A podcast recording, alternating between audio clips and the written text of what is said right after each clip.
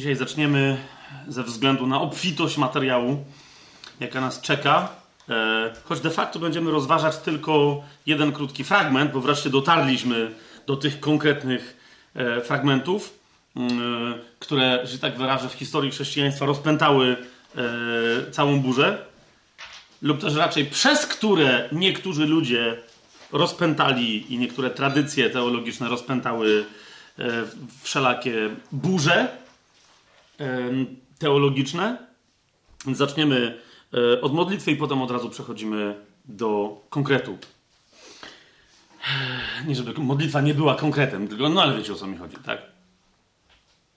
Ojcze, ojcze, ojcze, ojcze, ojcze, ty jesteś piękny, ty jesteś dobry i ty jesteś mądry. I uwielbiamy Ciebie dzisiaj na początku tego naszego rozważania, tego naszego studium biblijnego i przez całe to nasze studium, aż do jego końca, uwielbiamy Ciebie, uwielbiamy Twoje piękno, Twoją dobroć i Twoją mądrość w Twoim objawieniu. Ojcze, Twoje słowo jest piękne, dobre i mądre. Twoje słowo, którym jest Twój syn,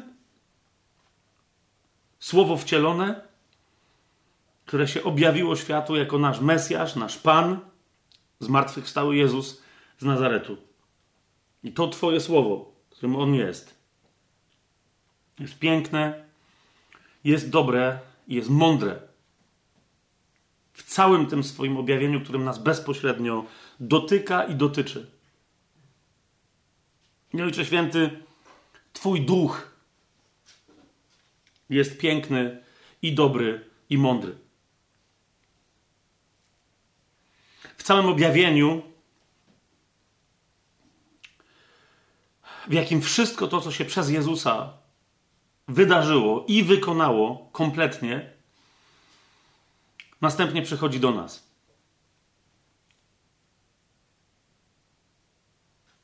Twoja Biblia,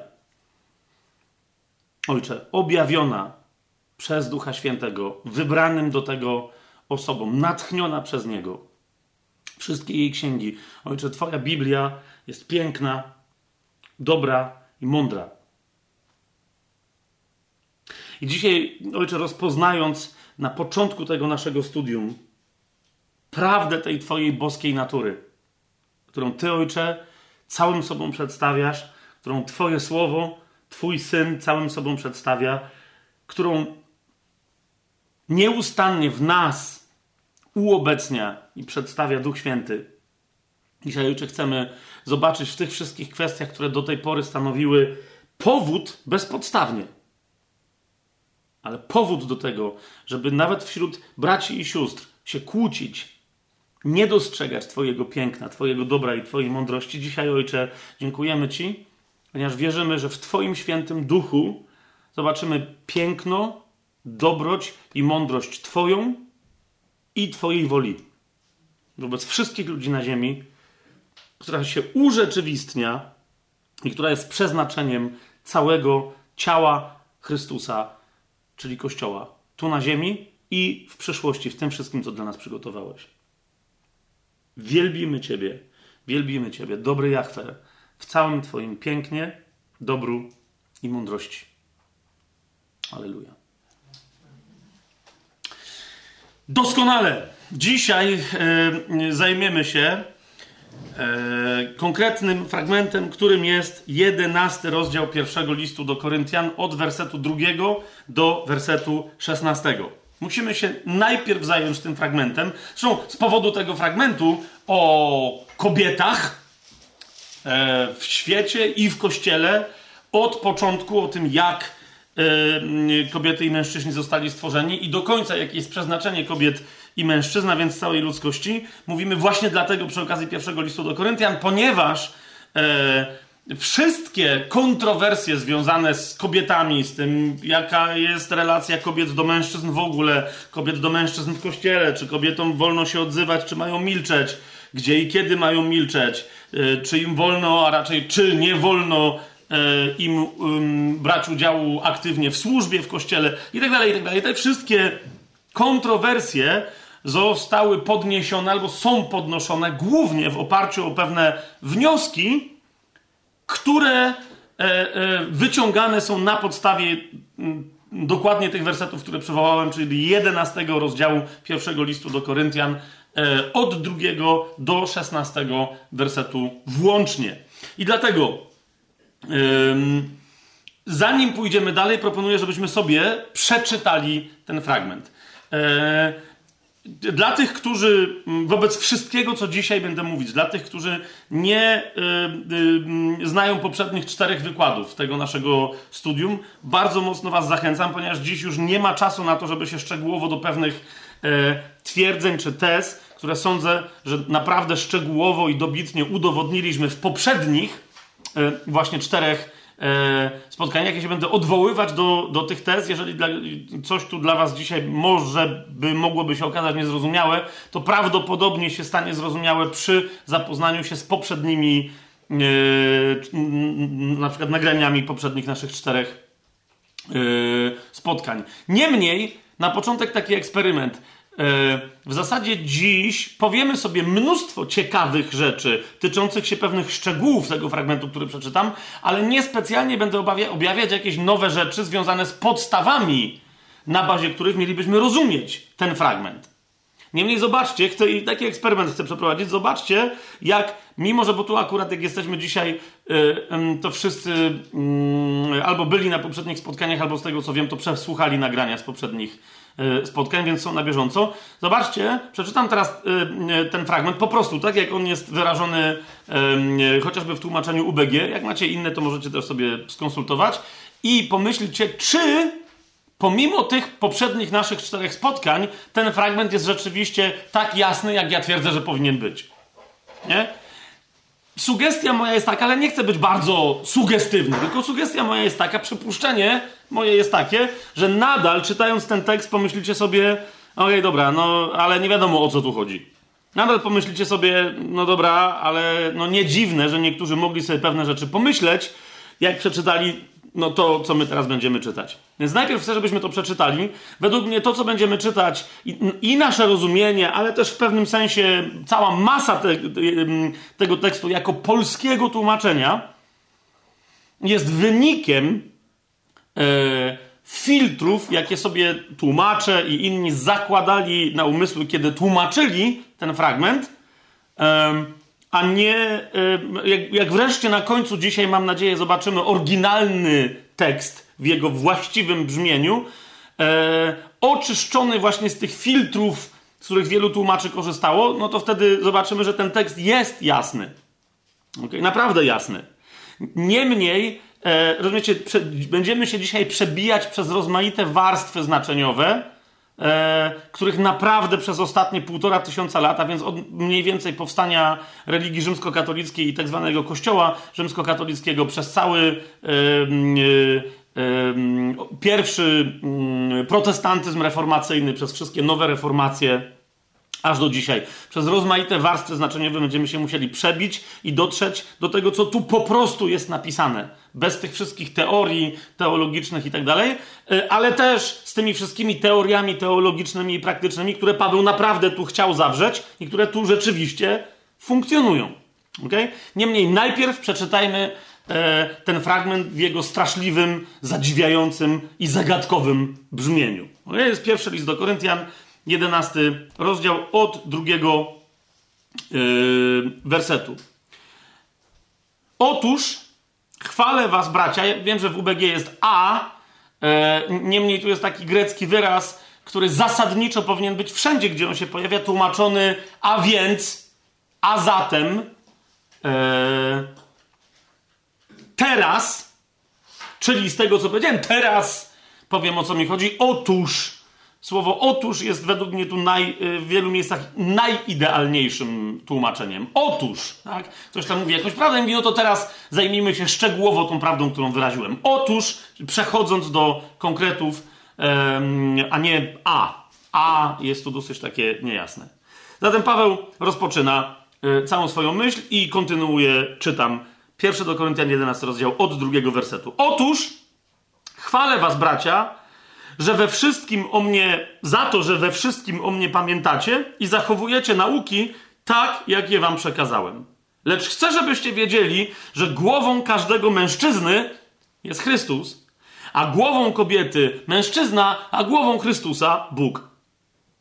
Każdy mężczyzna, gdy się modli albo prorokuje z nakrytą głową, hańbi swoją głowę, i każda kobieta, gdy się modli albo prorokuje z nienakrytą głową, hańbi swoją głowę, bo to jest jedno i to samo, jakby była ogolona. Jeśli więc kobieta nie nakrywa głowy, niech się też strzyże.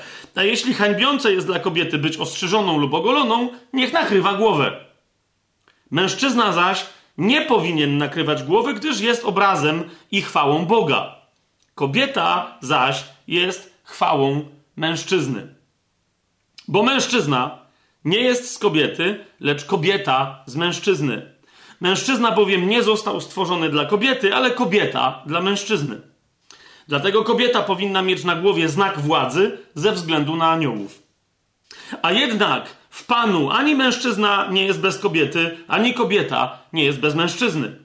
Jak bowiem kobieta jest z mężczyzny, tak też mężczyzna przez kobietę, lecz wszystko jest z Boga.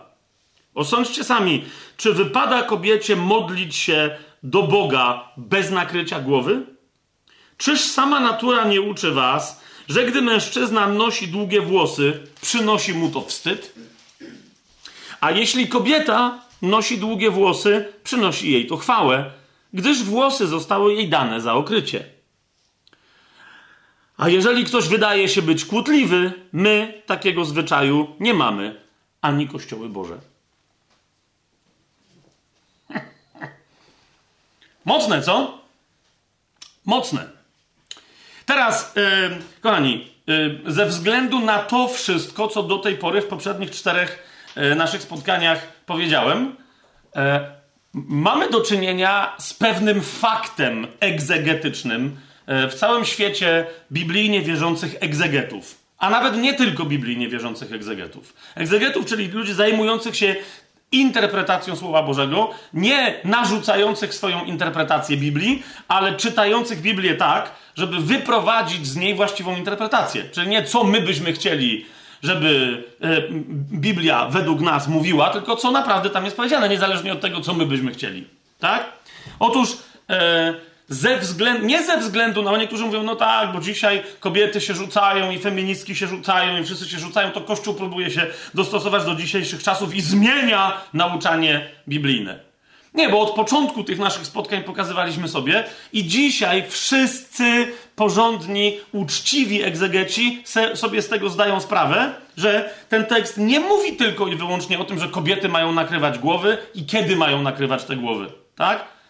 Ale że powołując się na pewne fundamentalne, naturalne prawdy, wywodząc pewne teorie wręcz od samego początku, od stworzenia, także od relacji wiecznych, jakie obowiązują między e, Słowem Bożym, e, które się objawiło, a więc między Chrystusem a e, Bogiem Ojcem i tak dalej, i tak e, ze względu na to, na co się Paweł powołuje, interpretacja to się nie tyczy tylko jakiejś praktyki, czy kobiety mają nakrywać głowy, czy nie, czy mają modlić, czy nie, a docelowo, czy inne rzeczy jeszcze w kościele, bo wiemy, że potem do e, tej myśli tutaj wraca w 14 rozdziale, pod koniec 40, 14 rozdziału tego listu Paweł, potem w pierwszym do Tymoteusza jeszcze pewne rzeczy mówi i tak dalej, i tak dalej. A więc wielu egzegetów wie o tym, że jeżeli pójść konsekwentnie, czemu to, bo to, czemu to, bo to, to się nagle okaże, że mamy fundamentalne sprzeczności w Biblii, na przykład tyczące się tego,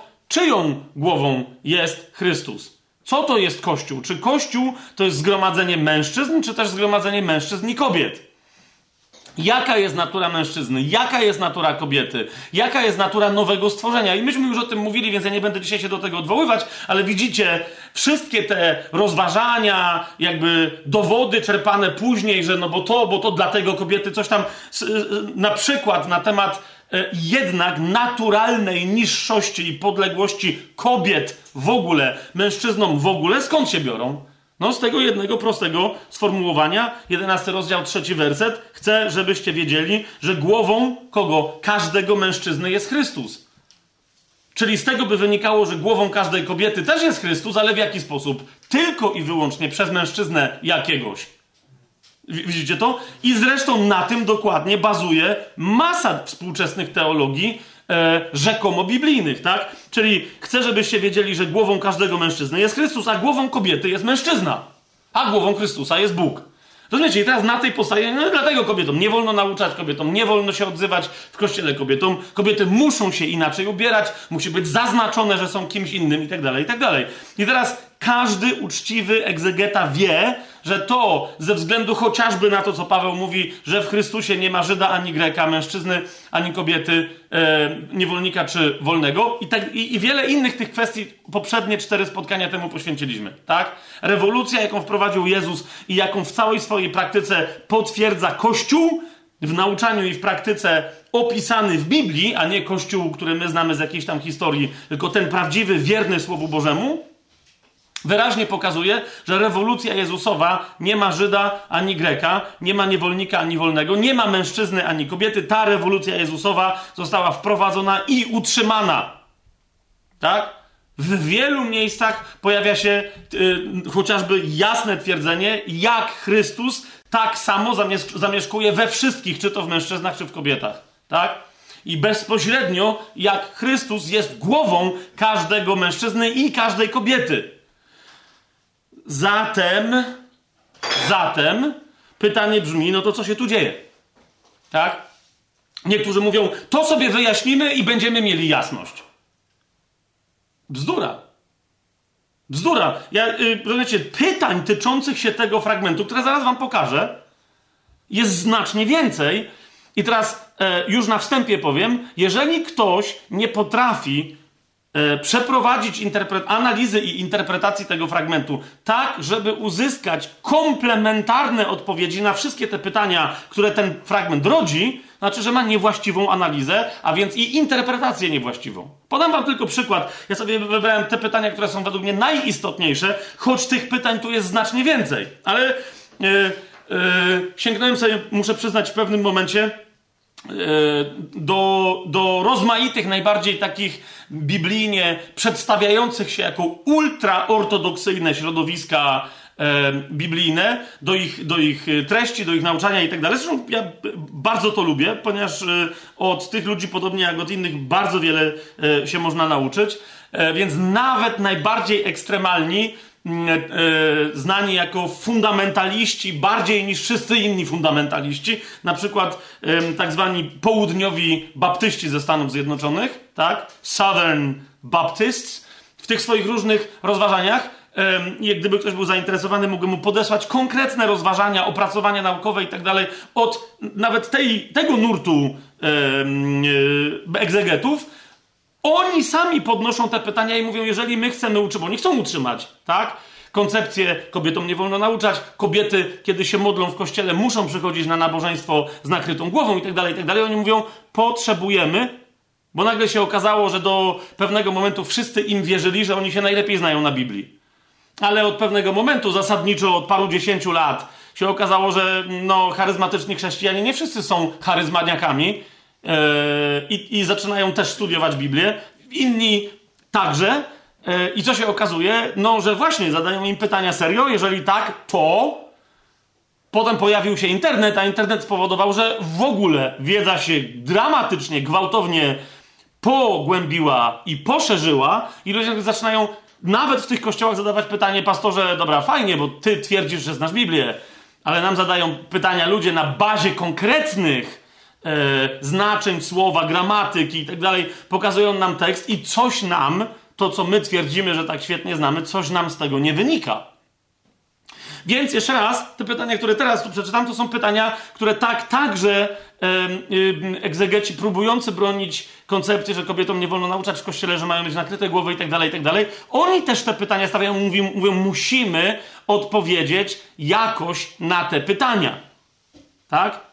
E, bo jeżeli nie, to ośmieszalibyśmy się, gdybyśmy nadal próbowali utrzymywać na bazie tak niejasnej egzegezy jakiekolwiek, już nie mówię, że doktryny, ale praktykę nawet jakąś, tak? Z tego między innymi powodów w wielu kościołach, właśnie ze względu na to, o czym teraz mówię, Ktoś zadał pytanie i mówi zaraz, ale jak to? Czyli my mamy budować praktykę na bazie czegoś, co, co nie, czego tak naprawdę nie potrafimy wyjaśnić, bo tu jest więcej pytań niż odpowiedzi, a nasza odpowiedź wywołuje kolejną lawinę pytań. Dlatego wiele kościołów, zauważcie, nadal utrzymuje, ponieważ się opierają na innych fragmentach, do których się odniesiemy następnym razem. Utrzymują, że kobietom nie wolno usługiwać w kościele, nie wolno nauczać w kościele, ale masa kościołów dzisiaj, właśnie nie ze względu na feminizm czy cokolwiek, tylko ze względu na tę trudność, że się opierają wyłącznie na jednym bardzo zagadkowym fragmencie w swoich interpretacjach, które powodują, że jest zagadkowy. Z tego powodu zrezygnowali z wymuszania na kobietach, żeby nakrywały głowy w kościele.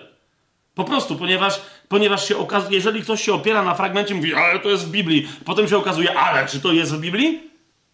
Jakie to są pytania? Pierwsze, i, i teraz one z różnych środowisk pochodzą, żebyście mieli jasność, nie tylko z tych fundamentalnych, ale te fundamentalne mówią, tak, Trzeba na te pytanie odpowiedzieć i absolutnie, uważając siebie za trzeźwego, zdroworozsądkowego, jednakowoż fundamentalistę biblijnego, nie chodzi mi o to, żeby, wiecie, żeby być ekstremistą i oszalałym yy, jakimś potępieńcem typu jakiś islamista, tylko chodzi o to, żeby naprawdę, jeżeli uważamy, że Biblia stanowi dla nas autorytet, a tak uważamy, to nie może być inaczej. Co Biblia mówi? Mamy tego słuchać. Więc naprawdę do tego wiele osób, które liczą na to, że ja dzisiaj coś powiem, mogą być bardzo rozczarowane. Okay? E, mm, wiele, wiele z rozmaitych stron, frakcji i skrzydeł w kościele. Ale musimy naprawdę zobaczyć, co tu jest napisane. Więc jakie to są pytania? Hmm? Po pierwsze, niektórzy zadają pytanie, czy my w ogóle wiemy, co to jest głowa? Hmm? No i teraz ja wiem, no, Weronika nam nie popatrzyła, jak to, co to jest głowa. Chodzi o to, że niektórzy mówią, cały ten fragment zasadniczo jest symboliczny w dużej mierze, i teraz, no bo na przykład, co to znaczy, że mężczyzna jest głową kobiety? Co to znaczy? Tak? Niektórzy, yy, niektórzy powiadają, no to, to znaczy, że, że, że głowa oznacza władzę. Tak? Inni odpowiadają, głowa oznacza źródło, a nie władzę, coś od czego coś innego pochodzi. Tak?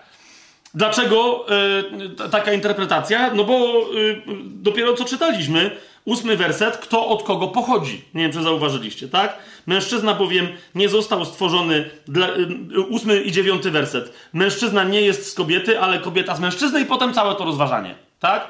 I niektóre interpretacje mówią, hej, czy czasem nie chodzi tutaj o pewien porządek pochodzenia? Oczywiście domyślacie się, że ten porządek pochodzenia też odnosi się do czegoś innego, no bo wiadomo, że to raczej kobiety rodzą mężczyzn, a nie odwrotnie. No ale tu chodzi o stworzenie, więc do tego jeszcze za chwilę. Niektórzy mówią, to o to chodzi w całym tym fragmencie. Tak? I cała reszta musi być przez to interpretowana. Co to znaczy głowa? Że głowa to nie znaczy władza. Inni wchodzą tu i mówią absolutnie nie. Głowa oznacza władzę. No i stąd macie interpretację, że skoro tak, skoro więc mężczyzna jest głową kobiety, to znaczy, że mężczyzna jest władzą kobiety. On nią ma rządzić. No więc jak potem nagle w dziesiątym wersecie pojawia się fragment, że kobieta powinna mieć na głowie władzę ze względu na aniołów, powszechnie ten fragment jest tłumaczony przez zwolenników odpowiedzi na pytanie, co to jest głowa, że to jest władza. Ok? Powszechnie pojawia się odpowiedź, że ona powinna mieć znak władzy na swojej głowie, a więc, że ona podlega władzy mężczyzny. Rozumiecie o co mi chodzi? To jest to. Więc to jest pytanie.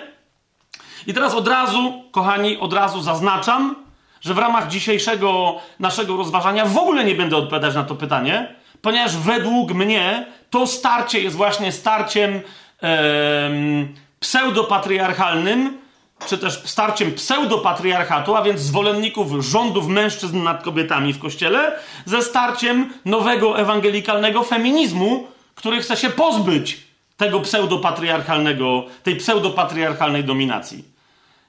Otóż moja odpowiedź na, i zobaczcie zresztą na sam tekst, moja odpowiedź na pytanie, co to jest głowa, brzmi: głowa to jest głowa. I, i, i jeszcze raz, ja nie chcę, nie chodzi mi o to, żeby teraz być głupkowatym, tylko rozumiecie, za chwilę Paweł w dwunastym rozdziale będzie mówił o ciele. Po prostu, tak? Z, ym, I teraz będzie mówił, że gdyby głowa powiedziała stopom, że i tak dalej. Czyli głowa jest jednym z członków ciała, to jest jasne, tak? Jest kluczowym członkiem, który zarazem, e, i tu się zgadzam nieco z interpretacją yy, tych tak zwanych konserwatystów czy patriarchalistów, że tak, głowa zasadniczo oznacza co? Oznacza raczej władzę niż źródło. Są miejsca, gdzie kefale, właśnie ten grecki wyraz oznacza źródło, ale zasadniczo chodzi o głowę, E, I jeżeli głowa jest źródłem dla ciała, to jest, to jest źródłem decyzji. Co zdecyduje głowa, to potem całe ciało robi. Rozumiecie o co mi chodzi? Więc w tym sensie, a nie jest źródłem pochodzenia ciała, głowa. Tak? Więc głowa podejmuje decyzję. Tak? Niemniej głowa jest częścią ciała, a nie jest władzą zwierzchnią ponad ciałem. To jest bardzo istotne. Tak? Głowa jest częścią ciała, częścią decydującą o reszcie ciała, ale nie jest czymś osobnym niż ciało. Tak? E, i, i, I, w tym sensie, zauważcie, gdyby by interpretacja miała być inna, no to e, patriarchalistyczni teologowie e, konserwatywni mają problem, ponieważ wtedy by oznaczało, że dobra, pasuje im, że głową każdego mężczyzny jest Chrystus, a więc władzą zwierzchnią nad mężczyznami jest Chrystus, Zobaczcie trzeci werset. Głową kobiety jest mężczyzna, a więc wszyscy mężczyźni rządzą wszystkimi kobietami. Wszystko gra. Jako kimś innym niż oni. No ale potem pojawia się problem, kiedy mamy, ale głową Chrystusa jest Bóg. Dlaczego? Ponieważ wiemy, że Chrystus jest tak samo Bogiem, jak i Ojciec. A zatem w jakim sensie głową Chrystusa jest Bóg? W takim sensie, że to jest wręcz dowód, jeden z dowodów na, na jasne rozpoznanie w Chrystusie Boga, ponieważ Chrystus jest z tego samego ciała, co Bóg cały. Rozumiecie o co chodzi? Jest Bogiem, tyle tylko, że to Ojciec jest decydujący w całości. Jasne jest to, co, co mówię? O tym dalej w pierwszym liście do Koryntian, dokładnie do tej prawdy się odwoła Paweł w 15 rozdziale. W 24 wersecie powiada, a potem będzie koniec, gdy Chrystus, bo wcześniej jest mowa o Chrystusie, gdy Chrystus przekaże królestwu, królestwo Bogu i Ojcu, gdy zniszczy wszelką zwierzchność oraz wszelką władzę i moc. I 25 werset, bo on musi królować, aż położy wszystkich wrogów pod swoje stopy, a ostatni wróg, który zostanie zniszczony, to śmierć. I 27 werset, wszystko bowiem poddał pod jego stopy. Kto? Ojciec pod stopy Chrystusa. A gdy mówi, że wszystko jest mu poddane, jest jasne, że oprócz tego, który mu wszystko poddał. I 28 werset, gdy zaś wszystko zostanie mu poddane, wtedy i sam syn będzie poddany temu, który mu poddał wszystko, aby Bóg był wszystkim we wszystkich. Wiecie o co chodzi? Po prostu istnieją pewne relacje w trójcy, ale one nie wywalają, że tak powiem, Chrystusa z trójcy jako nie Boga. Więc Chrystus jest Bogiem. Dlaczego? Bo jest częścią tego ciała, którym jest całe bóstwo, którego głową jest Ojciec. To jest jasne. Dlatego jest nazywany Ojcem. Amen? Zauważcie, co, jakie, jaka to jest bardzo interesująca rzecz, bo to jednocześnie oznacza, że ten Chrystus zaś, a więc ciało Boga, tak, w, w relacji, jeszcze raz powtarzam, bo to jest cały Bóg, jest głową dla kogo? Dla Kościoła. Stąd w dziejach apostolskich, w głoszeniu jednego z naszych, z naszych braci dowiadujemy się, jak Paweł, pamiętacie, się spotyka i mówi pewne rzeczy starszym z Efezu, żeby się z nimi pożegnać. On mówi, że Kościół został wykupiony krwią Boga. Tak? Dlatego jest boski, jest boską własnością i przyjmuje na siebie cały Kościół tą czystą, świętą naturę oblubienicy Bożej, ponieważ się składa z dzieci Bożych. Nie? Ale teraz nie chcę w to wchodzić, tylko raz, widzicie, je, jeżeli więc, jeżeli więc nie rozumiemy, co to jest głowa, to się pojawia, albo traktujemy głowę jako coś osobnego, jako synonim władzy lub nawet i źródła, tak? Bo te tak zwane feministki ewangelikalne, bo są takie, mówią, nie, nie, tu chodzi o źródło, że ten pochodzi z tego i tak dalej, ale nadal, nadal niestety wylewają z dziecko, dziecko z kąpielą, bo same zaczynają sugerować, jakby kobiety nie były takimi ludźmi jak mężczyźni. Tak? Czy jedno się wywiodło z drugiego, i jakby, ale nie ma za bardzo ze sobą związku. Nonsens. O tym już wiemy od dawna, więc nie będziemy tutaj to głowa, co to znaczy, że Chrystus jest głową. W tym kontekście głowa ma ciało, głowa jest częścią tego ciała, tyle tylko, że jest częścią decyzyjną. Jasne?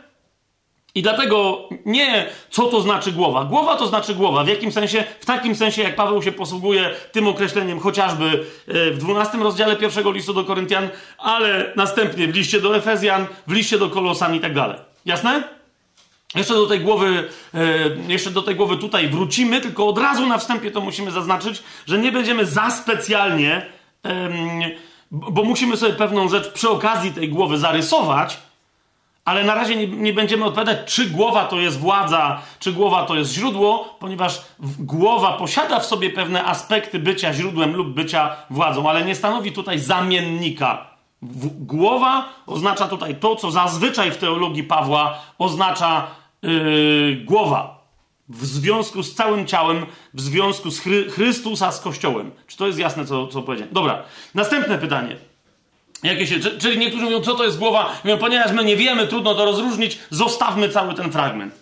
Inni idą dalej i mówią, e, dobra, może, może nie, rzeczywiście, takie pytanie jeszcze nie byłoby, ale wyraźnie Paweł mówi na początku całego tego fragmentu, że odnosi się do pewnej tradycji, a chrześcijanie bardzo nie lubią słowa tradycja ze względu na Kościół rzymskokatolicki, któremu się przeciwstawiają. Oni żyją na bazie tradycji ludzkich, my nie. A Paweł yy, w drugim wersecie 11 rozdziału powiada: Chwalę was, bracia, za to, że we wszystkim o mnie pamiętacie i zachowujecie nauki. UBG sprytnie unika tutaj tego słowa, zachowujecie nauki tak, jak je wam przekazałem. Ale tu jest słowo, które w innych miejscach oznacza tradycję. Jest przełożone jako tradycję. Więc jeszcze raz, ja wam później podam według mnie jeszcze sensowniejsze tłumaczenie niż tradycję, bo tu nie chodzi o tradycję, ale tradycję jest dobrym słowem, nie żadne nauki. Tradycje pewne do praktykowania.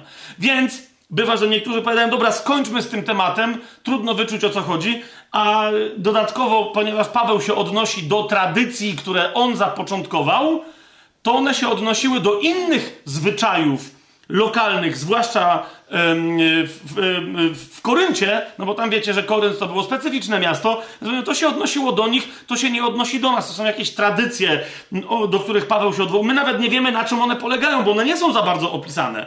Tylko możemy wnioskować z pewnych jakichś takich mm, błysków, sugestii, o co to Pawłowi chodzi, ale my nie wiemy, jak to było, więc zostawmy to, tak? Niektórzy yy, powiadają wcale nie, nie chodzi o tradycję, bo są jakieś tam argumenty. No i jeszcze raz, walka o to trwa. Niektórzy powiadają, jak my nie wiemy, czy więc chodzi, czy nie chodzi o tradycję, a ewidentnie chodzi o tradycję, zostawmy to. To jest kolejne pytanie. My sobie na nie odpowiemy. Następne pytanie. Tak, niektórzy mówią, nie, nie chodzi o tradycję, i moja odpowiedź też taka będzie. Nie chodzi o tradycję, o obyczaje ludzkie, ani o problemy, jakie wynikały e, z prowadzenia się kobiet w Koryncie. Tylko, na, tylko według mnie to jest bardzo poważna historia, która się absolutnie nas tyczy dzisiaj. Tak? Więc wtedy niektórzy mówią, no dobra, ale przecież my w ogóle nie wiemy, czy chodzi o jakieś na, na, nakrywanie głowy. No ludzie. ludzie.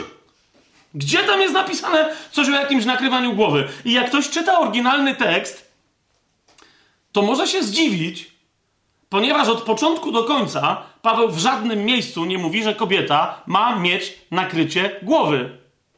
I po raz pierwszy słowo nakrycie pojawia się gdzie? W piętnastym wersecie dopiero, ale w zupełnie innym kontekście. Mianowicie e, tam Paweł powiada, jeżeli kobieta nosi długie włosy, przynosi jej to chwałę, gdyż włosy zostały jej dane za okrycie. I niektórzy mówią, no na litość boską, no przecież to z tego wynika, że Pawłowi cały czas chodzi o to, żeby kobiety miały długie włosy. Bo zresztą w innych miejscach tego tekstu słyszymy co? Że mężczyźni mają mieć krótkie. Pamiętam, już nawet nie będę się odwoływał, wiecie o co chodzi. Tak więc mówią, być może tu w ogóle nie jest temat nakrywania włosów. Tylko żeby kobiety miały długie, no ale jeszcze raz, no to, no to to jest temat, no dzisiaj kobietom nie chodzi o to, żeby miały długie włosy, czy nie miały, to w ogóle o co innego chodzi. To, jeszcze raz niektórzy mówią, to się nas nie dotyczy, nie bardzo wiemy jak to wyjaśnić. Tak? My to sobie wyjaśnimy, czy rzeczywiście chodzi o to, że to nakrycie głowy, o które Pawłowi chodzi, to są włosy kobiety. Inni w tym kontekście zadają następne pytanie, mówią, dobra, nie do końca chodzi o włosy yy, i również ja się z tym zgadzam, ale wyjaśnię dlaczego. Ponieważ naprawdę jak ktoś z was będzie chciał uczciwie, porządnie wejść, to się spotka z tymi wszystkimi pytaniami, o których ja teraz mówię, tak? Niektórzy mówią, nie, nie chodzi, nie chodzi o włosy i to jest ewidentnie, to wynika z tekstu, że nie chodzi o włosy, to jest w ogóle inna historia z tymi długimi włosami. Chodzi konkretnie o nakrycie głowy. Ale nie o nakrycie głowy na czubku głowy, typu kapelusz, typu to, czy, no nie wiem, co tam kobiety noszą, tak, co, co by miały nosić, typu chustka na głowie, ale chodzi o coś, co zwisa z tej głowy, zwłaszcza zakrywając konkretną część głowy, którą jest twarz. A więc, że kobiety, kobiety powinny nosić welon na twarzy. I o to chodzi Pawłowi, a to w ogóle następnie w historii Kościoła nie było praktykowane, więc znowu niektórzy mówią, chodzi tylko i wyłącznie o, o praktykę Koryntu, że tam się kobiety miały zakrywać, bo nie wiem, bo prostytutki się odkrywały, w sensie łaziły z twarzą obnażoną. Yy, okej, okay, okej. Okay. Yy, więc myśl ogólnie jest taka, i jeszcze zaraz zaskoczę Was, kto jest aliantem tej opcji, tej interpretacji biblijnej. Zaskoczy, zaskoczeni będziecie, tu mam źródło, które to udowadnia, zaskoczeni będziecie, kto nagle chce usunąć temat nakrywania głów przez kobiety. Będziecie naprawdę, jak jeszcze nie wiecie kto, to będziecie bardzo tym zaskoczeni. Tak? Dalej, e, nawet jak już sobie na to niektórzy odpowiadają, mówią, nie, jednak chodzi o to, że to ma być na głowie, tu, tu ma być, na czubku głowy ma być, to pojawia się następne pytanie, dobra, fajnie, ale co to znaczy, że kobieta ma być chwałą e, mężczyzny? No jak tego sobie nie wyjaśnimy, bo to, bo to cała resz, w całych reszcie tu chodzi, czyli, bo jest powiedziane, że Bóg jest chwałą, że mężczyzna jest chwałą Boga, dobra, fajnie, a kobieta jest chwałą mężczyzny, ale co to znaczy? Tak? Zwłaszcza, że na przykład jest powiedziane yy, o tym, że jej zaś chwałą, czyli tym, co jej przynosi chwałę, są jej włosy. Czyli co? Yy, kobieta to są włosy mężczyzny, jakby co się dzieje? I nie chodzi mi o to, że a, to są wygłupy, niektórzy powiadają. Nie, to nie są wygłupy. Dlatego, że jak nie wiesz, o co chodzi w tym tekście, to każde z tych sformułowań jest bardzo istotne. Każde z tych sformułowań jest niezwykle istotne. Ok? Idziemy dalej. Yy, bo również no właśnie, zwracam już wstępnie wam uwagę na to, że ten tekst mówi i o mężczyznach, i kobietach, a wcale, nie wiem, czy już to, to dosyć jasno z tego wynika. I zauważcie, jak to jest dzikie, że, że ludzie tracą w kościele perspektywę. Yy, naczytałem się, żeby zgłębić ten temat przez naprawdę bardzo długi czas. Mnóstwo tekstów, mówię wam, 9 na 10, żeby nie rzec 98 na 100 tekstów poświęconych temu fragmentowi poważnych komentarzy biblijnych. To są teksty mówiące, pierwsza część 11 rozdziału pierwszego listu do Koryntian mówi o czym? O obowiązkach kobiet w kościele. Serio?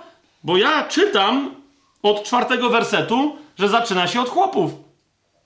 I cały czas tam jest powiedziane, co mają robić kobiety i czego nie mają robić, ale też co mają robić mężczyźni, czego mają nie robić.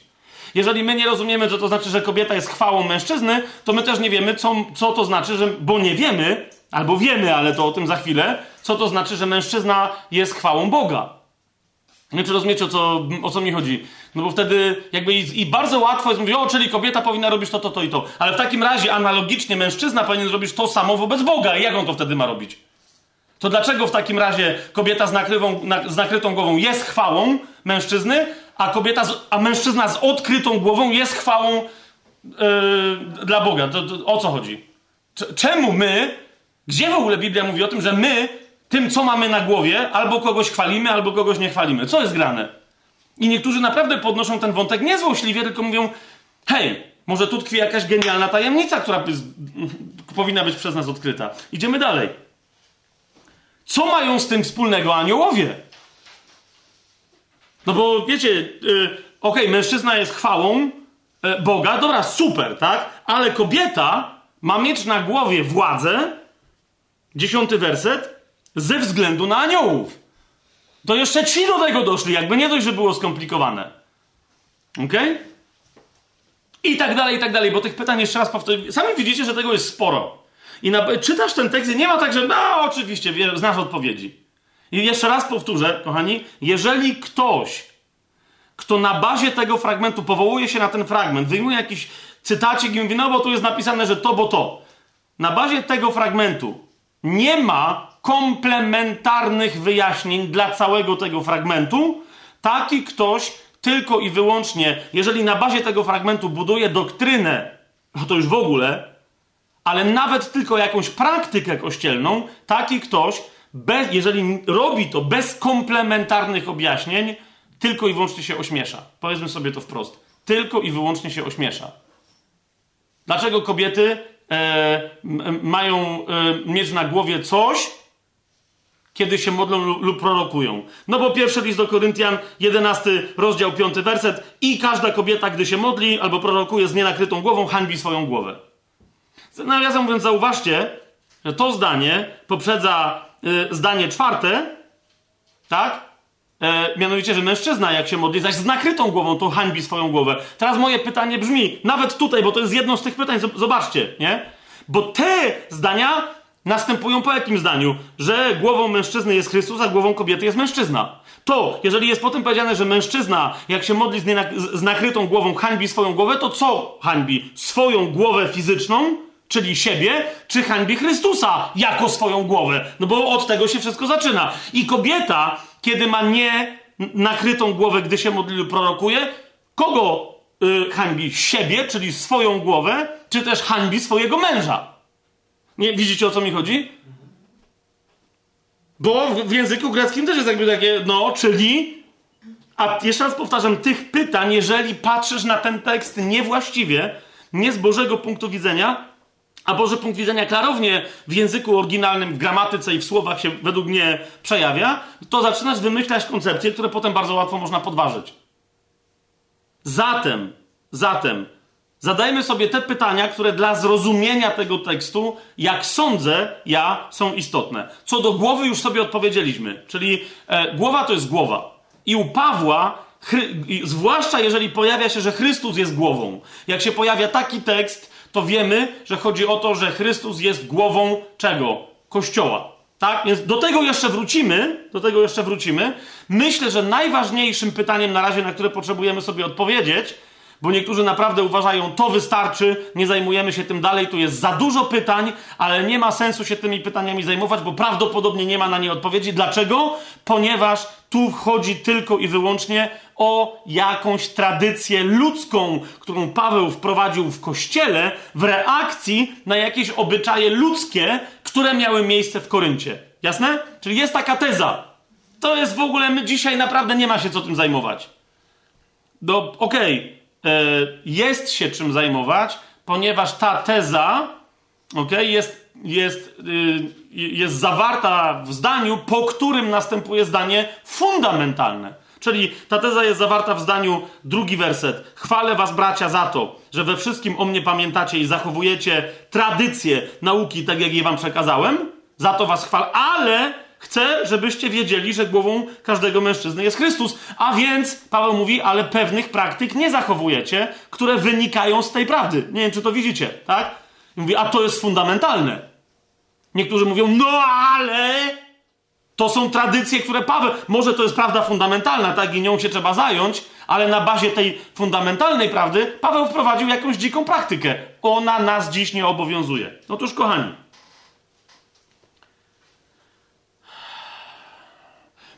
Najpierw, y, najpierw, co my tutaj mamy y, napisane, tak? Czyli te nauki, to jest liczba mnoga, jednego konkretnego wyrazu greckiego, paradosis, który oznacza e, przekaz.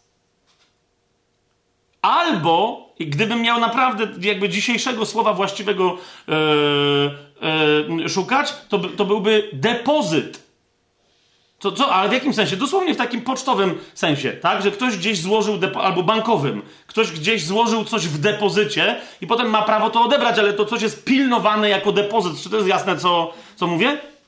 Na przykład, yy, i teraz, i teraz słowo, yy, czyli zachowujecie na, nauki, paradosis, to jest, to jest ta nauka, przekaz albo depozyt, które E, Paweł mówi: Ja wam przekazałem, i to jest czasownik paradidomi, od którego pochodzi ten rzeczownik, albo odwrotnie, od tego rzeczownika przechodzi ten, pochodzi ten czasownik. Tam niektórzy się kłócą, co od czego pochodzi. Niech się kłócą. Chodzi mi tylko o to, że e, Paweł powie, do, dosłownie tutaj mówi: Chwalę was, bracia, za to, że we wszystkim o mnie pamiętacie, o czym? O moim przykładzie, który wam zostawiłem, bo zobaczcie, pierwszy werset. Bądźcie moimi naśladowcami.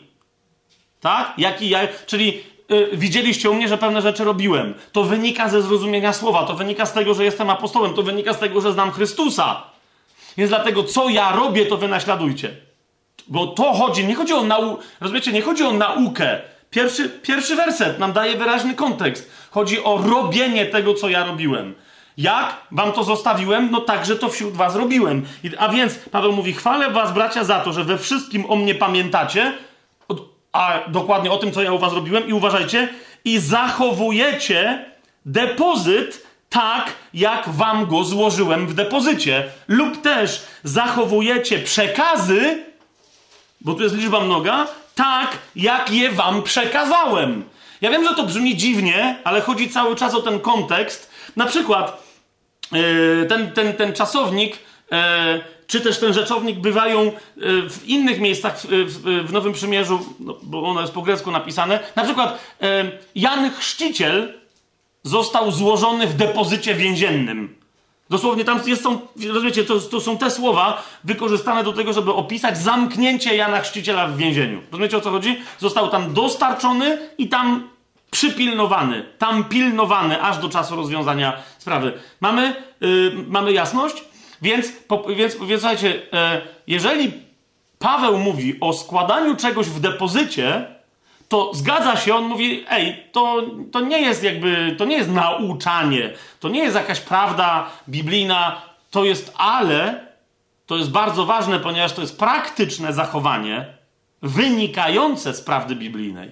To jest praktyczne zachowanie, która, które wynika z poznania Chrystusa. Jeszcze raz zobaczcie pierwszy werset. Bądźcie moimi naśladowcami, jak i ja jestem naśladowcą Chrystusa. A więc mówi, to jak wy praktykujecie pewne rzeczy jest wyrazem zewnętrznym waszego związku z Chrystusem. Amen? I e, drugi werset, Paweł mówi: Chwalę was za to wszystko, co robicie tak, jak ja robiłem, ale jednocześnie mówi: Nie chwalę was. E, i, i, że, i to, no właśnie, że, że, pamiętacie, jak ja to robiłem, i że teraz wy zachowujecie to wszystko, a więc powtarzacie, robicie tak, jak ja robiłem. Ale trzeci werset Oznacza co? Ale są pewne rzeczy, których nie robicie tak, jak ja je robiłem. Ok? Idźmy dalej. Idźmy dalej. Jak już to mamy. Przykład, no właśnie, zobaczmy przykłady, e, te na, na podstawie których niektórzy się powołują, mówią: e, Posłuchaj, nie lubimy tego słowa, bo ono wszędzie w Biblii oznacza E, coś negatywnego, coś, czego nam chrześcijanom, co nam chrześcijanom nie pasuje. Na przykład 15 rozdział Ewangelii Mateusza. To jest chyba, z tego co pamiętam, jedyne miejsce, bo, bo teraz nie pamiętam. Ale wydaje mi się, że to jest jedyne miejsce, gdzie yy, albo te, te czasowniki, czy też te rzeczowniki, yy, ale zwłaszcza chodzi mi o przykłady paradozis, tak? Czyli co to jest ta tradycja, ten zwyczaj, ten depozyt złożony, żeby inni go pilnowali zachowywali. Co, co to jest? Ewangelia Mateusza, 15 rozdział, wersety drugi i trzeci. Kto? Faryzeusze przychodzą do Jezusa i go pytają, czemu twoi uczniowie postępują wbrew czemu? Tradycji starszych. To jest paradozis, to jest dokładnie tutaj, paradozis. Tradycja starszych. Nie myją bowiem rąk przed jedzeniem chleba. A on odpowiedział im, czemu i wy postępujecie wbrew przykazaniu Bożemu dla waszej paradosis, dla waszej tradycji. Czyli widzicie, to słowo już mamy w Ewangeliach zaznaczone, potem macie szósty werset yy, o tym, że tam ktoś nie uczci swojego ojca ani matki. Yy, I tak, powiada Pan Jezus, unieważniliście przykazanie Boże przez waszą paradosis, przez waszą tradycję. Nie lubimy tego słowa już, nie? O, o, my nie chcemy zachowywać ludzkich tradycji. A, pa, a Paweł później mówi, macie zachowywać, bardzo się cieszę, że zachowujecie moje paradosis. O, to nie jest, o, faryzeusz z niego wylas, nie? Nie, wpychał, nie wpycha nas chłop w niepotrzebne... Otwórzcie sobie Ewangelię Marka, siódmy rozdział i też z tego co pamiętam, to jest jedyny rozdział, on jest poświęcony e, fałszu, fary, fałszowi faryzejskiemu, tak? Hipokryzji. Trzeci werset. Faryzeusze bowiem, siódmy rozdział Ewangelii Marka, trzeci werset. Faryzeusze bowiem i wszyscy Żydzi, trzymając się tradycji starszych, nie jedzą, jeśli dokładnie nie umyją rąk. Jaki tu myślicie jest wyraz? Paradosis, ok? W piątym wersecie. Zapytali go więc faryzeusze, i uczeni w piśmie, dlaczego twoi uczniowie nie postępują według paradosis starszych, lecz jedzą chleb nieumytymi rękami? Tradycja e, starszych. Ósmy i dziewiąty werset. Pan Jezus na to komentuje: Wy bowiem opuściwszy przekazania Boże, trzymacie się tradycji ludzkiej. Paradosis obmywania z banków i tak dalej, i tak dalej. Dziewiąty werset mówił im też, całkowicie znosicie przykazanie Boże, aby zachować swoją paradosis, swoją tradycję. Widzicie to? Trzynasty werset. E, dwunasty i trzynaste. Nie pozwalacie mu nic więcej uczynić dla swego ojca albo matki. Tam chodzi o, wiecie, tam pewne wy wymysły. W niwecz obracając Słowo Boże, przez co? Przez waszą paradosis. Nie lubimy tego słowa.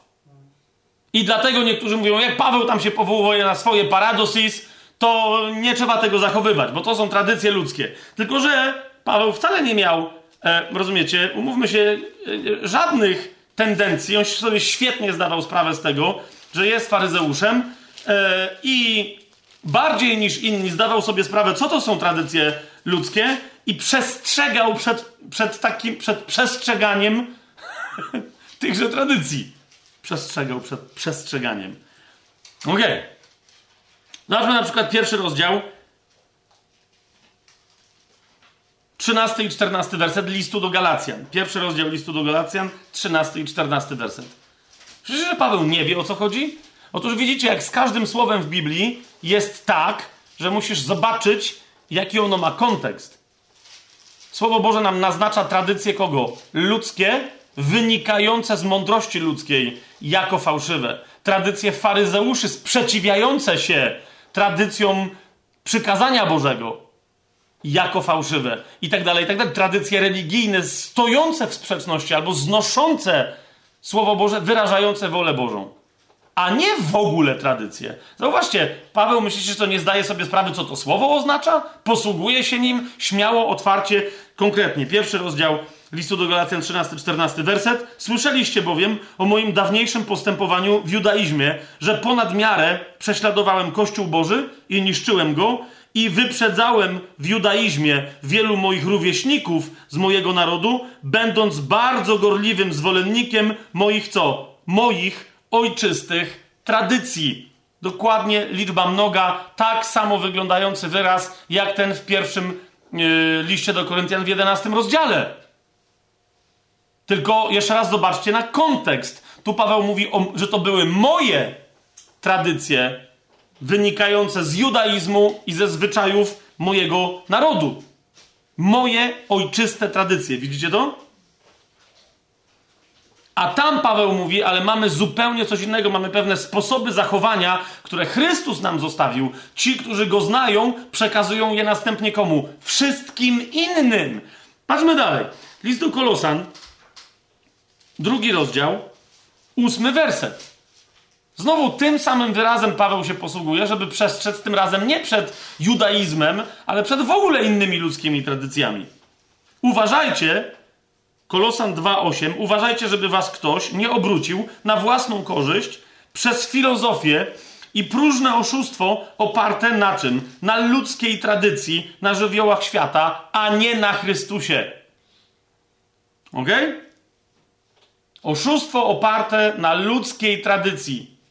Ono nie przeczy temu, że mogą być pewne tradycje, pewien depozyt, sposoby, praktyka, rodzaj zachowywania się, który pochodzi wprost od Chrystusa. Amen? Bo, bo już pomijam to, co Paweł, nie że pomijam, tylko już sobie to zacytowaliśmy. Paweł mówi: bądźcie moimi naśladowcami, tak jak ja jestem naśladowcą Chrystusa, tak? W, w 11 rozdziale. Ale zobaczcie, na pierwszy list do Tesaloniczan, drugi list do Tesaloniczan. Przepraszam. Najmocniej. Drugi list do Tesaloniczan. Drugi rozdział.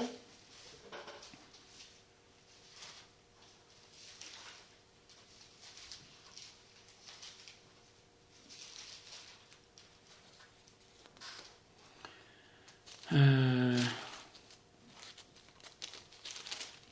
Jesteśmy? Drugi do Tesaloniczan, drugi rozdział, piętnasty werset. Dlatego, bracia, dlaczego? No, wcześniej jest mowa o powołaniu, o Ewangelii i tak dalej. Mówi, dlatego, bracia, stójcie niewzruszenie i trzymajcie się, jak myślicie czego? Prze mamy tu tłumaczenie przekazanych nauk. Czemu? Bo tłumacze najwyraźniej nie lubią słowa tradycje. Dlaczego? Ponieważ od początku należało tłumaczyć to jako pewne obyczaje, praktyki wynikające z czegoś tam, tak? Dlatego, bracia, stójcie niewzruszenie i trzymajcie się, ale zostanie przy tym słowie, tradycji, o których zostaliście pouczeni, czy to przez mowę, czy przez nasz list. Jest pierwszy przykład. Tesaloniczanie się yy, yy, tego dowiadują w, w, tym liście i za chwilę w trzecim rozdziale tego, tego samego listu do Tesaloniczan, zobaczcie yy, od czwartego do szóstego wersetu pisze, pisze Paweł, co do was mamy ufność w Panu, że to, co nakazujemy, czynicie i będziecie czynić. Rozumiecie, o co chodzi? Paweł mówi, co są rzeczy, które wynikają ze słowa, ale jest też pewna praktyka i, i ja oczekuję, że wy będziecie praktykować to, co my wam mówimy, że będzie praktykowane. Chodzi o praksis. Tak? Pan zaś, piąty i szósty werset, niech skieruje wasze serca ku miłości Bożej i ku cierpliwości i ku cierpliwemu oczekiwaniu Chrystusa. I uważajcie, a nakazujemy wam, bracia, w imię naszego Pana Jezusa Chrystusa, abyście stronili od każdego brata, który postępuje nieporządnie, a nie według przekazanych nauk, które otrzymał od nas. Znowu, jak myślicie, jaki tu jest, yy, jaki tu jest yy, wyraz? Paradosis. A więc od przekazanych mu w depozycie do praktykowania praktyk, które u nas widział albo o których od nas słyszał. Czy mamy jasność w tej kwestii? A więc samo słowo nie jest złe samo z siebie, tak? E, poza tym, tak, idźmy do pierwszego listu e, do Koryntian. Ja bym powiedział, że pierwszy list do Koryntian, w odróżnieniu na przykład od listu do Rzymian, listu do Galacjan, czy listu do Efezjan, Pierwszy list do Koryntian nie jest listem stricte teologicznym, ale jest, ale, ale jest listem praktycznym, mówiącym o dyscyplinie, o rodzajach postępowania wobec pogan. Wiecie o co mi chodzi, tak? Całe y, do tej pory wszystko, o czym mówiliśmy w pierwszym liście do Koryntian. I dlatego Paweł y, y, w tym jedenastym rozdziale, jak mówi, bądźcie moimi naśladowcami, chcę wam tylko na to zwrócić uwagę, to nie jest pierwszy raz, kiedy o tym mówi. Ok? To jest kolejny raz, kiedy o tym mówi w pierwszym liście do Koryntian, ponieważ zaczyna nowy rozdział e, e, przypominania o praktykowaniu pewnych rzeczy. Tak? Do tej pory mieliśmy co? E, czwarty, o, zobaczcie, czwarty rozdział. Paweł mówiąc ogólnie, ale też o pewnym dziale myśli, które rozpoczyna, w czwartym rozdziale, e, w wersetach 15 do 17 mówi tak. Choćbyście bowiem mieli 10 tysięcy wychowawców w Chrystusie, to jednak nie macie wielu ojców. Ja bowiem przez Ewangelię zrodziłem was w Chrystusie Jezusie. Patrzcie, 16 werset. Proszę więc was, więc, czyli a zatem, dlatego proszę was, bądźcie moimi naśladowcami. A więc zróbcie to, co ja robiłem. I dalej powiada, dlatego też posłałem y, do was Ty Tymoteusza, który jest moim umiłowanym synem. Co to znaczy? Wy jesteście moimi synami, bo was zrodziłem, a ja jestem ojcem. Ale wysyłam wam mojego umiłowanego syna, o którym wiem, że się zachowuje tak, jak ja się zachowuję. On wiem, że jest moim naśladowcą. Skoro sam do was nie mogę przyjechać, to wysyłam jego, bo on wie, jak powinniście się zachowywać, naśladując mnie. Czy to jest jasne? Dlatego y, to posłałem do was Tymoteusza, który jest moim umiłowanym synem i wiernym w Panu. Właśnie widzicie o co chodzi? To jest to będąc moim naśladowcą, jednocześnie jest właś we właściwy sposób naśladowcą Chrystusa. On wam przypomni moje drogi w Chrystusie, jak nauczam wszędzie, w każdym kościele. Bardzo ważne sformułowanie. Jak nauczam wszędzie, w każdym kościele. Paweł mówi, są pewne rzeczy, których, ale są pewne rzeczy, które, których nauczam wszędzie, w każdym kościele. I u was też nauczałem. A więc, i potem co Paweł mówi? Dlaczego mówi, bądźcie moimi naśladowcami? Zauważcie, piąty rozdział, pierwszy werset, od czego się zaczyna? Słyszy się powszechnie o nierządzie wśród was. I od tego momentu Paweł zaczyna i aż, uważajcie, aż jak się dobrze przyjrzymy, w zasadzie do końca dziesiątego rozdziału, o czym mówi? Bądźcie moimi naśladowcami w tym, jak mamy postępować w relacjach z wszystkim, co pogańskie. Tak? Popatrzcie, od piątego rozdziału Paweł mówi, słyszy się powszechnie o, o nierządzie wśród was. Zobaczcie, piąty rozdział, pierwszy werset. I to takim nierządzie, o jakim nie wspomina się nawet wśród pogan. Tak? I potem Paweł to rozważa, potem rozważa chodzenie, między innymi chodzenie chrześcijan, y, żeby się sądzić nawzajem do sądów, przedpogańskie sądy światowe, pamiętacie? Rozważa kwestię jedzenia, czy jeść, czy nie jeść e, z, z jatek e, pogańskich, w których były zabijane zwierzęta na ofiarę dla bogów. I to, no, pamiętacie te wszystkie historie, tak? Mówi o korzystaniu, czy też raczej o niekorzystaniu absolutnie z usług prostytutek, z domów publicznych i tak dalej, tak? I ten temat Paweł kończy, gdzie? W dziesiątym rozdziale, w trzydziestym pierwszym wersecie, trzydziestym drugim i trzydziestym trzecim. Tak? Czyli Paweł mówi, bądźcie moimi naśladowcami i mówi, wysyłam Tymoteusza, żeby się upewnił, czy będziecie. Pod jakim względem? Od 5 aż do 10 wersetu względem tego wszystkiego, co się tyczy naszych relacji z pogańskim światem i tym, jak on wpływa, a nie powinien wpływać na nas od, od do wewnątrz, tak? I to, ten myśl Paweł kończy, 31, 10 rozdział, 31, 33. Tak więc, czy jecie, czy pijecie, czy co, czy cokolwiek innego robicie, wszystko róbcie ku chwale Boga. I klucz tej myśli, nie bądźcie zgorszeniem ani dla Żydów, ani dla Greków, ani dla Kościoła Bożego. Tak jak i ja się we wszystkim podobam, nie szukając w tym własnej korzyści, ale korzyści wielu, aby byli zbawieni. Więc w, w przerwach, kiedy Paweł e, nie dotyka w tych rozdziałach 5 do 10, kiedy Paweł nie dotyka konkretnych problemów, to robi przerwy tylko po co? Żeby wskazać na siebie i żeby siebie e, podać jako przykład. E, na przykład, zobaczcie, dziewiąty rozdział pierwszego listu do Koryntian, 20 werset.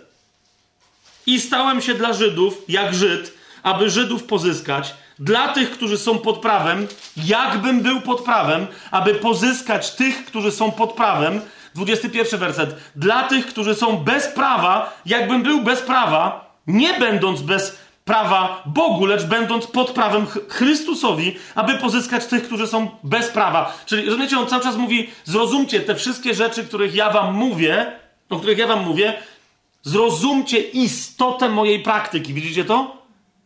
Z tymi, co są bez prawa, zachowuję się, jakbym był bez prawa, ale ja nie jestem bez prawa, bo jestem pod prawem. Ale czyim? Chrystusowym. Dla tych, którzy są pod prawem, zachowuję się, jakbym był pod prawem, chociaż nie jestem pod tym prawem, bo jestem pod prawem Chrystusa, który, jak wiemy, z listu do Rzymian jest końcem prawa mojżeszowego. Tak? Więc Paweł cały czas, 5 do 10 wersetu mówi, bądźcie moimi naśladowcami. Wyjaśnia w jakich konkretnie aspektach i wyjaśnia wewnętrzną istotę. Jakby cały czas chciał, chciał nam powiedzieć, nie idzie tylko o to, czy jecie, czy pijecie, tylko wszystko, cokolwiek czynicie, zrozumcie zasadę, na której ja bazuję, którą jest Chrystus i który ma potrzebę pozyskania wszystkich ludzi. Czy jest to jasne? Jeszcze raz. Dlatego 31 werset 10 rozdziału. Czy jecie, czy pijecie, czy cokolwiek innego czynicie. Tak? Po, po pierwsze, w tym wszystkim, cokolwiek czynicie, 32 werset, nie bądźcie zgorszeniem ani dla Żydów, ani dla Greków, ani dla Kościoła Bożego. Chyba, że niektórzy będą chcieli się zgorszyć, to się zgorszą, tak? To się wtedy zgorszą, ale Paweł mówi, to jest ich problem, bo jeżeli wy zachowujecie tę zasadę, że nie chcecie nikogo gorszyć, a jednak ktoś się gorszy, mówi, to to jest taki, taki los, bo, bo, bo, bo bywa, że ty udając, nie udając, ale będąc jakby nie pod prawem, spotkasz się z tymi, dla których prawo jest wszystkim, to oni się zgorszą tobą, tak? Jak Żydzi czy wyznawcy pojudaistyczni, postjudaistyczni chrześcijaństwa gorszyli się zachowaniami Pawła, pamiętacie? Albo z drugiej strony niektórzy się gorszyli zachowaniami Piotra, kiedy nagle, o czym w liście do Galacja na przykład on pisze, kiedy nagle ten jak hipokryta udawał, że zachowuje prawo mojżeszowe, podczas gdy z poganami go nie zachowywał, tak? Paweł w tych, w tych kwestiach jest, jest jednoznaczny i dlatego on od początku w, w całym tym liście e, mówi, że pokazuje wam zasady rządzące wewnętrznie tym wszystkim, co ja robię, i tylko Pan widzi uczciwość tych zasad, i wy musicie to naśladować, bo tylko Pan wtedy jest sędzią. Zobaczcie pierwsze do Koryntian, czwarty rozdział. Zanim tam Paweł mówi, naśladujcie nas, bo my jesteśmy, y, my, ja jestem waszym ojcem. Paweł, y, to jest pierwszy do Koryntian, czwarty rozdział, drugi werset mówi, od szafarzy wymaga się, czy mówi najpierw, niech każdy uważa nas za sługi Chrystusa i za szafarzy. Potem mówi, od szafarzy wymaga się, aby każdy z nich okazał się wierny. W drugim wersecie. I w trzecim mówi, że właśnie z tego powodu mnie najmniej zależy na tym, czy będę przez was sądzony, czy przez jakiś sąd ludzki. Bo nawet sam siebie mówi, nie sądzę. Niczego bowiem w sobie nie dostrzegam, jednak nie jestem przez to usprawiedliwiony, ale tym, który mnie sądzi, a więc także i usprawiedliwia, domyśl, jest Pan. Dlatego nie sądźcie przed czasem, dopóki nie przyjdzie Pan, który oświetli to, co ukryte w ciemności i ujawni zamiary serc. Ale następnie Paweł mówi: Ale jak wy macie mnie naśladować, to mówię wam w konkretnych sytuacjach jeść zjadki, czy nie jeść, gdzie jest mięso yy, bałwochwalców. Czy jak ktoś nie ma żony, iść do domu publicznego, czy nie iść. No bo chłop płonie i żeby jeszcze gorszych jakichś rzeczy nie robił. Czy to, czy tamto. Paweł mówi: Nie tak i tak, tak i tak, nie i nie, nie i nie, ale za każdym razem uzasadnia dlaczego. Pamiętacie to jego rozważanie chociażby na temat jedzenia. On mówi, nie, ja, mówię, ja wiem, że to nie ma żadnego problemu, błogosławię i mogę jeść z takiej jadki, ale gdyby się okazało, że to sprowadzi innego, słabszego w wierze brata do grzechu, to z tego powodu nie będę jadł. Nie dlatego, że uważam, że tam jest jakiś problem w tym mięsie. Problem jest w zgorszeniu brata. Tak? Więc jakby cały czas rozumiecie, on wchodzi do głębi, mówi zrozumcie, zachowanie jest takie i takie, ale wiedzcie, jaki jest powód tego zachowania, na bazie czego decydujesz, tak? I tak aż do końca dziesiątego rozdziału. Po czym na początku jedenastego rozdziału Paweł powtarza znowu mówi: bądźcie moimi naśladowcami, tak jak ja jestem naśladowcą Chrystusa. Dlaczego?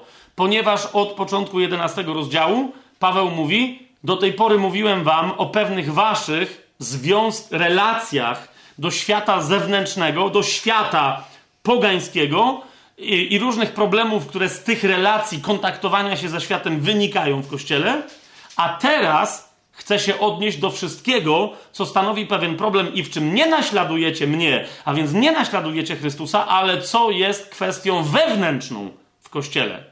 Tak?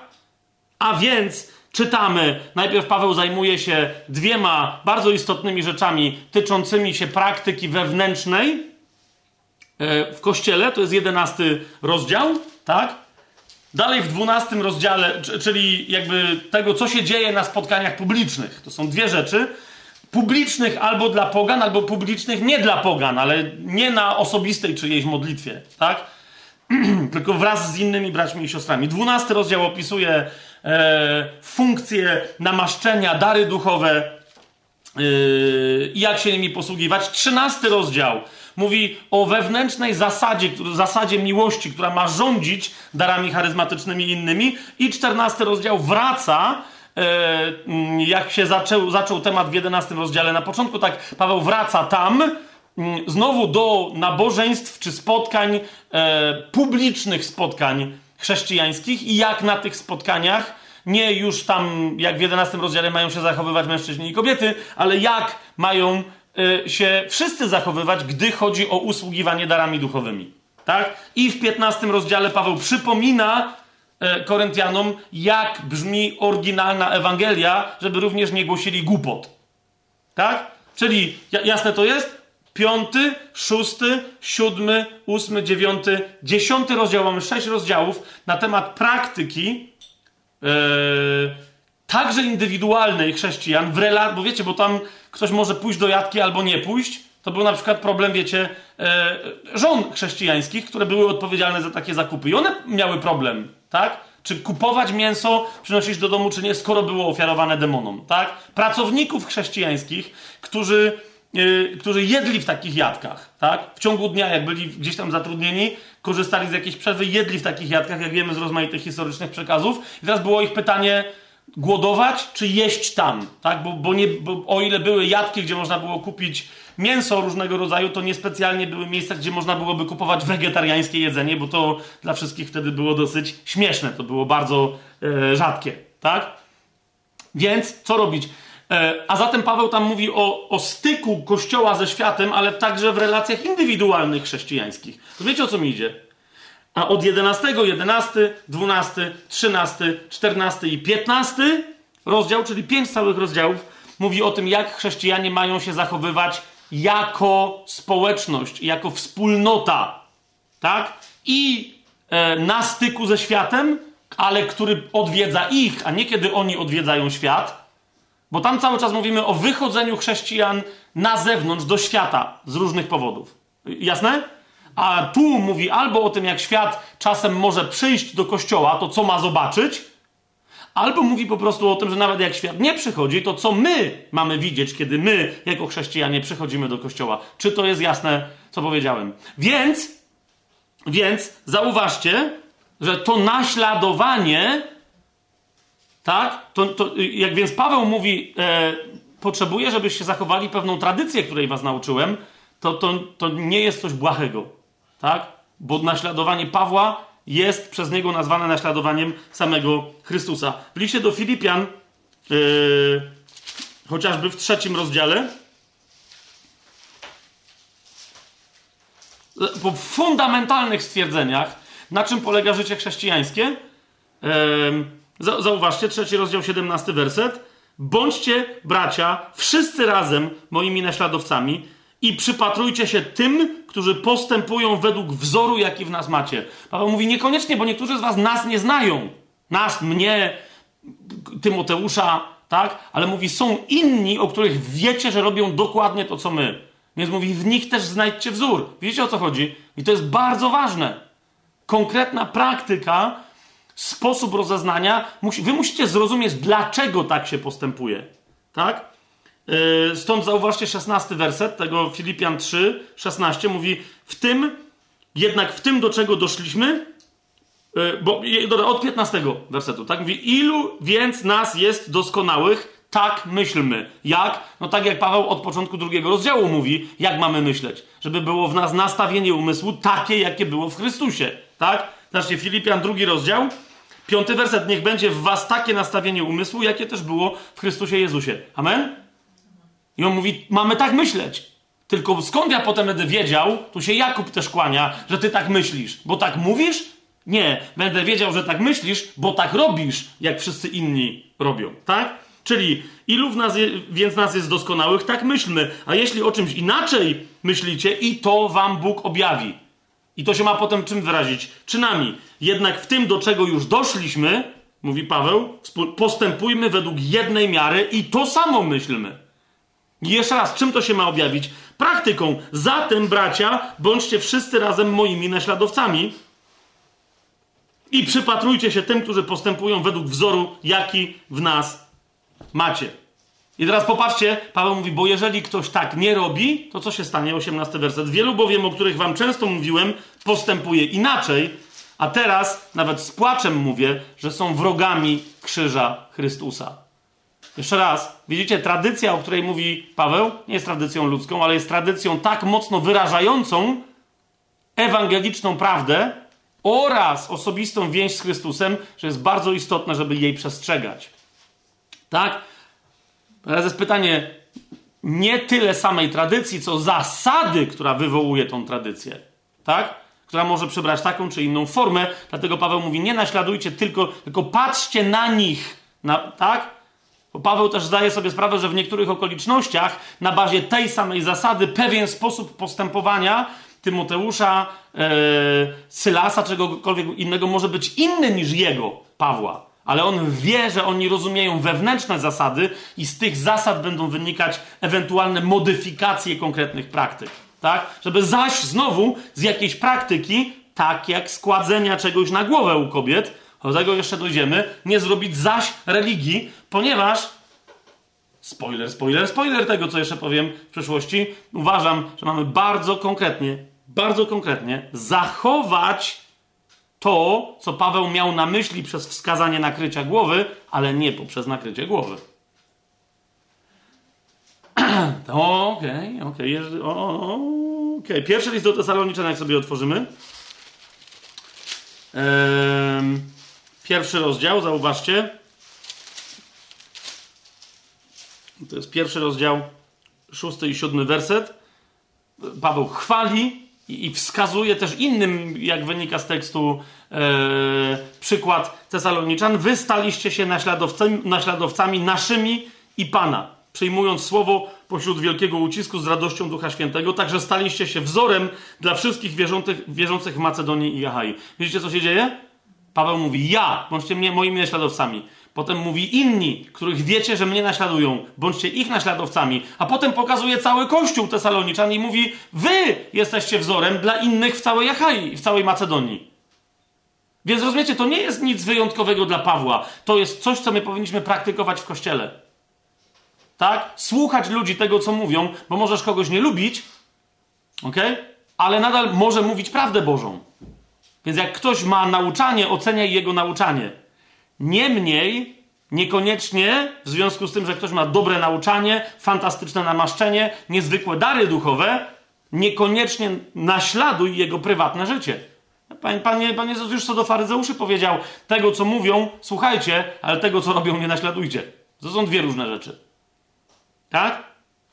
To samo tu. Paweł pokazuje, kto ma być wzorem. Tak? Drugi list do Tesaloniczan,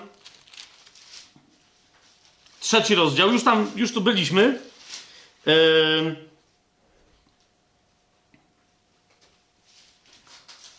Zaraz jak Paweł o tym mówi, że żeby, żeby, żeby go naśladować, szósty werset, nakazujemy wam bracia w imię naszego Pana Jezusa Chrystusa. Jeszcze zauważcie, w, w, jakie tu jest, że tak powiem, w tym słowie zaklęcie. Tak? Zaklęcie w tym sensie, że w innych miejscach Słowo Boże tłumaczy, że zaklinam was bracia. Tak? I tutaj Paweł, to jest dokładnie to samo. Zaklinam, nakazujemy wam, bracia, w imię naszego Pana Jezusa Chrystusa. Rozumiesz, jakie to jest? Co? Abyście stronili od każdego brata, który postępuje nieporządnie, a nie według przekazanych nauk, yy, tradycji, które od nas otrzymał. Tak? Więc rozumiecie, jak ważne są te tradycje. I teraz Paweł tłumaczy, dlaczego. Zobaczcie, od siódmego do dziewiątego wersetu. Sami bowiem wiecie, jak należy nas naśladować, ponieważ nie żyliśmy wśród was nieporządnie ani u nikogo nie jedliśmy chleba za darmo, ale pracowaliśmy w trudzie i zmęczeniu, we dnie i w nocy, aby dla nikogo z was nie być ciężarem. Nie jakobyśmy nie mieli do tego prawa, tylko Paweł uznał, bo, mnie, bo, bo w wielu miejscach mówi o tym, że ma prawo do tego apostoł, inny usługujący, ale mówi, u was tak nie zrobiliśmy. Dlaczego? Nie dlatego, że nie mieliśmy do tego prawa, uważajcie, lecz żeby dać wam samych siebie za przykład do naśladowania bo uznaliśmy, że to będzie lepsza forma nauczania niż tylko mówienie wam o tym. I chcieliśmy wam pokazać to. Rozumiecie o co chodzi? Więc, więc to jest, tu chodzi o pewien rodzaj postępowania, który jest formą nauczania, równie istotną jak coś, co się głosi. Ktoś może, wiecie, przepisać bardzo dobre, namaszczone kazanie, nie wiem, brata Davida Wilkersona, i potem swoimi słowami, ale prawie, że brata Davida Wilkersona powtórzyć, i ktoś posłucha tego i powie, wow! Dlaczego? No bo Duch Święty się przyzna do tych słów, ponieważ tam jest cała prawda powiedziana. Ale jak następnie ten ktoś przyjdzie do takiego nauczyciela, do takiego pastora, takiego głoszącego, wiecie, i stwierdzi, że skoro on tak dobrze nauczał, to znaczy, że teraz wszystkiego praktycznie mamy się od nich uczyć. Nie, nie, musi następnie przetestować praktykę obecną w danym zborze, u kogoś w życiu osobistym i tak dalej, ponieważ może się okazać, że ona nie ma związku z tym, czego ten ktoś naucza. W liście do Hebrajczyków z tego powodu w 13 rozdziale, w 7 wersecie, Paweł mówi: Pamiętajcie o swoich przywódcach. Pamiętacie w pierwszym do Koryntian, w tym 11 rozdziale, który rozważamy, co mówi Paweł? Że się cieszy, że co? Że we wszystkim Koryntianie pamiętają o kim? O nim.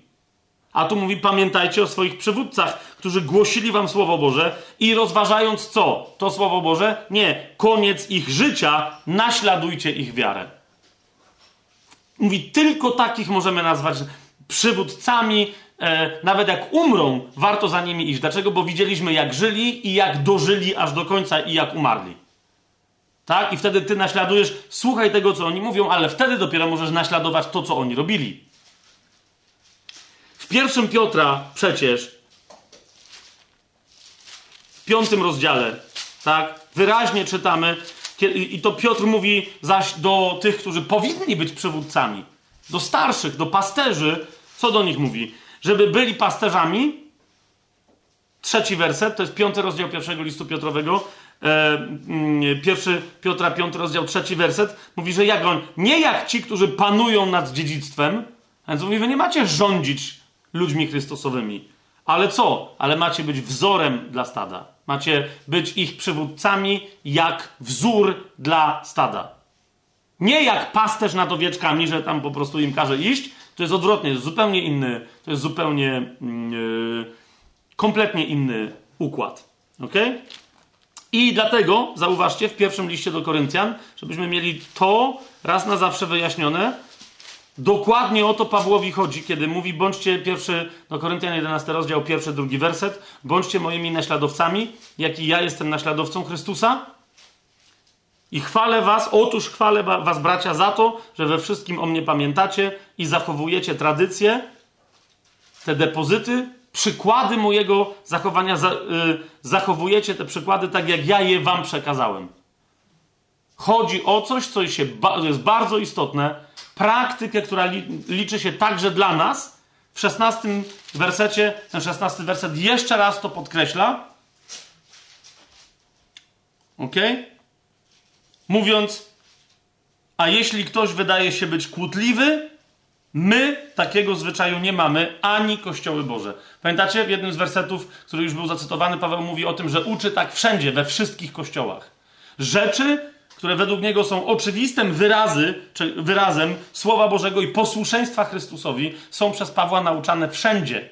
To jest po pierwsze, tu Paweł posługuje się innym wyrazem, synetheia, kiedy pisze zwyczaj. To nie chodzi o tylko zwykłą, jakąś ta, ta, taką, wiecie, tradycyjkę, ten wyraz pojawia się w Biblii tylko jeszcze w Nowym Testamencie, tylko jeszcze w innym miejscu. Pojawia się dwukrotnie, czyli pojawia się tutaj. On mówi: My takiego obyczaju nie mamy, ani kościoły Boże.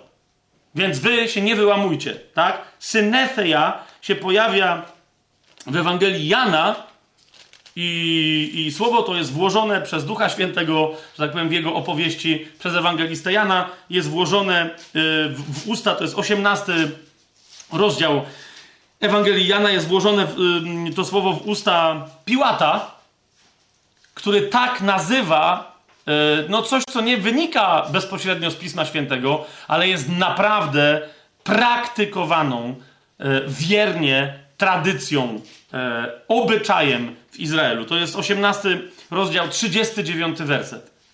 Otóż Piłat pyta, w 38 wersecie mówiąc o Jezusie, ja nie, nie znajduję w nim żadnej winy. I w 39 wersecie mówi, a u was jest zwyczaj, i tu się pojawia ta synetheia. Zobaczcie, jaki. A u was jest zwyczaj, że na paschę wypuszczam wam jednego więźnia. Chcecie więc, abym wam wypuścił króla Żydów? Rozumiecie o co chodzi?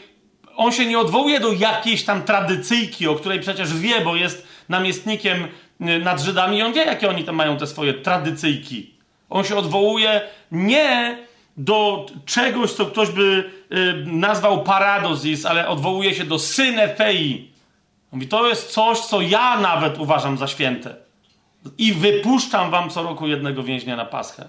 A oni oczywiście wiemy, co odpowiedzieli. I tym wyrazem Paweł mówi, że kłótliwość w kwestiach, które są oczywiste dla wszystkich, nie jest ani jego obyczajem, ani w żadnym innym kościele. Nie, nie jest nie, nie ma czego. Jest, jest dokładnie odwrotny obyczaj, mianowicie, żeby z wszystkimi innymi yy, się zgadzać. Plus dodatkowo, jeszcze raz, zauważcie, gdyby, bo to mnie naprawdę zdumiewa, jedenasty rozdział mówi o dwóch, o dwóch takich paradosis, które Paweł mówi, że mają być przestrzegane. Jedna wiąże się z tym, kto ma mieć głowę nakrytą, a druga, kto ma mieć nienakrytą, a druga z tych tradycji to jest jaka? To jest wieczerza. Jeżeli mamy niepoważnie potraktować tę pierwszą w cudzym słowie tradycję, to również musimy niepoważnie potraktować drugą. A rozumiecie, nikt tego nigdy w kościele nie śmiałby zrobić. Rozumiecie o co mi chodzi? Zobaczcie, jak, jak Paweł się do, do drugiej rzeczy yy, do drugiej rzeczy odnosi. Znowu 23 werset, tak? Ja bowiem otrzymałem od Pana to, co wam przekazałem. Znowu, tak? A odnosi się tu do czego? No nie tylko, żeby oni wiedzieli, że on teraz im dopiero objawia, tylko mówi, ja wam przekazałem. Co? Nie tylko jak to było z ostatnią wieczerzą, ale również co wy macie robić w momencie, kiedy wy praktykujecie pamiątki yy, wieczerzy. A mówi, a się gromadzicie w ogóle nie po to, o co chodzi. Tak, więc to, to im, on mówi, jasne, pamiętacie, ale ja wam przypomnę jeszcze raz, a teraz wyjaśniam, jaka jest waga tego, jak wy się macie zachowywać w ramach, a nie, że jeden przychodzi i się upije swoim winem, drugi jest głodny, ponieważ nie stać go na to, żeby przynieść swojego chleba i tak dalej, i tak dalej. Więc nie wiecie, jak to, jak to wszystko ma wyglądać? Więc jeszcze raz, czy to jest jasne? Każde takie wyjaśnienie, że mamy odpuścić pierwszą część 11 rozdziału e, pierwszego listu do Koryntian, bo to jest Pawła zwyczaj odnoszący się, bo potem jest taka koncepcja, że wiecie, w, w Koryncie były kobiety, były prostytutki, Pawłowi chodziło o to, żeby kobiety były bardziej jakoś się ogarniały i dlatego, niektórzy mówią, że dlatego kazał im zakładać welony, bo prostytutki chodziły z odsłoniętymi twarzami, zaraz do tego przejdziemy, że kazał im wiązać włosy w koki na głowie, że to miało być to przykrycie głowy, bo prostytutki, faktem jest, chodziły z rozpuszczonymi włosami i po tym można było poznać, że są prostytutkami i tak dalej. E, nie, ponieważ Paweł wyraźnie odwołuje się do różnych, mm, mm, odwołuje się do natury, odwołuje się do stworzenia i co mówi? Że podobnie rzecz się ma we wszystkich innych kościołach bożych. Amen? A zatem a zatem nie, nie chodzi i nie możemy tego interpretować w ten sposób. Myślę, że odpowiednią ilość argumentów pokazałem. Nie możemy interpretować tego fragmentu przez pryzmat e, jakiegoś tam obyczaju. Czy to Pawłowego, czy korynckiego, który Paweł próbowałby swoim kontrobyczajem e, skorygować. Jasne? Zgadzamy się w tej kwestii? Czy są jakieś... Okej, okay, dobra. Idziemy więc dalej. No, bo jeżeli tak, to ten tekst się do nas stosuje. Rozumiecie o co chodzi? Jeżeli to jest coś tak fundamentalnego w naśladowaniu Chrystusa, to ten tekst się do nas stosuje. Także czy dziewczyny już powinny w myślach przeglądnąć e, wątek jakichś nakryć głowy, chustek, kapeluszy i innych toczków. To się tak nazywa? To? to? Toczek. Okej. Okay. Okej. Okay. Najpierw sobie odpowiedzmy na jedno y, pytanie, mianowicie czy tym nakryciem głowy ma być, e, mają być włosy. Tak? Bo to niektórzy mówią, dobra, zgadzamy się z tym, ale chodzi o to, że pierwszy do Koryntian 11:15 kobieta, jeżeli kobieta nosi długie włosy, przynosi jej to chwałę, gdyż włosy zostały jej dane za okrycie. A cała reszta tekstu w ogóle nie mówi o okryciu, tylko mówi posługuje się zazwyczaj przymiotnikiem albo czasownikiem, przymiotnikiem, który mówiącym, że ktoś jest nakryty, że ma głowę nakrytą albo że jest nie nakryty, lub też, że się ma nakrywać albo że się nie ma nakrywać na głowie. Tak? Więc tu mówią, no ale nie, bo to chodzi o to, że kobiety mają mieć długie włosy i to już jest nakrycie, o które chodzi. Otóż tu, tu E, Paweł mówi ewidentnie, jakby nawiązując do, do nakrycia, ale mówi ewidentnie o czymś innym, ponieważ wszystkie te czasowniki i przymiotniki, którymi się posługuje w tym fragmencie, odnoszą się naprawdę do nakrycia głowy, a w tym 15 wersecie Paweł mówi o czymś, co w ogóle przynosi kobiecie chwałę, ale co ma być przykryte z jakiegoś powodu albo wykorzystane, a co Paweł nazywa y, płaszczem tak? Nie nakryciem głowy, ale nazywa płaszczem z całym szacunkiem, ale płaszcz to jest coś innego niż nakrycie głowy, czyli czapka. Nawet jeżeli to jest welon, który ci zwisa z głowy, to wiele o co mi chodzi. To no, nikt nie nazwie peleryny na przykład przeciwdeszczowej, która ma ukryć całe twoje ciało, nakryciem głowy, z całym szacunkiem. Tak? Peribolajon, peribolajon. Paweł tu się posługuje takim E, sformułowaniem i ono występuje znowu tylko na szczęście, żeby się nikt nie, nie musiał kłócić. E, jeszcze w jednym miejscu, ale dosyć tak e, klarownie występuje jeszcze tylko w pierwszym rozdziale listu do Hebrajczyków Pawła, Peribolajon. To jest pierwszy rozdział, 12, 11 i 12 werset. Jak, jak mówi o niebiosach, które są dziełem rąk Bożych, dalej kom komentuje, one przeminą, to jest Hebrajczyków 1, 11, 12. One przeminą, ale ty zostaniesz i wszystkie jak szata się zestarzeją. Uwaga, 12 werset. I jak płaszcz je zwiniesz. To jest ten sam wyraz. Peribolajon. Tak? Peribolajon. Płaszcz. O co tu Pawłowi chodzi? To mu chodzi, ale ja już pomijam fakt, że nawet gdyby mu chodziło o to, że to nie może mu o to chodzić, ponieważ to yy, wytwarza yy, nonsens kompletny. Bo jeżeli długie włosy oznaczałyby nakrycie głowy, to ostrzyżenie się albo ogolenie oznaczałyby brak nakrycia głowy. Zgadza się? Ale to wtedy jaki sens na przykład miałoby zdanie pierwsze do Koryntian, 11 rozdział, 6 werset? Jeżeli więc kobieta nie nakrywa głowy, ale to znaczy, że co? To znaczy, że się ostrzygła, tak? Jeżeli więc kobieta się ostrzygła, niech się też ostrzyże. A jeżeli hańbiące jest dla kobiety być ostrzyżoną lub ogoloną, to niech się nie strzyże. Jakby, no to jest jasne, tak? Ale to jest głupie jednocześnie. I sami, nie wiem, czy widać to wyraźnie, to jest nonsens, bo to jest wtedy masło maślane w innych momentach, które się tu pojawiają. To nie może o to chodzić, tak? Więc, yy, więc nie, no jakby naprawdę, jak ktoś się temu przyjrzy, to nie. Paweł, kiedy pisze, w ogóle się nie odwołuje do tego wyrazu płaszcz, peribolajon, ale posługuje się yy, albo przymiotnikiem, albo y, czasownikiem, jakby do, mniejsza, zasadniczo przymiotnikiem akatakaliptos, a, a katakaliptos, albo katakaliptos, czyli y, być całkowicie pod czymś, być całkowicie pod przykryciem.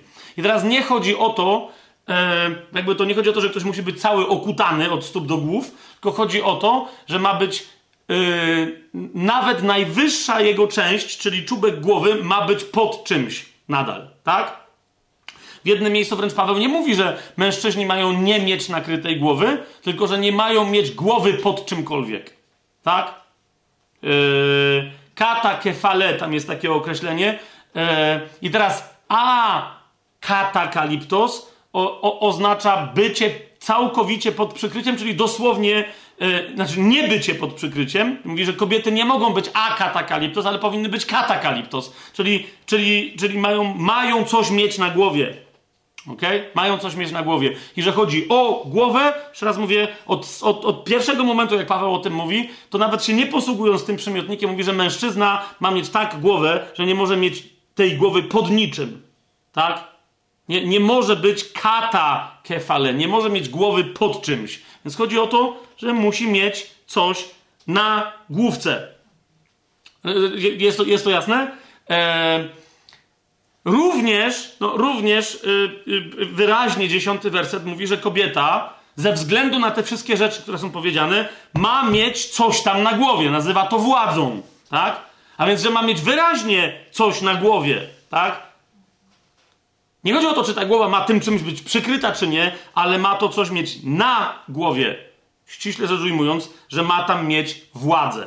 Niektórzy tego bardzo unikają i mówią: e, Nie, nie, ma mieć, kobieta ma mieć zakrytą głowę, ale tą część głowy, na przykład, która, na przykład właśnie włosy ma mieć zakryte, ale z tyłu, albo z przodu, albo. i się strasznie przy tym upierają. Tak? E, różne są to frakcje, które mówią, że nie, nie, to. No, a welon raczej byłby poniżający dla kobiet, więc wtedy chodziło o welon, ale to dzisiaj no, bez sensu, żeby kobietom kazać zakładać welon. Chociaż na przykład Kościół rzymskokatolicki w tym rozumieniu każe kobietom, a przynajmniej do niedawna kazał w krajach latynoskich, to jest po prostu uświęconą właśnie ludzką tradycją, że kobiety mają chodzić e, do kościoła w chustach na głowach albo w jakichś czapkach, tam różnych kapeluszach. E, zwał je jak zwiał i zwał i w welonach na twarzach, tak? Yy, czy są mężatkami, czy nie są. Dlatego wiecie, jak się, jeżeli ktoś z Was by, nie wiem, oglądał jakieś tam sceny z jakichś latynoskich filmów, czy hiszpańskich, nawet i tam gdzieś ktoś idzie ze rzadka do kościoła, żeby dziecko ochrzcić, albo na czyjś ślub, czy coś, to tam te takie kobiety, które uchodzą, po, po czym poznać, bo Latynosi albo Hiszpanie tak pokazują, kobiety, które są w miarę w porządku charakterami, w danym filmie, czy w jakimś serialu, tasiemcu, to mi, ja w życiu ja nie oglądam takich, ale ktoś mi na to kiedyś zwrócił uwagę, że to w ten sposób, po czym poznać nawet jakby na zaś, no nie, że przez najbliższych 170 odcinków, które kobiety będą ok, a które już z góry są skazane na porażkę, albo na jakieś, wiecie, hamstwo, zdradę i tak dalej. Otóż te kobiety, które w kościele są bezczelne, mają odsłonięte włosy i odsłonięte twarze, są z góry podejrzane. To jest wiadomo, że to jest zło. Są czarownice, zdrajczynie, po prostu niewierne. Kobiety, które mają na głowie coś, kapelusz i tak dalej, e, nie wiadomo. No nie? Raczej okej. Okay. A te kobiety, które nawet jak w filmie są w ogóle niewierzące, nie chodzą do kościoła, ale w kościele przychodzą i mają kapelusz na głowie albo właśnie jakiś taki toczek i welon, wiecie, z przodu taki elegancki i jeszcze szal najlepiej dookoła i tak dalej, to znaczy, że one są cycuś, glancuś, wszystko będzie dobrze z nimi. To możesz wiedzieć na 170 odcinków do przodu, a może nawet więcej, nie? Więc, ale, tu was zaskoczę, tak ortodoksyjni w pewnych kwestiach, potrzebnych i niepotrzebnych bym dodał, no właśnie tak jak w tym względzie, e, chrześcijanie, jakimi bywają tak zwani Żydzi mesjanistyczni, także taką mają interpretację. Mianowicie, że kobiety powinny, chodziło Pawłowi o to, że kobiety powinny być zawoalowane, a nie mieć coś na głowie. Tak? Mam tutaj komentarz żydowski, z którym się kompletnie. Nie, inaczej. E, to, co teraz przeczytam, nie, że się z nim kompletnie nie zgadzam, ale przeczytam jeden fragment z komentarza żydowskiego do Nowego Testamentu Davida H. Sterna, wydanego przez Wokacjo. E, na stronie 400. Yy, której? 669, czyli krótko mówiąc, na komentarzu do 11 rozdziału pierwszego listu do Koryntian. To jest przypis do wersetu i teraz uważajcie, bo to już od razu powinno wam coś powiedzieć, o co tutaj chodzi. Żebyście zobaczyli, jak ludzie swoje religijne zasady i koncepcje próbują narzucić temu fragmentowi, tak? Otóż uwaga, to nie jest komentarz do tego do piątego wersetu i każda kobieta, gdy się modli albo prorokuje z nienakrytą głową. Nie! Z jakiegoś tajemniczego powodu, który wcale nie jest taki tajemniczy, bo go zaraz wy, wyjawię, albo sami od razu złapiecie, komentarz do tego, czy to ma być na głowie, czy co to ma być, jest do czwartego wersetu, który mówi: Każdy mężczyzna, gdy się modli albo prorokuje z nakrytą głową, hańbi swoją głowę. I do tego wersetu pojawia się, czyli czwartego, następujący komentarz.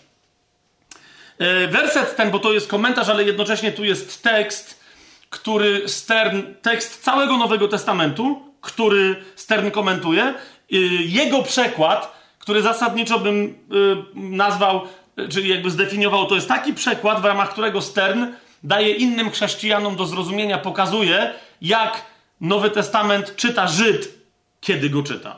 Jest to jasne? I teraz czwarty werset, zobaczcie. Każdy mężczyzna, gdy się modli albo prorokuje z nakrytą głową, hańbi swoją głowę. Tak? Stern tłumaczy najpierw ten werset.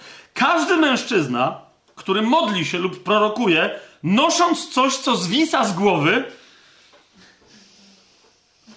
okrywa swoją głowę wstydem. Lecz! Lecz! Zobaczcie, czwarty, każdy mężczyzna i tak dalej, i tak dalej. Pięć, i każda kobieta. Jest tu powiedziane? A on, czyli mówi, jest jasne, nieważne jakby co dalej, cokolwiek ktoś, ale jest jasne z czwartego, piątego wersetu, nieważne jak to tłumaczy, że chodzi o to, że mężczyzna, jak nie ma czegoś na głowie w trakcie modlitwy lub prorokowania, hańbi swoją głowę, a kobieta, jak, inaczej, jak mężczyzna, jak ma coś na głowie, to hańbi, a kobieta, jak nie ma, to hańbi. To jest jasne, prawda? Analogicznie, a on ewidentnie sugeruje, że nie, jak mężczyzna e, by mu coś zwisało z głowy, to wtedy hańbi, a kobiecie jakby, no, a kobiecie ma zwisać.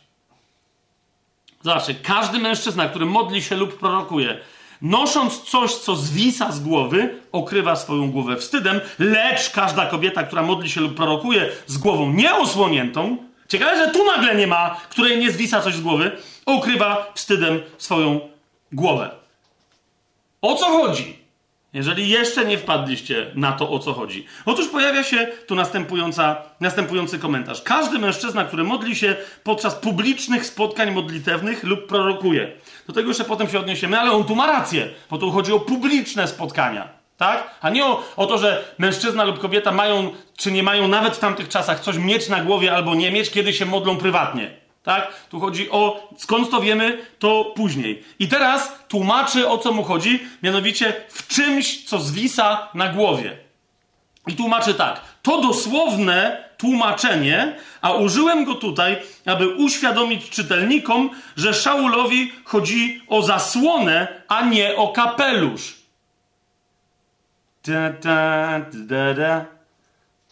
Jeszcze nie wiecie o co chodzi? Okej, okay, dobrze. Po pierwsze, po pierwsze, bracie Stern to nie jest dosłowne tłumaczenie. To nie jest dosłowne tłumaczenie. Tu wyraźnie jest mowa o tym, że na głowie mężczyzny nic nie może się znajdować, ponieważ ono wynika z katakefale, to znaczy, że mężczyzn, głowa mężczyzny nie może się pod niczym znajdować. Dlaczego to stanowi taki problem dla brata Sterna?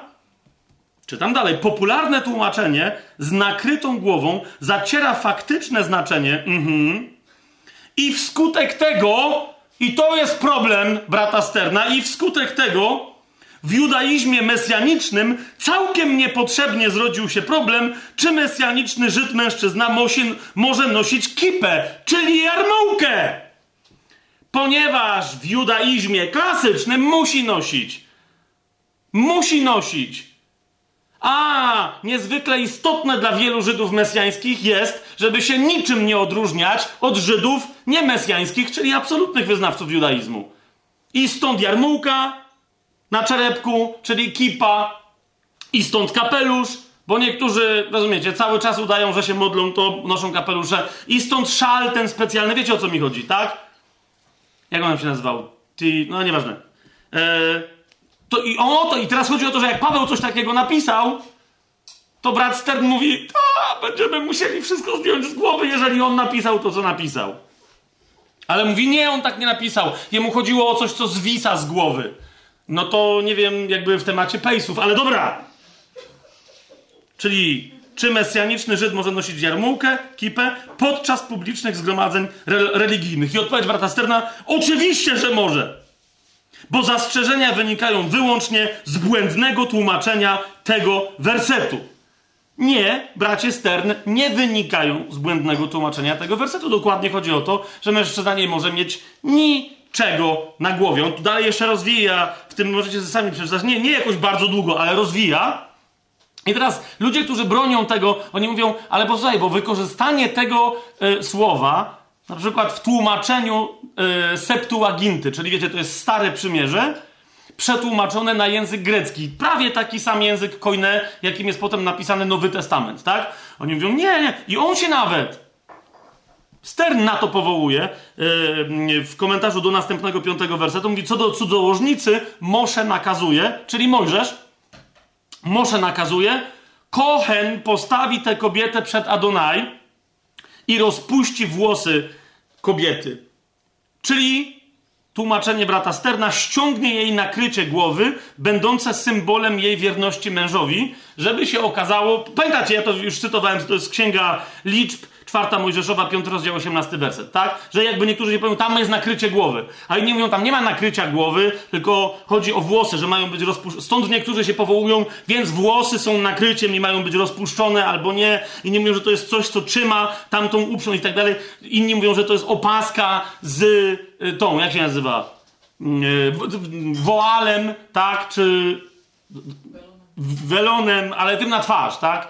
E, Okej. Okay. I mówią, nie, to jest zupełnie, to jest zupełnie... E, więc, więc jeżeli to ma być jedyny dowód, że ten wyraz może oznaczać rozpuszczanie włosów i tak dalej, i tak dalej, e, no to nie. Otwórzmy sobie tę księgę liczb i miejmy też to z głowy. Musimy naprawdę ten, ten fragment, musimy być specjalistami od niego. Bo znając go dogłębnie, jesteśmy wtedy wolni od masy kłamstw, które po prostu się niepo, niepotrzebnie urodziły e, w czyichś głowach, a potem wierni chrześcijanie e, je potem przejęli. Więc to jest Księga Liczb, e, piąty rozdział, osiemnasty werset. Potem kapłan, to jest ten Kohen, postawi kobietę przed Panem, z całym szacunkiem znowu dla brata Sterna, ale on tu tłumaczy, że ją postawi przed Adonai, a tu jest postawi kobietę przed Jahwe. Z kolejny kłanianie się w stronę tradycji judaistycznych, które nie mają związku z Biblią. Postawi kobietę przed Jahwe, a nie przed żadnym Adonai. Chociaż Jahwe to jest Adonai, tylko chodzi o wierność Słowu Bożemu, tak? I co? UBG tłumaczy według mnie uczciwie, odkryje jej głowę. Odkryje jej głowę. To jest czasownik pewien e, swoją drogą bardzo mocno związany e, z rzeczownikiem apokalipsis, czyli apokalipsa, czyli objawienie, znaczy odkrycie rozmaitych rzeczy. Ja nie wiem, ja nie wiem, e, ale to nie trzeba być wybitnym specjalistą, e, od hebrajskiego, żeby zauważyć, że tu nie ma mowy o włosach, tylko o głowie, która będzie odsłonięta. To jest po pierwsze. A po drugie, ponieważ hebrajski to w żadnej mierze nie jest żadna moja specjalizacja, ani nic, więc mogę się mylić. Niemniej ja widzę, co czytam po grecku, bo tu już widzę. I teraz co się okazuje? To nie do końca jest ten wyraz, którego szukamy. Ten wyraz, którego my szukamy, o którym już, e, o którym już powiedziałem, a katakalipsos, ten wyraz, e, więc pozwolicie, że ja już to, e, to, to zamknę, tak? Sami sobie możecie sprawdzić, co tu jest napisane. Fantastycznie, ale to jest no, taka trochę słaba obrona tego, żeby Żydzi mesjańscy, będąc chrześcijanami, nadal kłaniali się e, judaistycznym, nikomu niepo, niepotrzebnym. E, czasem są potrzebne, ale te są naprawdę nikomu niepotrzebne. Przepraszam, jak to kogoś miałoby urazić bardzo, bo nie jest to moją intencją, ale po prostu. Jeżeli chcecie wyglądać tak jak Żydzi, e, a jeszcze najlepsze jest, że wielu e, za takowych się podaje, w Polsce i na świecie to jest problem i, i tym Okej, okay, przy tej okazji, bo jeszcze będzie parę okazji, mam nadzieję, ale tym od razu mówię, uważajcie, ponieważ Pan bardzo mocno odnosi się do tych, którzy udają, że są Żydami, a nimi nie są. I więc teraz do wszystkich, którzy bardzo udają, że są Żydami, ponieważ praktykują podobnie jak Żydzi mesjańscy. Uważaj, bo jak nie jesteś Żydem, a, nim uda, a udajesz, że nim jesteś, to sprawdź sobie te fragmenty, które mówią wyraźnie. Posłuchaj tonu głosu samego Jezusa, który mówi o tych, którzy podają się za Żydów, a nimi nie są. Więc ja teraz mówię do, nawet nie do udawaczy, tylko do Żydów mesjańskich. Okay? Nie, nie musicie, nie ma żadnego problemu, e, nie musicie nosić kapeluszy. Możecie je nosić. Teraz jeszcze raz, jak zobaczymy, o czym naprawdę mówi 11 rozdział listu do Koryntian, to może odetchniecie, że możecie sobie nosić te kapelusze nawet na modlitwie. Naprawdę. Można się modlić z nakryciem głowy i bez nakrycia głowy, ponieważ ten tekst mówi o czymś innym i jego celem jest funkcja, którą miało nakrywanie albo nie nakrywanie głowy wtedy w Koryncie i we wszystkich innych kościołach bożych, a nie samo nakrycie głowy. Ale, ale jak się modlicie nakrywając głowę, to wiedzcie, dlaczego możecie to robić, a nie przekręcajcie tak jak tutaj, żeby obronić jakąś tradycję, bojąc się, że w tym tekście jest co innego napisane. Jest to cały czas jasne, co ja gadam? Dobrze. Natomiast co nas interesuje? Gdzie się pojawia ten interesujący nas wyraz akatakalipsos? To jest księga kapłańska, czyli trzecia yy, Mojżeszowa, trzynasty rozdział i tam dokładnie się pojawia ten przymiotnik, nie w odniesieniu do kobiety czy mężczyzny, ale w odniesieniu do osoby e, trendowatej, do trendowatego. To jest 45 e, werset. I co tam jest powiedziane? Trendowaty zaś, który ma na sobie tę plagę, będzie mieć rozdarte szaty, jego głowa będzie odkryta. Ok? I to jasne hebrajskie sformułowanie zostało przetłumaczone na język grecki w Septuagincie dokładnie tym przymiotnikiem akatakaliptos. To znaczy, że ten yy, trendowaty ma być akatakaliptos. A my wiemy z hebrajskiego, że tam było napisane, że ma mieć odsłoniętą głowę całą, żeby było widać go. Tak? Po prostu, żeby było go widać. I on tam dzwonił, miał jeszcze inne rzeczy, tam tłukł się w jakieś kołatki i miał krzyczeć, żeby wszystkich ostrzegać. Chodzi o to, żeby nic nie zasłaniało jego głowy, widoku jego włosów, wyglądu ewentualnie jego głowy, gdyby nie miał włosów, nie blokowało jego twarzy, nie miał mieć niczego na głowie. A katakaliptos, więc oznacza ktoś, kto nie ma niczego na głowie. I Paweł mówi, kobieta, która nie ma niczego na głowie, nie może tak się modlić ani prorokować. I jeszcze raz, nie chodzi o zwisanie czegoś z głowy, ale o, o to, co ktoś ma na głowie. Ten fragment wyraźnie pokazuje, że nie może mieć niczego, nawet skraweczka jest zabronione przez prawo mojżeszowe. Więc jak mówimy, co powiedział Mosze, to to Mosze powiedział. Ok? Trzecia księga Moszego, księga Mojżeszowa, 13 rozdział, 45 werset. Jeden, jedyny moment, w którym e, słowo, jakie nas interesuje, występuje, a nie księga liczb. Czy to jest jasne? Tam pojawia się wyraz pokrewny, ale jeszcze raz, nawet tam widać, że nie chodzi o włosy, a wyraz, który nas interesował, znajduje się tutaj. A zatem nie chodzi ani o żadne welony, ani o żadne włosy, ani o żadne inne koncepcje. Nie, Pawłowi chodzi dokładnie o nakrycie głowy. A więc teraz tak, powiedziałem, że to nas interesuje, absolutnie nas interesuje, to nas obowiązuje, co Paweł napisał dzisiaj, i chodzi dokładnie o to, żeby mieć nakrytą głowę, kiedy się jest kobietą, albo wyraźnie nie mieć nakrytej głowy, kiedy się jest mężczyzną. I teraz widzę, jak patrzycie na mnie, na zasadzie, Fabian, jak z tego wybrniesz? Więc wiecie, jak jest dobry serial, piąty odcinek, już wiemy, kto jest głównym jego bohaterem, i nagle ten główny bohater wygląda jakby zginął. Wszedł do czołgu, czołg wjechał w jakiś dom, wyjechał z drugiej strony, mówimy, przeżył. I w tym momencie wyjechał na ten czołg amerykański, yy, niemiecki tygrys, żeby był dobry czołg, walnął dwa razy i ten czołg z naszym bohaterem wybuchł. Teraz jest pytanie, no zginął nasz bohater, bo my wiemy, że do końca sezonu jest, jest jeszcze tego przynajmniej jest siedem odcinków. Więc od razu myśl, myślimy, eee, wbił się w dom, on w domu wyskoczył i ten czołg już potem wyjechał, ale on tam nie zginął, no nie? Pewnie, że nie. Otóż, Pawłowi chodzi o realne nakrycie głowy, kiedy pisze do Koryntian, takie jest nasze założenie, i to, po co on do nich pisze, uważajcie na to, co mówię, stosuje się także dla, do nas dzisiaj. Ok? Y, niemniej chcę Wam zwrócić uwagę, bo Paweł cały czas robi pewną rzecz od piątego rozdziału pierwszego listu do Koryntian i tu także. On ewidentnie w tym zapisie, dlatego się powołuje na te wszystkie rzeczy, o których jeszcze będziemy mówić. Stworzenie, porządek naturalny itd., tak itd., tak żeby dać Koryntianom do zrozumienia to, co oznacza nakrycie głowy lub nie nakrywanie głowy, to, co oznacza ten akt, to macie zachować przez nakrywanie lub nie nakrywanie głowy. Czy to jest jasne?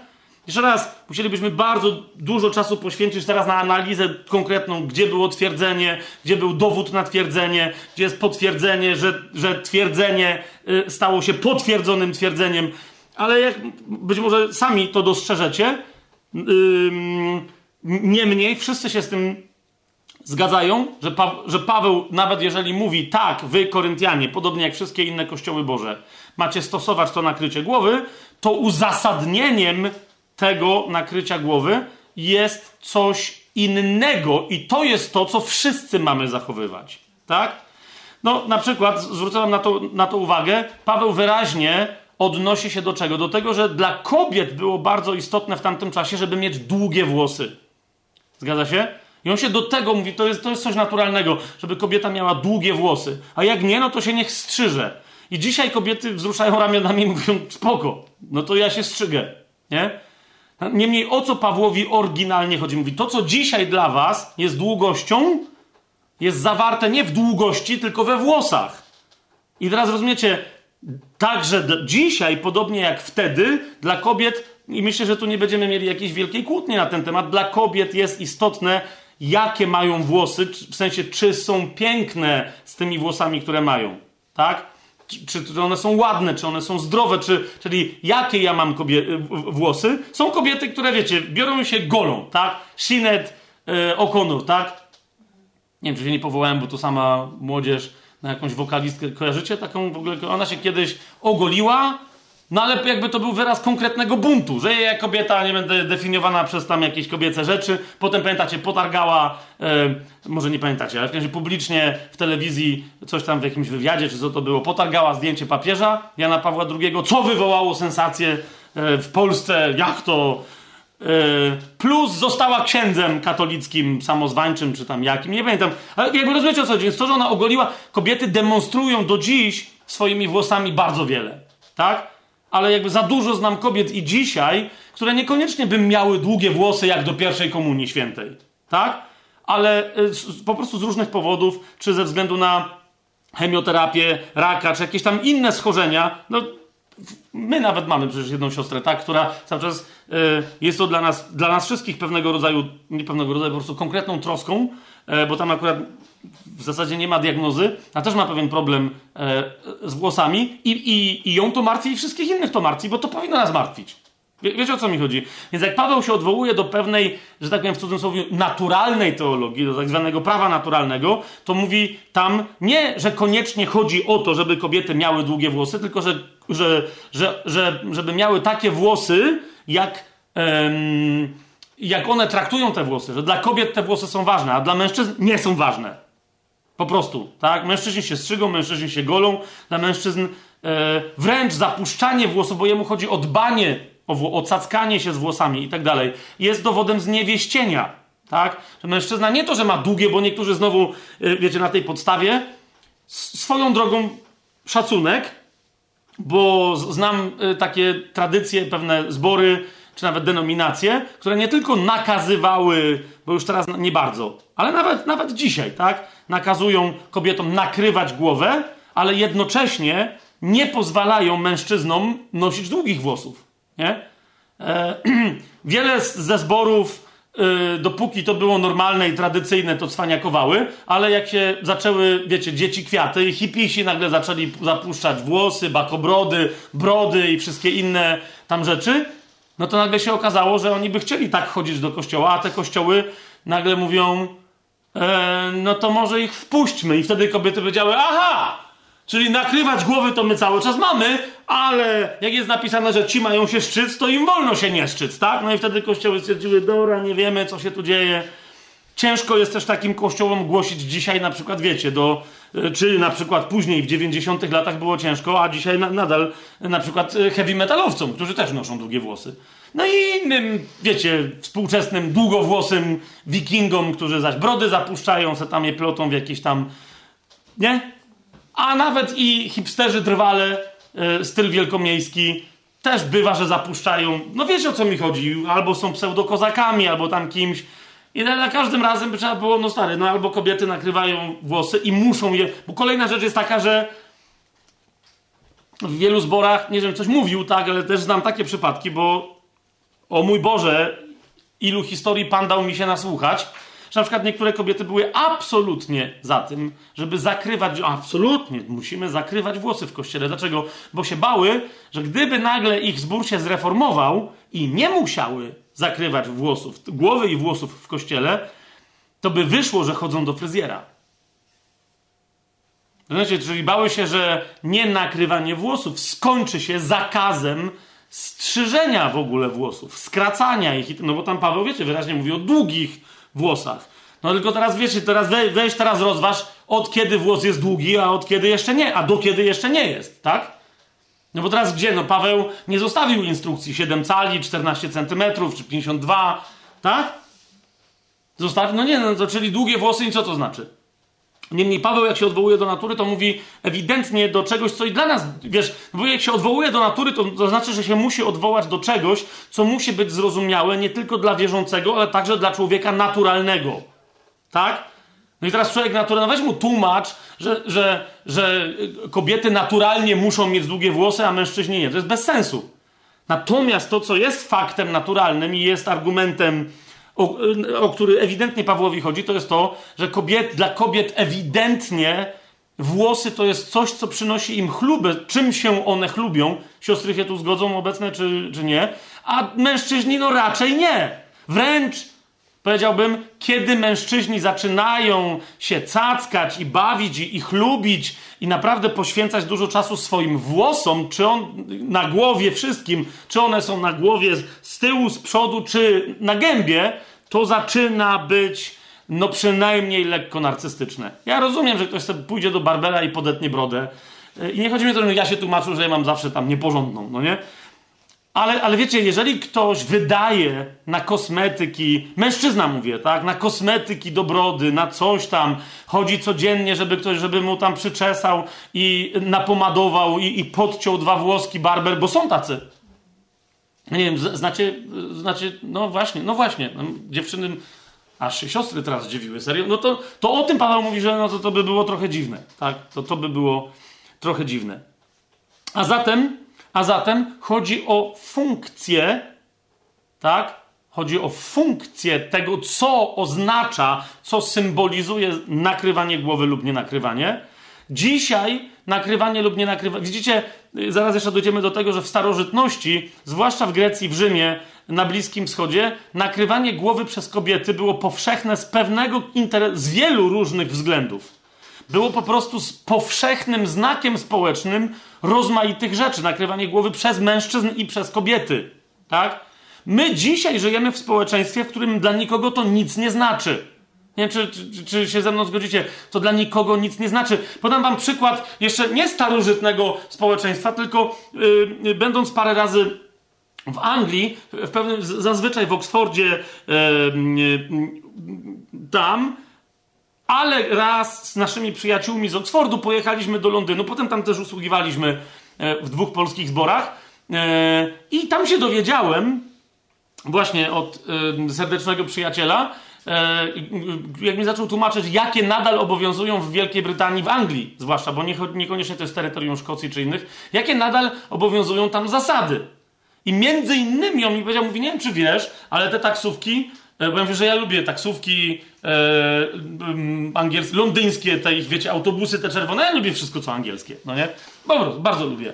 Ale on mówi, to dobrze, ale mówi, nie wiem, czy wiesz, że to nie jest tak, że oni mają takiego styla, tylko wymaga prawo tego, żeby te taksówki tak wyglądały. Wie? Ale dlaczego?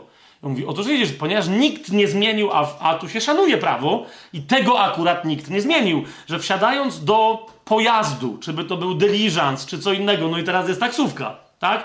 Ale do publicznie usługującego dżentelmenom pojazdu wysokość tego pojazdu ma być taka, żeby on wchodząc do tego pojazdu, żeby tam następnie zasiąść, nie musiał zdejmować z głowy swojego nakrycia głowy. I nie chodziło o jakiś niezwykły cylinder, ale między innymi o te wyższe meloniki. No wiecie o co chodzi? Kto oglądał Sherlocka Holmesa, czy te tam te wszystkie historie, to jest to, tak? I on mówi, to jest cały czas z tego powodu. Czy kobieta miała kapelusz, czy nie, to nikogo nie obchodziło. Ale gentleman byłoby hańbą dla niego, gdyby musiał zdjąć więc yy, tego typu nakrycie głowy. Po prostu mężczyźni chodzili w nakryciach głowy. Wszystkiego, wiecie, wszystkiego, wszelkiego rodzaju, kap- przynajmniej porządni, gentleman, tak? Jak jakiś szmaciarz, to może chodzić, to nic na głowę nie nakładał. Ale to wtedy tak się rozróżniało. Męż, na, na przykład, jeżeli yy, ukradł ci ktoś bez nakrycia głowy coś, nie wiem, coś zrobił, cię obraził na ulicy i tak dalej, należało go zlać laską, po to między innymi były laski, tak? Nawet go zatłuc na tej ulicy. Dlaczego? Ponieważ ten ktoś był niehonorową osobą. No jak ktoś chodzi bez nakrycia yy, głowy, to znaczy, że jest szmaciarzem, a szmaciarza, dżentelmen ma co? No ma zatłuc. Nie będzie go, wiecie, jeżeli natomiast by, nie wiem, obraził mu żonę, albo jego, albo coś, jego honor, obraził inny dżentelmen z nakryciem głowy, no potem była jeszcze kwestia wiecie, czy był odpowiedniego statusu, ale niemniej tego już tak łatwo nie było zlać, tylko trzeba było się zorientować, czy czasem niemu nie należy się pojedynek. Jest to jasne cały czas. I teraz dla nas takie, no okej, okay. ale tam wtedy to była kwestia życia i śmierci na ulicy. To była kwestia twojego statutu i statusu, tak? Statutu w sensie praw, które ci się należały albo nie należały, oraz statusu, prestiżu, dobrego imienia, z, z którym się potem wiązał biznes twojej rodziny, możli- no wszystko. Tak? Więc wiesz, wiecie, tylko sęk w tym, tylko sęk w tym, że my dzisiaj tego typu rzeczy zaznaczamy inaczej w XXI wieku, w Europie, e, czy ogólnie w cywilizacji, nazwijmy ją, euroatlantyckiej. Tak? Inaczej. I teraz widzicie, teza moja jest jaka? Że Paweł odnosi się do tego nakrywania czy nie nakrywania głowy, ale nie żeby w samym nakrywaniu lub nie nakrywaniu głowy była jakaś świętość, tylko ze względu na to, co to wtedy oznaczało w tamtym społeczeństwie. Czy to jest jasne? Wtedy, gdyby Paweł pisał do, wiecie, do, do, do, do kościoła w wiktoriańskiej Anglii i chciałby zwrócić na pewien problem, to zwróciłby mężczyznom uwagę, że mają publicznie występować w melonikach albo innych nakryciach głowy. Tak? Z jakiegoś powodu to nakrycie głowy Paweł uznał za prawie że obrazoburcze, jeżeli nie wprost obrazoburcze, E, bluźniercze wobec Boga, jeżeli mężczyzna by nakrywał głowę, a pokażę wam pewne okoliczności, dlaczego Paweł ryzykuje nawet konflikt z Żydami, którzy, no właśnie, nakrycie głowy wobec Boga obowiązkowe, dlaczego nawet konflikt z nimi Paweł ryzykuje tylko po to, żeby mężczyźni nie byli obrazoburczy w kościele. I teraz, żebyśmy zrozumieli, co się dzieje. Zaczniemy najpierw od tego. Nie czy Jezus jest głową, bo już sobie ustaliliśmy, że Jezus jest głową, Chrystus jest głową, tak? I nie, że to jest władza, to jest źródło, to jest dobra. Chrystus jest głową. Pytanie tylko brzmi, czyją Chrystus jest głową? Bo tu mamy napisane, pierwszy list do Koryntian, 11 rozdział, mamy tutaj napisane, że Chrystus jest głową każdego mężczyzny. Tak? Jest, jest napisane, czy nie jest? Jest, jest przynajmniej po polsku napisane. Każdy yy, chce, żebyście wiedzieli, że głową każdego mężczyzny jest Chrystus, a głową kobiety mężczyzna per analogiam. Czyli tak, jak głową mężczyzny jest Chrystus, tak mężczyzna ma być głową kobiety. I obydwie te relacje mają bazować na czym? Na relacji Chrystusa z Bogiem, bo i głową Chrystusa jest Bóg. I to jest jakby źródło wszystkich innych relacji. Fantastycznie. Czy aby, wszakże na pewno. Czy no, Paweł tu nie popełnił sam na sobie wiwisekcyjnej herezji. Czyli sam sobie się nie sprzeciwił temu, co nauczał. Popatrzmy najpierw, gdzie pojawia się Chrystus, bo nie wiem, czy wiedzieliście o tym, że Chrystus się pojawia jako głowa w swoim własnym nauczaniu. I wyraźnie o sobie mówi jako o głowie. Interesujące, co? Otóż pokażę Wam e, nie wszystkie miejsca, bo to nie ma e, sensu, nie mamy też czasu, ale otwórzmy sobie Ewangelię Mateusza, 21 rozdział, gdzie Jezus mówi o sobie jako o głowie. Kefale. Chodzi nam o dokładnie ten wyraz. Kefale. Z Ewangelia Mateusza. I jeszcze raz mówię, fragmentów takich znajdziecie więcej, ja tylko chcę pokazać pewien przykład. To jest 21 rozdział, 42 werset. Pan Jezus mówiąc pewne tam, podając swoje komentarze, mówi do uczonych w piśmie, faryzeuszy i tak dalej, na koniec przypowieści, którą im przedstawia, powiedział im Jezus, czy nigdy nie czytaliście w pismach, kamień, który odrzucili budujący, stał się kamieniem węgielnym. Pan to sprawił i jest to cudowne w naszych oczach. I nie tak czytamy i mówimy, a głowa jakby jest gdzie konkretnie, bo co tu się stało? Otóż dokładnie po grecku Pan Jezus mówi, że ten kamień, który odrzucili budujący, stał się głową węgła. Stał się głową węgła albo głową narożną.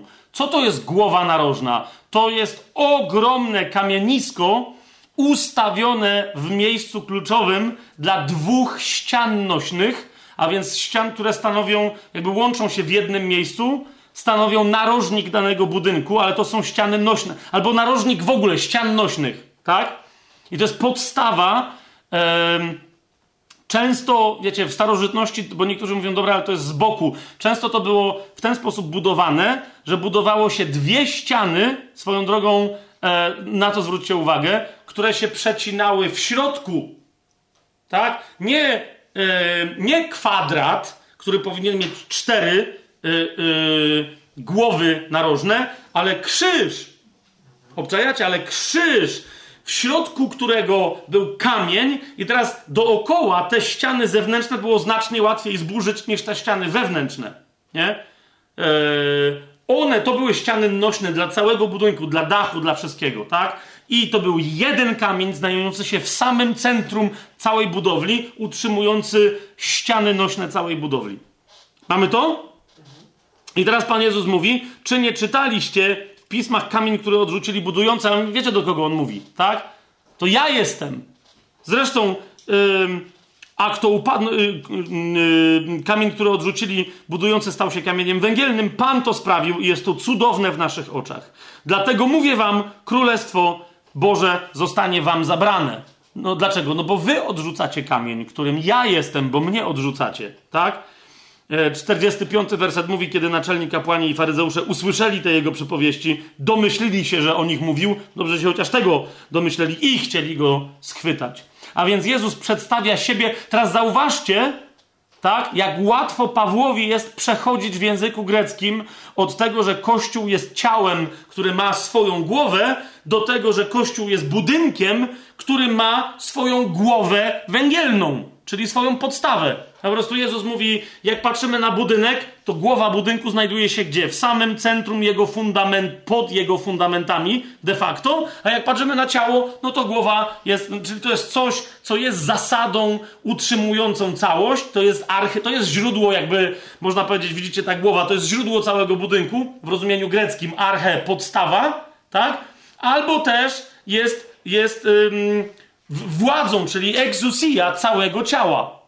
A więc znajduje się na górze. Tak czy siak to jest głowa, bo w języku greckim to jest głowa narożna, albo głowa narożnika, albo głowa węgła. Tak się, a nie kamień węgielny. Takie jest tylko polskie tłumaczenie. Mamy to?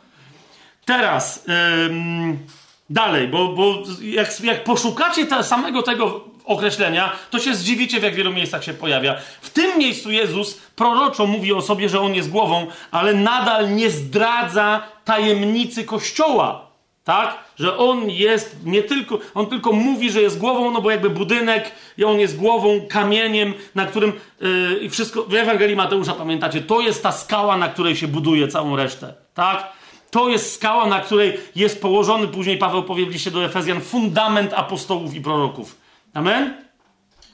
Yy, dalej, Ewangelia Marka, yy, dwunasty rozdział. Tylko, żeby wam podać przykłady, że dosłownie u wszystkich to nauczanie Jezusa o sobie jako o głowie węgielnej się powtarza. Dwunasty rozdział, yy, gdzie to jest? Dziesiąty werset. Znowu na koniec przypowieści Pan Jezus mówi, czy nie czytaliście tych słów Pisma? On cały czas więc mówi, że to w ogóle było przed moim nauczaniem. To jest zapowiedź tej tajemnicy, której aniołowie nikt nie mógł zgłębić. Starzy, oni gadali pewne rzeczy, prorocy wszyscy poprzedni nie rozumieli tego. Czy nie czytaliście tych słów pisma? Kamień, który odrzucili budujący, stał się kamieniem węgielnym, znowu głową węgielną. Pan to sprawił i jest to cudowne w naszych oczach. Na co Marek komentuje znowu, że za to starali się go schwytać, ale bali się, yy, bali się ludu. Łukasz, 20 rozdział Łukasza, 17 yy, werset. Znowu. Lecz on spojrzał na nich no już wiecie, z kim tu Jezus rozmawiał. On spojrzał na nich i zapytał: Cóż więc znaczy to, co jest napisane? Kamień, który odrzucili budujący, stał się głową węgielną, stał się kamieniem węgielnym. Każdy, kto upadnie na ten kamień, roztrzaska się. Zauważcie, jak potem ludzie wołają na temat tej głowy. Krew jego na nas i na nasze dzieci, ale nie po to, żeby ta krew, krew ich zbawiła, no to, ta, to, rozumiecie, to oni upadają na ten kamień i się roztrzaskują, bo to na nich sprowadza przekleństwo. Dokładnie dlatego oni się przerażają. Piotr im o tym mówi. Nie darliście się, krew jego na nas i na A teraz on jest Panem i on jest Mesjaszem. I co wy na to? I dlatego przerażeni w Dzień Pięćdziesiątnicy wielu Żydów, wiele Żydów, jak i innych prozelitów krzyczą to, co mamy robić, mężowie, bracia. Tak? Więc to jest, on tu mówi wyraźnie, każdy, kto upadnie na ten kamień, roztrzaska się, a na kogo on upadnie, tego zmiażdży. Nie? ale kto go przyjmie jako węgieł, jako podstawę węgła, ten będzie częścią budynku i jemu się nic nie stanie, bo ani on na ten węgiel, na ten kamień, na tę głowę nie upadnie, ani ta głowa na niego nie spadnie, bo się znajdzie we właściwym miejscu, tam gdzie jest ta głowa. To pójdzie do tej głowy, a nie będzie wołać, żeby ta głowa do niego leciała, no bo wtedy, no właśnie. W tej właśnie godzinie, 19 werset, naczelni kapłani i uczeni w piśmie starali się go dostać w swoje ręce, ale bali się ludu. Zrozumieli bowiem, że przeciwko nim powiedział tę przypowieść. No jeżeli zrozumieli, że przeciwko nim, to co zrozumieli? Że mówił o sobie. Jako o głowie węgła. Dzieje apostolskie, czwarty rozdział. Zauważcie łaskawie, że dokładnie takie nauczanie o głowie ma e, nawet w ramach ewangelizacji e, ultraortodoksyjnej e, ma Piotr, Jan, apostołowie pierwsza dwunastka, to jest czwarty rozdział dziejów apostolskich, dziesiąty i jedenasty werset. I dwunasty, żeby, żeby była całość. Niech wam wszystkim i całemu ludowi Izraela będzie wiadomo, że w imieniu Jezusa Chrystusa z Nazaretu, którego wy ukrzyżowaliście, a którego Bóg wskrzesił z martwych, przez niego on stoi przed wami zdrowy. No pamiętacie, tam chodziło o uzdrowienie, jakim tam prawem Piotr z Janem y, kogokolwiek mieliby uzdrawiać. I jakim cudem. Patrz, jedenasty werset.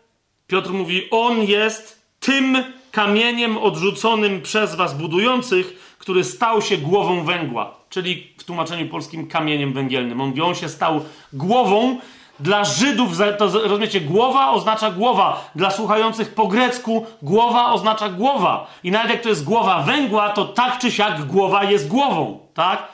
To oni rozumieją, że on się stał i podstawą, i szczytem. Że on jest i u fundamentów wszystkiego, i on jest ponad wszystkim innym. Okej? Okay? I nie ma w nikim innym zbawienia, właśnie dlatego, że on jest głową, tą dolną i tą górną. Głową węgielną budynku i głową dla całego ciała. Nie ma w nikim innym zbawienia. Nie ma bowiem pod niebem żadnego innego imienia danego ludziom, przez które moglibyśmy być yy, zbawieni. Piotr zresztą nie popuszcza. Jak sobie otworzymy pierwszy list, yy, pierwszy list Piotra, a więc wiecie, to jeszcze nie jest jego ostatni list ale yy, no, pierwszy list Piotra jest już pisany przez bardzo, bardzo yy, dojrzałego Piotra. W drugim rozdziale, kiedy on, bo nie tylko Paweł porównuje Kościół do budowli, do świątyni pańskiej, Piotr też, od 5 do 8 wersetu, tak mówi o Kościele i o nas. Paweł będzie w 12 rozdziale pierwszego listu do Koryntian mówił o nas jako o członkach jednego ciała. W liście do Efezjan będzie mówił, że jesteśmy żywymi kamieniami, z których jest budowana świątynia. Piotr nie, nie pisze za wiele o ciele, ale on nie usta, bo on się nieustannie, zauważcie, dla niego, dopiero co go cytowaliśmy z dziejów apostolskich, dla niego liczy się koncepcja głowy węgielnej. Tak? I popatrzcie, co tu pisze. 1 e, Piotra 2 od 5 wersetu. I wy sami jako żywe kam- jak żywe kamienie jesteście budowani w duchowy dom. Stanowicie święte kapłaństwo, aby składać duchowe ofiary przyjemne Bogu przez Jezusa Chrystusa. Czyli my jesteśmy żywymi kamieniami. Amen? I dalej. Dlatego mówi pismo: Oto kładę na Syjonie kamień węgielny. Czyli co?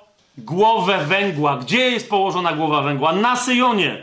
Syjon dlatego jest podstawą a nie Synaj. Syjon jest, pod, pamiętacie Izajasza, który musiał szokująco prorokować do Izraela, że prawo wyszło z Synaju, tak, ale słowo z Syjonu. I no, jak to? No tak to właśnie, ponieważ Syjon, nie Synaj, Syjon jest fundamentem dla budowania kościoła. To jest ta święta góra, co się nie porusza. To jest ta góra, o której jest powiedziane, że jest bardziej przerażająca niż Senaj, do której przystąpiliśmy, na której jest zgromadzenie świętych aniołów, pamiętacie w liście do Hebrajczyków, opisana w 12 rozdziale, tak? Więc i to jest, i tam, na tej górze i w tej górze znajduje się głownia mm, narożna, głowa węgielna, Chrystus. Dlatego mówi pismo, oto kładę na Syjonie głowę węgielną, wybraną, drogocenną, a kto w nią wierzy, nie będzie zawstydzony. Dla was więc, którzy wierzycie, jest on cenny, bo kto jest tą głową węgielną? No Chrystus, tak?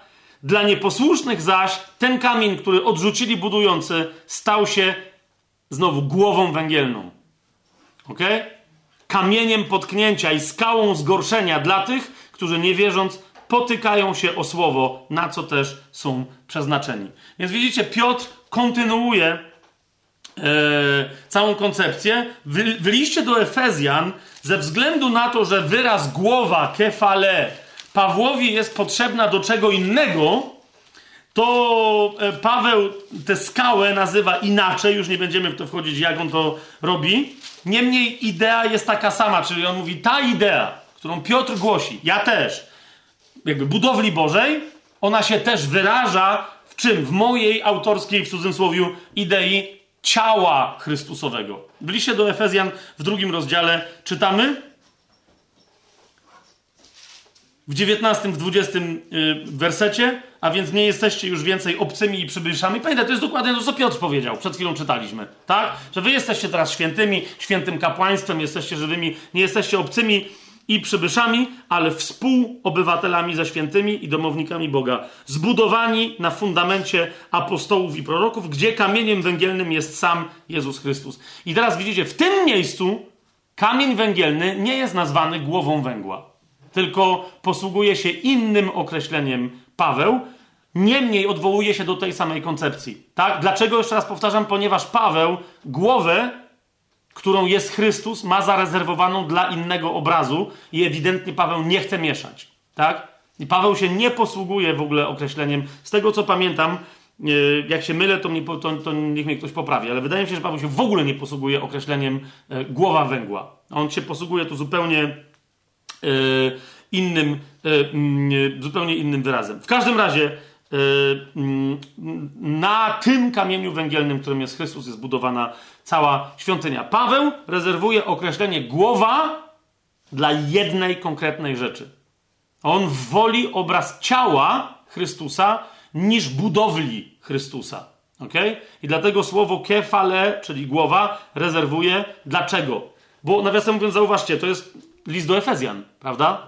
Nigdzie tak jak w liście do Efezjan, często, konkretnie i różno i wielowymiarowo nigdzie Paweł nie nazywa Chrystusa głową, tak jak w liście do Efezjan, do tego stopnia, że powiedziałbym wręcz, że Chrystus jako głowa Kościoła jest zdefiniowany listem do Efezjan. Ok? Zobaczcie, pierwszy rozdział listu do Efezjan, 22 werset. O tym, co zrobił Ojciec wobec Chrystusa. I wszystko poddał pod Jego stopy, a jego samego dał jako głowę ponad wszystkim. Bardzo istotne, zwracam Wam uwagę na ten wyraz, na to sformułowanie, ponad wszystkim Kościołowi. Zaraz do tego wrócimy, nie możemy wszystkiego naraz w jednym zdaniu, teraz na jednym wydechu nie mogę tego, ale zwróćcie uwagę, że on jest dany jako głowa komu? Kościołowi. Jak? Ponad wszystkim. Ok? Jest dany jako głowa Kościołowi ponad wszystkim. Ok? Jeżeli jest dany jako głowa kościołowi, to jest dany jako głowa komu w kościele? Mężczyznom, czy kobietom, czy wszystkim razem? Co? Jeszcze raz, bo nie, nie słyszę, nie jesteście pewni tego, co mówicie? Wszystkim razem. Gdyby było tak, że jest głową tylko mężczyzn, a nie kobiet, to wtedy jest pytanie, rozumiecie, bo tu istnieje pewna hierarchia. A więc albo Kościół jest zjednoczony ze swoją głową, cały, i, w, i nie tylko Chrystus znajduje się ponad wszystkim, ale Chrystus i jego ciało duchowo już się znajduje ponad wszystkim, albo też tylko ci, dla których on jest głową, są ponad wszystkim, a inni muszą być gdzie indziej. Bo jeszcze do tego dojdziemy, co znaczy ponad wszystkim, ale jest tak: Chrystus, i potem są jest cała hierarchia bytów duchowych, ponad którymi Jezus jest, wyniesiony. Jeżeli kobiety nie należą do tej grupy, to byłby Chrystus razem z mężczyznami. Potem są, uwaga, moce, zwierzchności, władze, potęgi, trony nie upadłe, tylko nie upadłe. Czyli nie upadłe, ale te, które pozostały wierne Bogu. Wszyscy aniołowie, a potem dopiero są kobiety. Pamiętacie sformułowanie ze względu na aniołów? Jeszcze zaraz do tego dojdziemy. Tak? Albo kobiety są tutaj, bo Chrystus jest głową tylko mężczyzn, to wtedy to zdanie, pierwszy do Koryntian 11 rozdział 10 werset, nie ma najmniejszego sensu, ponieważ kobiety nie muszą mieć nic na głowie, żeby aniołowie rozumieli, co się dzieje. Chyba, że jest inaczej, a więc i kobiety, i mężczyźni bez żadnej różnicy znajdują się tam, gdzie ich Pan, gdzie znajduje się ich głowa, a wtedy to, że kobiety tam się duchowo znajdują, fizycznie objawiają dla nauczenia czegoś aniołów. Ale o tym jeszcze za chwilę, za chwilę, za chwilę. Bo to jest. Uh, tu się dzieją rzeczy. Uh, ekscytuje się, jest, dzieją się rzeczy. Więc pierwszy, pierwszy do, y, list do Efezjan, pierwszy rozdział, 22 werset. Wszystko poddał pod jego stopy, a jego samego dał jako głowę ponad wszystkim komu? Kościołowi, który to Kościół cały jest jego ciałem i pełnią tego, który, uwaga, wszystko we wszystkich napełnia. Czy od wyrazów wszyscy istnieje jakiś wyjątek? Czyli jeżeli on wszystko we wszystkich napełnia, to czy kobiety są wyłączone od mężczyzn? Nie, nie są wyłączone. A więc Kościół, który jest ciałem tej głowy, znajduje się cały w dokładnie ty, takim samym miejscu, w dokładnie takiej samej relacji. Jeżeli mówimy o osobistej relacji Twojej czy mojej, czy mojej z Chrystusem, ja nie mam lepszej relacji z Chrystusem niż Tymek. Tymek nie ma lepszej relacji niż ja. My nie jesteśmy lepszymi, lepszymi mężczyznami od smoka tu siedzącego, który nie jest smokiem wawelskim, ale nie zdradzać jego tożsamości. Jest nawróconym, niestarodawnym smokiem, jest, jest smokiem nowonarodzonym, który jest przyjacielem Pana. Ok? A, a, żaden z nas nie ma osobiście re, lepszej relacji w sensie daru danego, niż jakakolwiek tu obecna siostra. Czy to jest jasne? Dlatego, jak mówi dalej Pan, że e, gdy byliśmy umarli, drugi rozdział w liście do Efezjan, piąty werset, gdy byliśmy umarli w grzechach, tak? Kto? No ci wszyscy, w których wszystko Pan napełnia, tak? Gdy byliśmy umarli w grzechach, ożywił nas razem z Chrystusem, gdyż łaską jesteście zbawieni i razem z Nim wskrzesił i razem z Nim posadził. Gdzie? W miejscach niebiańskich w Chrystusie. Czyli gdzie to jest? Ponad wszystkim ponad wszystkim, ponad wszystkimi, nawet świętymi, nadal wiernymi Bogu aniołami. To jest dla nich wywyższenie tam jakiegokolwiek człowieka jest sensacją. Nawet jeżeli ono jest tylko duchowe, a docelowo ma być także fizyczne.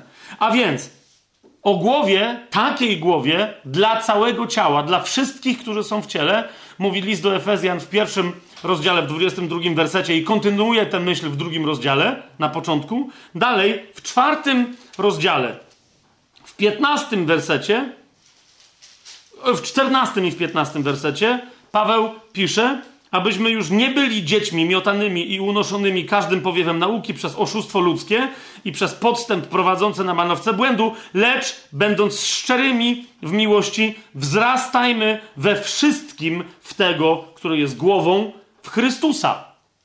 I teraz uwaga, znowu Paweł mówi, nie niektórzy, ale mówi, z niego całe ciało harmonijnie złożone i zespolone we wszystkich stawach dzięki działaniu każdego członka stosownie do jego miary przyczynia sobie wzrostu dla budowania samego siebie w miłości. Macie, mamy parę określeń, które nie, po prostu w sposób no tak jednoznaczny, że się już nie da bardziej, wykluczają możliwość, jakoby w takiej relacji z głową, jaka teoretycznie jest sugerowana przez 11 rozdział pierwszego listu do Koryntian mieli być tylko mężczyźni. Zauważcie, jeszcze raz, z niego, z tej głowy, z Chrystusa, całe ciało, a już się dowiedzieliśmy, że całe ciało to są i mężczyźni, i kobiety. Harmonijnie złożone i zespolone, w czym? We wszystkich stawach. Nawet jakby ktoś uznał, że stawy się składają, już pomijam tu o co chodzi w tym, ale że stawy się składają tylko z mężczyzn, fajnie. Dzięki działaniu każdego członka, jeszcze zespolone we wszystkich stawach, dzięki działaniu kogo? Każdego członka. Każdego składającego się na to ciało, czy mężczyzny, czy kobiety. Całe ciało dzięki działaniu każdego członka, połączonego z czym? Wrastającego w co? Harmonijnie, w zgodzie z, z całym ciałem, w głowę, którą jest Chrystus. Gdyby to znaczyło, że Chrystus bezpośrednio jest głową tylko mężczyzn, a kobiet pośrednio, co by to znaczyło? Że on nie jest ich głową. Tak? On po prostu. On nie jest ich głową. Tak? On jest, on ma, on ma pośredników między sobą a kobietami i to są mężczyźni. Ok? Już czujecie, że tam najwyraźniej musi być, kurde, coś inaczej napisane i mówię wam, że kurde jest inaczej napisane. Naprawdę jest co innego napisane. Ok? Piąty rozdział, 23 werset, wreszcie. No właśnie, ponieważ piąty rozdział dociera do momentu, w którym e, no, daje nam klucze do wszystkiego. 22, 23 wers, werset mówi, e, no i to jest klucz do zrozumienia tego, co się dzieje w trzecim wersecie e, 11 rozdziału pierwszego listu do Koryntian. Mianowicie mówi, kto jest głową kogo i w jaki sposób. Otóż mąż jest głową żony Moje pytanie brzmi, dlaczego ktoś tutaj nie przetłumaczył, mężczyzna jest głową kobiety? No, no, no zaraz. W pierwszym liście do Koryntian, w jedenastym rozdziale, mamy napisane głową kobiety mężczyzna. Jedenasty rozdział, trzeci werset. Jest tak napisane, czy nie? Jak myślicie, określenie mężczyzna tutaj różni się od określenia mąż w piątym rozdziale, 23 wersecie listu do Efezjan? Nie, to jest ten sam wyraz. To jest dokładnie ten sam wyraz. Kobieta, myślicie, że to jest. Nie, to jest dokładnie ten sam wyraz, co żona w piątym rozdziale listu do Efezjan w 23 wersecie. Pytam się więc, to czemu w takim razie 11 rozdziału 23 wersetu, yy, trzeciego wersetu pierwszego listu do Koryntian nie przetłumaczono, ale chcę, żebyście wiedzieli, że głową każdego męża jest Chrystus. Teraz wam czytam właściwe tłumaczenie, według mnie. Chcę, żebyście wiedzieli, Przepraszam, przepraszam, to jeszcze nie jest w pełni właściwe tłumaczenie. Na razie tylko tłumaczę właściwie pewne wyrazy z tego zdania. Chcę, żebyście wiedzieli, że głową każdego męża jest Chrystus, a głową żony mąż, a głową Chrystusa Bóg. Hmm? Swoją drogą, jak ktoś to czyta i zaczyna czytać całą resztę tego fragmentu, yy, zaraz, czyli. No bo popatrzcie, co się dzieje dalej, tak? Pierwszy do Koryntian 11 rozdział 3 werset. Chcę, żebyście wiedzieli, że głową każdego męża jest Chrystus. Głową żony mąż, a głową Chrystusa Bóg. Każdy mąż, gdy się modli albo prorokuje z nakrytą głową, hańbi swoją głowę. A każda żona, gdy się modli albo prorokuje z nienakrytą głową, hańbi swoją głowę, bo to jest jedno i to samo, jakby była ogolona. No tak, ale to by wtedy znaczyło, że ogolenie ma jakiś związek z tym, kim jest żona. Dokładnie tak. A nie z tym, kim w ogóle jest kobieta, chociaż z tym, kim w ogóle jest kobieta również. Ale zwłaszcza w odniesieniu do tego, kim jest żona. Patrzycie na mnie? Podam wam jeden przykład, który powinien nam być, powinien, ten już powinien nam być znany.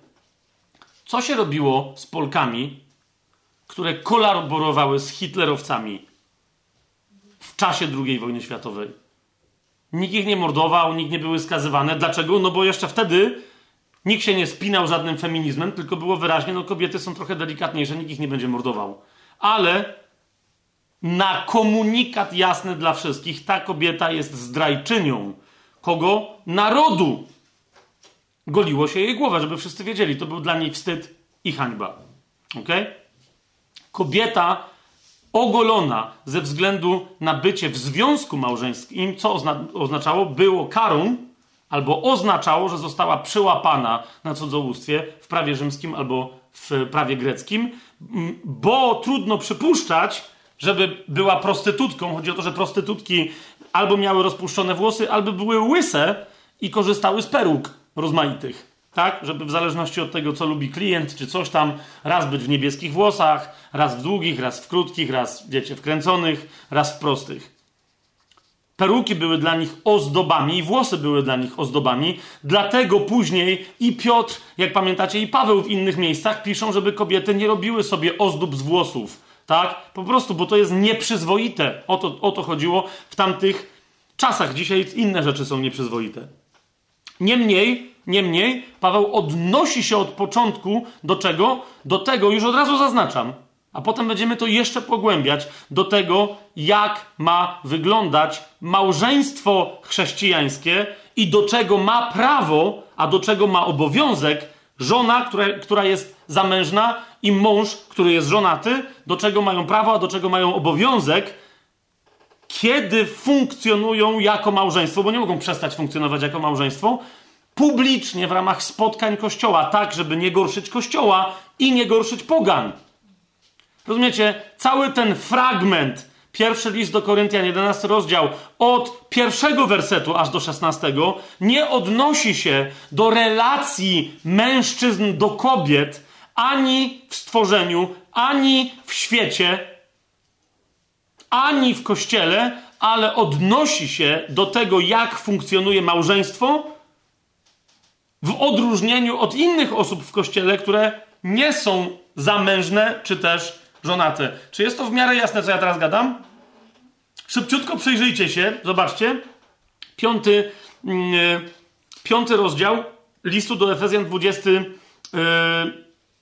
21 werset.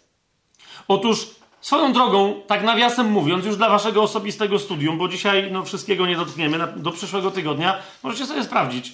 Bo niektórzy mówią w 11 rozdziale noszenie tych nakryć przez y, kobiety na głowie jest, jest argument, uargumentowane argumentem ze stworzenia. No fantastycznie. Ale myśmy już sobie rozważyli w poprzednich naszych spotkaniach, że stworzenie nie pokazuje relacji między mężczyznami i kobietami, jakby to były dwa osobne gatunki, ale pokazuje relacje oryginalne, jakie Pan dał kobiecie w związku z mężczyzną i mężczyźnie w związku z kobietą, nie w relacji, ale w związku jakim? Małżeńskim. O, bo to jest Isz, a to jest Isza. Oni od początku są żoną i mężem. Ok? I za każdym razem więc, jak się Paweł, bo niektórzy mówią, to nie jest skutek tego, co się wydarzyło po grzechu, ale amen, ale ja się zgadzam. Bo niezależnie od tego, co się wydarzyło po grzechu, w związku z grzechem Adama i Ewy, to, jak oni oryginalnie byli stworzeni, pamiętacie dlaczego, i teraz rozumiecie, dlaczego to jest dla mnie tak fundamentalne stwierdzenie? Człowiek został stworzony jako małżeństwo. I za każdym razem, kiedy Paweł się odwołuje do stworzenia, odwołuje się do czego? Do małżeństwa. Tak? A więc argument, który się pojawia w jedenastym rozdziale, odnoszący się do stworzenia, kiedy nabiera sensu? Właśnie wtedy, kiedy rozumiemy, że Paweł się odwołuje do małżeństwa. Zobaczcie, to jest jedenasty rozdział. Tak? Kobiet, y, mężczyzna y, jest chwałą Boga, siódmy werset. Kobieta zaś jest chwałą mężczyzny. Dlaczego? Paweł mówi, no bo tak zostali jako mał... I tu, no to, ale rozumiecie, że nie mężczyzna i kobieta, tylko mąż i żona. Zobaczcie, jak wygląda to zdanie. Siódmy werset. Mąż zaś nie powinien nakrywać głowy, gdyż jest obrazem i chwałą Boga. Żona zaś jest chwałą męża. Widzicie, co się tu dzieje? Dlaczego? I wtedy ten argument ma sens. Mężczyzna, mąż bowiem nie został stworzony dla żony, ale żona dla męża. No, no tak czy nie? Dlatego powiedział, to jest Isza, bo wyszła z Isza. Proste.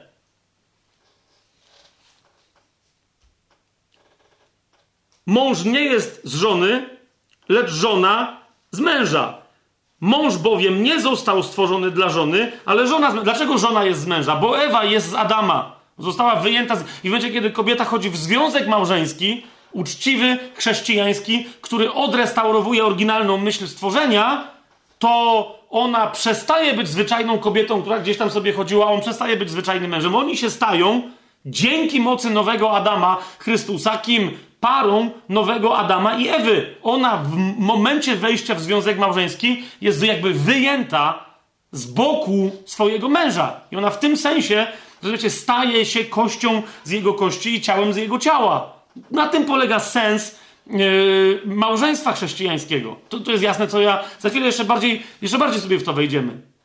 Czemu? No bo małżeństwo ma reprezentować związek kościoła, który jest żoną wyjętą z boku oblubieńca, którym jest Chrystus. W momencie, kiedy on umarł, usnął na krzyżu, otwarty został jego bok, żeby z tego boku została wyjęta jego żona, czyli Kościół. Chrystus jest obrazem Adama i obrazem Chrystusa. Na krzyżu jest śpiący Adam w raju, a obrazem, a Ewa wyjęta, czyli żebro wyjęte z jego boku, otwartego przez samego Boga i, i zamienione w Ewę, jest obrazem Kościoła, który prawie że wypłynął z przebitego boku Chrystusa. Dlatego dla Kościoła na ziemi, pierwszy list Jana, piąty rozdział, mówi, że świadkami jest kto? Krew, duch, woda i krew.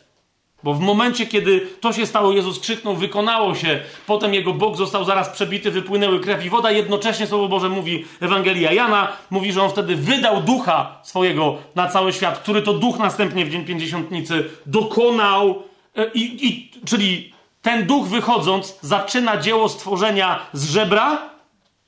Jezus 40 dni chodzi z tym otwartym bokiem, idzie do nieba, a po jego pójściu do nieba Parę dni później wstępuje Duch Święty i pokazuje światu jego oblubienicę, tego nowego Adama, nową Ewę, którą jest Kościół, który wychodzi na ulicę i mówi: tak się rzeczy mają.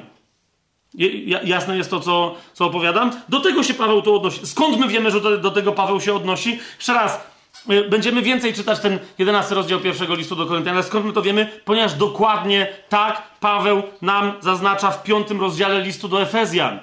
On mówi, małżeństwo jest przede wszystkim w pierwszej kolejności chrześcijańskim, chrześcijańskim profetycznym znakiem dla świata i dla wszystkich w Kościele. Czego? Tego, co Kościół już ma z Chrystusem i co jeszcze mieć będzie. A więc, że Kościół jest oblubienicą swojego niebiańskiego oblubieńca, że Kościół jest zaręczony, zaślubiony Chrystusowi i że czeka go fantastyczna przyszłość jako żony Chrystusa w przyszłości. Popatrzcie. Dlatego, rozumiecie, też za każdym razem zwróćcie uwagę na to, jak często Paweł zaczyna, e, mówi, mówi o kościele i zaraz przechodzi żony, mężowie. Czemu? Ponieważ to, co, czym jest Chrystus, przede wszystkim ma być widzialne w chrześcijańskich małżeństwach. Nie w żadnych zborach, nie w tym, jak wygląda kościół przez kogoś wybudowany, nie w tym, jak dobrze działa organizacja zarządzana przez jakichś starszych, nie w tym, ale w małżeństwach chrześcijańskich i tych, jak one sobie radzą e, w wychowywaniu dzieci, w tym, jak sobie radzą w prowadzeniu kościołów domowych i tak dalej. To jest to. Zobaczcie, piąty rozdział Y, listu do Efezjan od 21 wersetu. Przede wszystkim Paweł mówi, że wszyscy w kościele mają być sobie poddani. Będąc poddani sobie nawzajem w bojaźni Boga. Kto? Wszyscy nawzajem sobie w kościele. I wiele takich fragmentów w Biblii w Nowym Testamencie znajdziemy. I potem zaraz przeskakuje, że skoro tak, to zwłaszcza żony mają być poddane mężom. Jeszcze raz zwracam Wam uwagę, że to jest ten sam wyraz. Ginę oznacza i żonę, i kobietę. Teraz niektórzy mówią, no to dobra, ale teraz musimy mieć zasady, kiedy ten wyraz tłumaczyć jako kobieta, a kiedy żona. Kiedy ten drugi wyraz aner tłumaczyć jako mężczyzna, a kiedy jako mąż. Otóż, powiadam, najczęściej wynika to z kontekstu. Dlaczego? No bo wyobraź sobie, e, w zależności od tego, jaki, jaka to była odmiana starosłowiańskiego języka. Ja nawet nie wiem do końca, czy to tak to brzmiało, tak? Ale, ale, ale wiecie, stare wyrazy określające męża, żonę i tak, no, nawet w języku staropolskim, zauważcie, mężczyzna był nazywany, mę, nawet nie takim bardzo staropolskim, mężczyzna był nazywany mężem i nie był nazywany mężczyzną, tylko mężem był ktoś, po prostu kto był mężczyzną i tyle. Zasadniczo zresztą w ogóle, wiecie, w starożytnych czasach i zamierzchłych, i nie bardzo zamierzchłych, jeżeli ktoś był takim mężczyzną, że nie był czyimś mężem, to jeszcze po prostu najzwyczajniej w świecie nie był mężczyzną. Tak, był młodzieńcem. Jedna z pierwszych rzeczy, e, jaką się robiło w starożytności, zwłaszcza w Grecji, w Rzymie, e, w tych starożytnych kulturach, to było e, ożenienie się. Mężczyzna nie był nazywany mężczyzną, jeżeli się nie ożenił. Nieważne, a czasem w, w, w, starożytnym Rzymie, w cesarstwie rzymskim, jeżeli, nawet jeżeli się ożenił, to jeszcze nie było wszystko. Musiał dodatkowo e, mieć dzieci. A w, według niektórych filozofów rzymskich musiał być ożeniony, musiał mieć dzieci i musiał mieć skończone przynajmniej 40 lat. Niemniej niektórzy mówią, dobra, jak się zachowywał jak 40-latek, miał żonę i dzieci, to był mąż. A jak nie, e, to był szczyl. Tyle. Szczyl, szczawik i zasad, zasadniczo ojczy płot. Samowolnie latający jak nastolatek tak dalej, ma prawo do robienia różnych rzeczy, ale nikt przecież takiego czegoś nie nazwie mężem, czyli mężczyzną. Samo z kobietami niektórzy mówią, że różne typy, różne rodzaje e, kobiet są nazywane kobietami. No, no, no, no nie. Rzeczywiście nie zawsze kobieta w Biblii ginę, nie zawsze jest nazywana tak, dlatego że ma męża, czy nie zawsze pasuje, żeby była nazywana żoną. Ale chodzi o to, że, że ona to jest zasadniczo taka kobieta, która może być czyjąś żoną. Nie? No właśnie, jak mamy te opisy, y, gdzie te wyrazy się pojawiają w liczbie mnogiej. Yy, na przykład, że, no, że było 5 tysięcy mężczyzn, nie licząc kobiet i dzieci. Dlaczego? No bo w tamtym czasie, kiedy Pan Jezus głosił, kobiety były uważane przez niektórych za y, nie dość inteligentne, żeby w ogóle czegoś tam słuchać. Inna rzecz, że nawet jak były przez Pana Jezusa za takowe uważane, to zajmowały się dziećmi. Wyobraźcie sobie, jak było 5 tysięcy facetów, ile było kobiet i jeszcze ile z nimi było dzieci. Więc lepiej było najbliżej ustawić facetów, za nimi kobiety z dziećmi. Hałas był z tyłu, a nie z przodu, jeżeli wiecie o co mi chodzi. Tak? ale sugestia jest jaka? Bo tam, że no i widzisz, że tam są różni mężczyźni, różne kobiety. No nie do końca. Bo gdyby, nie wiem, wymyślmy sobie takie wyrazy, Zauważcie, nie mamy wyrazu osobnego na męża i na mężczyznę, i nie mamy osobnego wyrazu na żonę i na kobietę. Tylko załóżmy, że mamy wyraz mąż. W niektórych chyba słowiańskich do dzisiaj językach występuje do, dokładnie taki, taki wyraz. I po, ponoć na przykład w czeskim chyba, czy słowackim, czy jakimś e, wyraz żena e, po, pochodzi od e, wyrazu murzena, czy, tak? czyli należą ta, która ma związek z murzem. Jest mórz i murzena, tak? Więc i stąd potem została żena, czyli kobieta. Ale załóżmy, że jest mórz i murza, żeby było prościej. Ok? Isz i isza. Mamy to? Mórz i murza. No to teraz wstaw sobie te wyrazy wszędzie tam, gdzie jest mowa i, i, i po prostu i nie wiesz, czy to są mężczyźni, czy to są kobiety, czy nie zrozumiesz, o co chodzi w tekście. Tak? A zgromadziło się tam pięć tysięcy murzów i nie licząc nawet niezliczona rzesza mórz z dziećmi. Masz murzów siedzących tutaj, a tam są murze z dziećmi. Rozumiesz, że będziesz teraz rozważać, mm, zapewne niektóre z nich nie były żonami, no okej, okay, no pewnie tak, ale zasadniczo wygląda z tego, że nie wiemy, czy wszyscy ci mężczyźni byli żonaci, czy wszystkie te kobiety były zamężne. Ale możemy przypuszczać, że było tam wielu żonatych mężczyzn ze swoimi żonami i z ich dziećmi. To jasne jest, tak? A, że byli tam też inni, no to stąd masz pojemność słowa mórz i murza, które tu wymyśliłem. Jedno i drugie. Najśmieszniej by było, jakby się okazało, że w ogóle są takie słowa w jakimś tam, w jakichś korzeniach słowiańskich i że wcale ich nie wymyśliłem, tylko się odtworzyły z mojego plemiennego DNA. Dobra, żartuję. Czy to jest zrozumiałe, co mówię? Teraz pytanie brzmi, to, to, no ale to jak, dlaczego w takim razie taka jasna decyzja, że yy, w pierwszym liście do Koryntian w 11 rozdziale to musi być wszędzie, gdzie się pojawia ten wyraz tłumaczony jako mężczyzna, to musi być mąż, a i to w rozumieniu małżeńskim, a tam, gdzie się pojawia kobieta albo niewiasta, to musi być żona. Otóż ze względu na jasne egzegetyczne tło, ponieważ punktem wyjścia do wszystkich rozważań na temat głowy, którą jest Chrystus, jak również na temat wszystkich rozważań na temat małżeństwa, Swoją drogą, jeszcze tak zupełnie na, na marginesie, zobaczcie, inny kontrowersyjny fragment, do którego jeszcze się, mam nadzieję, zdążymy, nie, nie mam nadzieję, na pewno się odniesiemy, również powołuje się na stworzenie mężczyzny i kobiety z pierwszego listu do Tymoteusza. Tak? Więc, e, no, znowu jest pytanie, czy tam chodzi o kto kogo ma nauczać, a kto kogo nie może nauczać. Czy aby tam znowu chodzi o mężczyzn i o kobiety, tak? Niemniej punktem wyjścia naprawdę dla wszystkich tych fragmentów jest ta teologia, którą Duch Święty zawarł, jeszcze raz, szczególnie od 22 wersetu w piątym rozdziale listu do Efezjan. Czyli, popatrzcie, żony, bądźcie poddane swoim mężom jak Panu. Cóż to znaczy? Dlaczego? Bo mąż jest głową żony.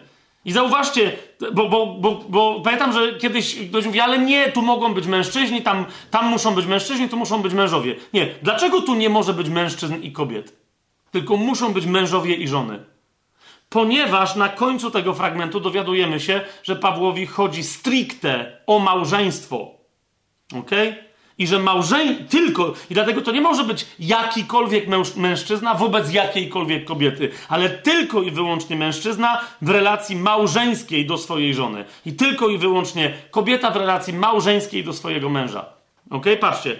Mąż jest głową żony, jak i Chrystus jest głową kościoła. Zgadza się? A więc Chrystus jest czyją głową? Kościoła. No to za chwilę będzie pytanie, no to co to znaczy, że, że Chrystus jest głową męża? Co się to w ogóle tam dzieje? Do tego jeszcze dojdziemy. Ale je, tu jeszcze raz. Ogólnie w myśli, w odniesieniu się do całego Kościoła, mąż jest głową żony tak, jak Chrystus jest głową Kościoła. A nie tak jak, zauważcie, a nie tak jak Chrystus jest głową męża. Gdyby w pierwszym liście do Koryntian o to chodziło, to tu Paweł by napisał to samo. Chrystus jest głową męża, a mąż jest głową żony. Tak? A on tu pisze, Chrystus, mąż jest głową żony, a Chrystus jest głową Kościoła. I tylko w ten sposób mąż jest głową żony. Czy dalej jesteśmy, czy kończymy i następnym razem dopiero będziemy kontynuować? Bo to wiem, że się wdajemy tu, ale to jest bardzo, bardzo istotne. Ok, dalej. Jest on też zbawicielem ciała. Tu jest pytanie, yy, kto czy jego? No, każdy tego, do którego jest przypisany. Chrystus jest zbawicielem kościoła, a mąż jest zbawicielem żony, ciała swojego, czyli ale jak to, co to znaczy? No właśnie, no bo jak mamy religijny język, to potem mamy takie problemy. Jest wybawicielem, jest ratownikiem. Za chwilę to dla nas będzie. Zapamiętajcie to sobie, to jest bardzo istotne. Mąż ma być wybawicielem żony, tak jak Chrystus jest wybawicielem kościoła. Ma być jej ratownikiem, ma być obrońcą. Ma, to znaczy, ma być tym, który ją, ją fizycznie mąż żonę zachowuje przed wszelkim niebezpieczeństwem, tak jak Chrystus zachował swoją żonę Kościół przed wszelkim niebezpieczeństwem. Jak więc Kościół poddany jest Chrystusowi, 24 werset, tak też żony swoim mężom we wszystkim. Komu mają być żony poddane? Zgubiliście się gdzieś? Komu mają być żony poddane? Mężom i to we wszystkim. I nie ma, co do tej, rozumiecie, co do tej kwestii nie ma żadnej zmiany. Uważam, że to jest rzecz, która pod pozorem jakichś tam dziwnych teologii jest zafałszowywana w kościele. Ok? Tak? Małżeństwa mają reprezentować widzialnie, mają być obrazem, obrazem związku Chrystusa z Kościołem, i z tego powodu kobiety wchodzące w związek małżeński powinny to rozumieć i mają, mają demonstrować to, co mają demonstrować, tak jak mężczyźni mają demonstrować to, co mają demonstrować, to o czym teraz mówimy. Ale jeszcze raz, ponieważ, i zwróćcie uwagę na wyraz, ponieważ, z tego powodu, ponieważ żony mają być poddane we wszystkim swoim mężom, to zauważcie, co to powoduje. W związku z tym nikomu innemu, w niczym. Zostawiamy na razie Chrystusa, tak? O co tu chodzi? Nikomu innemu w niczym. Od razu, na... jeżeli mężom we wszystkim, to jakie prawo ma pastor do tego, żeby tłumaczyć jakiejkolwiek kobiecie, która jest czyjąś żoną w jego zborze, żeby miała cokolwiek robić? Jakie prawo ma ktokolwiek, żeby mówić do czyjejś żony, co ona ma robić, a czego ma nie robić, z wyjątkiem jej męża? Rozumiecie, o co mi idzie? I teraz niektórzy mówią, ale jak to, to taka władza... Jeszcze raz, jaka władza? Mąż też ma te, to prawo do tej swojej żony, w, w, korelacji z innymi zasadami, ale przede wszystkim na, jako kto? Jako ktoś, kto ma sobą demonstrować miłość Chrystusa do Kościoła. A więc on nie ma korzystać z tej władzy, żeby gnębić swoją żonę i ona była na wszystkie jego usługi. Dlatego Paweł może swobodnie w siódmym rozdziale pierwszego listu do Koryntian powiedzieć, że ciało żony należy do męża, ale i odwrotnie, ciało męża należy do żony. Okay? Ponieważ idzie o to, co reprezentuje sobą małżeństwo, ok? Wobec siebie nawzajem i wobec innych, jaką ma funkcję profetyczną. Małżonek, yy, mąż wobec żony ma funkcję profetyczną i odwrotnie. Jeżeli, jeżeli nie kochasz swojej żony tak, jak Kościół kocha, jest kocha, jak Chrystus kocha Kościół, to twoją winą mężu jest, do tego jeszcze zaraz się odniesiemy, rozumiesz, że ona ma niewłaściwy obraz Chrystusa i Kościoła, to jest twoja wina. Po, po prostu. Ale jeżeli żono jeżeli żono nie jesteś uległa mężowi, tak jak Kościół powinien być uległy Chrystusowi, to się potem nie dziw, że niczego nie rozumiesz, a cwaniakujesz, że wszystko rozumiesz i plotkujesz z innymi sobie podobnymi. Po prostu. Ty masz być dla męża obrazem tego, jak kocha Chrystus, jak szanuje Chrystusa Kościół, żono. To jest twój pierwszy świadek. I ty, mężu, masz być dla swojej żony pierwszym świadkiem miłości Chrystusa do całego Kościoła. Nie będę teraz, myślę, że siadło to, tak? Idziemy dalej. Jak więc Kościół poddany jest Chrystusowi, tak też żony swoim mężom we wszystkim. A mężowie, mężowie, miłujcie swoje żony, jak i Chrystus umiłował Kościół i wydał za niego samego siebie. Mężczyzna całym swoim życiem w relacji z żoną ma wydawać siebie, także fizycznie, dla niej. Aby go uświęcić, oczyściwszy obmyciem wodą przez słowo. To zrobił Chrystus dla Kościoła, aby stawić przed sobą Kościół chwalebny. O, widzicie to? Który Jemu będzie oddawać chwałę, który będzie Jego chwałą. Czyja to jest troska, żeby Kościół był chwałą Chrystusa? To jest troska Chrystusa. On się o to troszczy. Jak później jest powiedziane, jak rozumiecie, że mężczyzna jest chwałą Boga, a kobieta jest chwałą mężczyzny, to co to oznacza? Pomyślcie, jakie tam są konotacje, jakie tam są złożenia. Dalej. Nie mający skazy, ani zmarszczki, ani czegoś podobnego, lecz żeby był święty i nienaganny. Mężczyzna, który się przyczynił, chrześcijański, który się przyczynił do powstania choćby jednej zmarszczki na twarzy swojej żony, musi pokutować. Znacznie poważniej niż z wielu innych grzechów. No, bracie, mogłeś oglądać pornografię nałogową przez 5 lat, nawet jako chrześcijanin. Nie wiem, czy to przysporzyło zmarszczki twojej żonie, czy nie. To jest obraźliwe wobec Boga, to jest nieuporządkowane, to jest, ale wierz mi, jedna zmarszczka na jej twarzy. To jest poważniejszy grzech niż tego typu nauk. Chyba, że ten nauk oznacza w ogóle twój brak szacunku do żony, no i on właśnie wywołał zmarszczkę na jej twarzy, to co innego. Chrystus troszczy się o to, żeby jego oblubienica nie miała ani zmarszczki. Tak też mężowie powinni miłować swoje żony jak własne ciało. Rozumiesz, to jest twoje ciało, twoja żona. I dlatego Paweł mówi, że masz władzę nad tym, ale po co? Po to, żeby to ciało nie miało zmarszczki. Tak? Jej ciało jest twoje, a nie po to, żeby tylko i wyłącznie seksualnie je wykorzystywać, bo akurat masz takie zachcianki. Tak też mężowie powinni miłować swoje żony jak własne ciało. Kto miłuje swoją żonę, samego siebie miłuje. Kolejna rzecz. Miłuj swojego bliźniego jak siebie samego. Fajnie, chyba że jesteś w związku małżeńskim, to się skoncentruj na żonie. Cała reszta bliźnich, jakby. Nawet jak ich kochasz, to wtedy się nie stosuje za bardzo ta zasada, ponieważ tylko kiedy kochasz swoją żonę, wtedy kochasz siebie samego. Jak kochasz innych bliźnich, to wypełniasz królewskie prawo jako mąż jakiejś żony. Ale to nie jest objaw tego, że y, jak zdrowo siebie samego kochać. W ogóle nic sobie wtedy nie, nie robisz. Tylko i wyłącznie kochanie żony. Czy żona ma taki sam obowiązek zwrotny? Nie, nie bardzo. Żona w ogóle. Idziemy dalej. Nikt bowiem nigdy nie miał w nienawiści swojego ciała, ale je żywi i pielęgnuje, jak i Pan Kościół. Zadaniem mężczyzny jest żywić i pielęgnować. Męża jest żywić i pielęgnować swoją żonę, ponieważ tak Pan robi ze swoim Kościołem, a nie odwrotnie.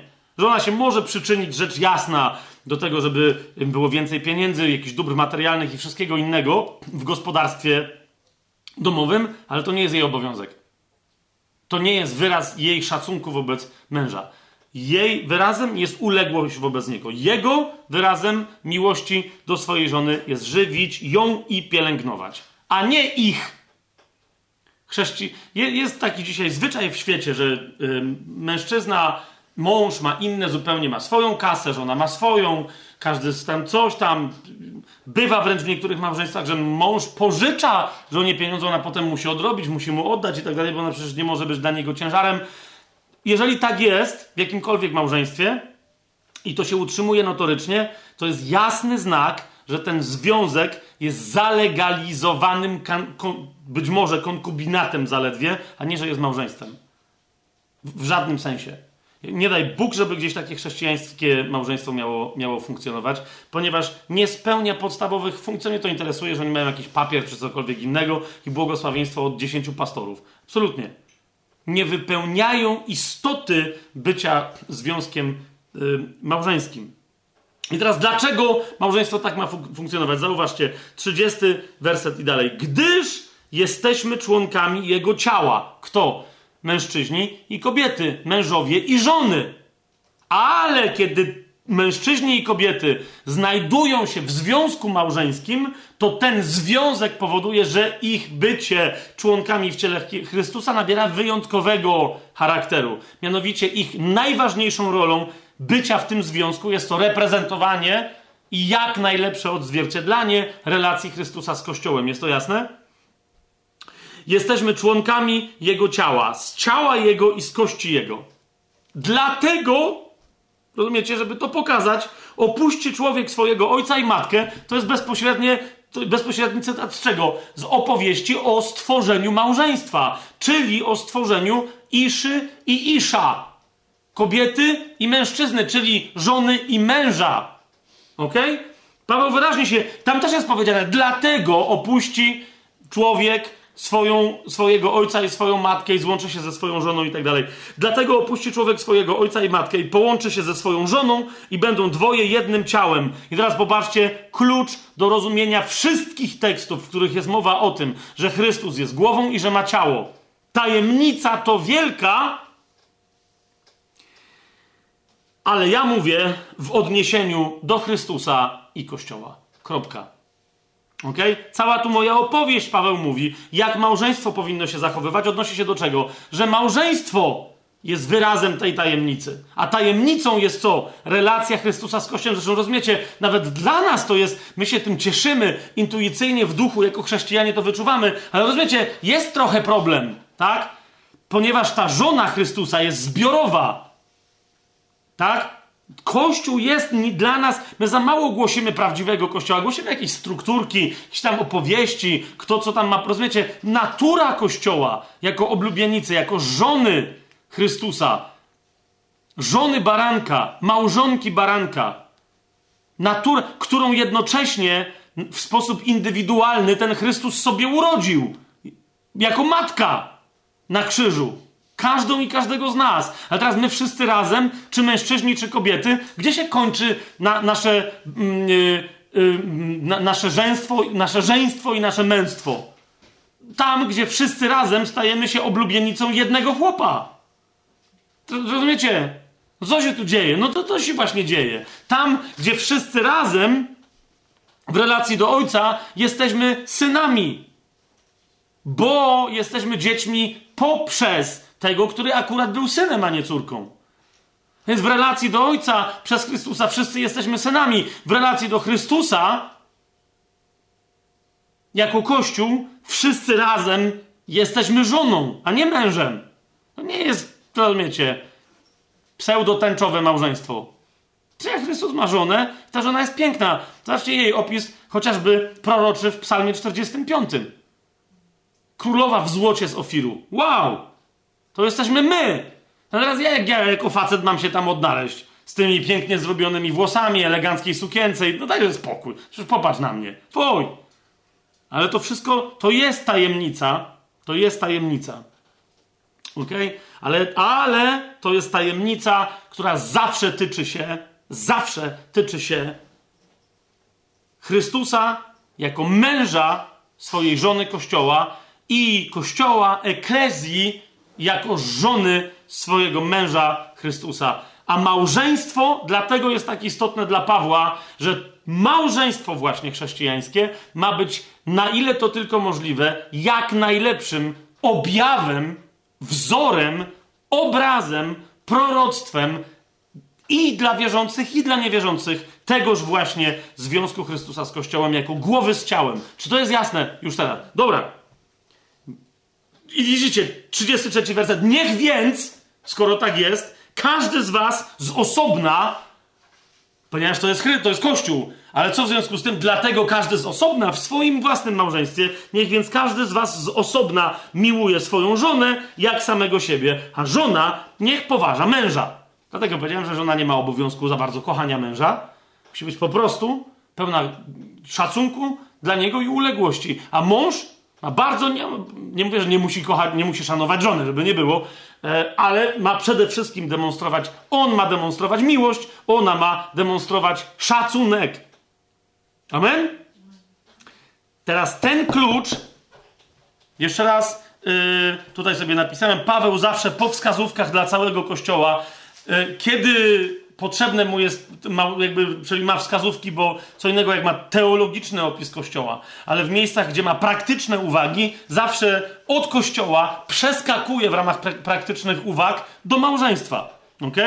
Ym, no, na przykład tu, w liście do Efezjan, Zauważcie, jest ogólnie mowa, że mamy 20 werset, 5 rozdział 20 werset. Wszyscy w Kościele dziękować zawsze za wszystko Bogu i Ojcu w imię naszego Pana Jezusa Chrystusa, będąc poddani sobie nawzajem w bojaźni Boga. Przez żony bądźcie poddane swoim mężom jak Panu.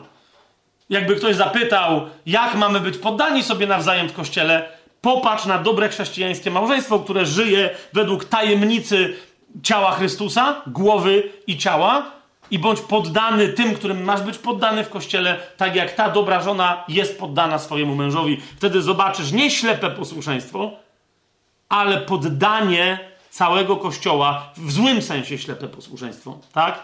Uf, zobaczysz ufne, ufną uległość kościoła wobec Chrystusa. Tak? Dalej. Kolosan, list do Kolosan. Yy, żebyśmy tylko te, te, te przykłady po prostu sobie tak pyknęli, tak? Trzeci rozdział listu do Kolosan. Znowu ogólnie w liście do Kolosan. W jedenastym wersecie nie ma Greka ani Żyda, obrzezanego ani nieobrzezanego, cudzoziemca ani scyty i tak dalej, i tak dalej. Nie, nie ma. Hmm? Ale w, y, jesteśmy wszyscy wybrani. Trzynasty werset. Znosząc jedni drugich i przebaczając sobie nawzajem. Okej. Okay. Słowo Chrystusa, 16 werset. Niech was mieszka. W kim? We wszystkich. Przeskok praktyczny, 17. I koniec, znowu, wszystko, 17 werset ogólnego opisu dla Kościoła. Wszystko, co czynicie w słowie lub w uczynku, wszystko czyńcie w imię Pana Jezusa, dziękując Bogu i Ojcu przez Niego. Prawie tak samo jest jak w liście do Efezjan.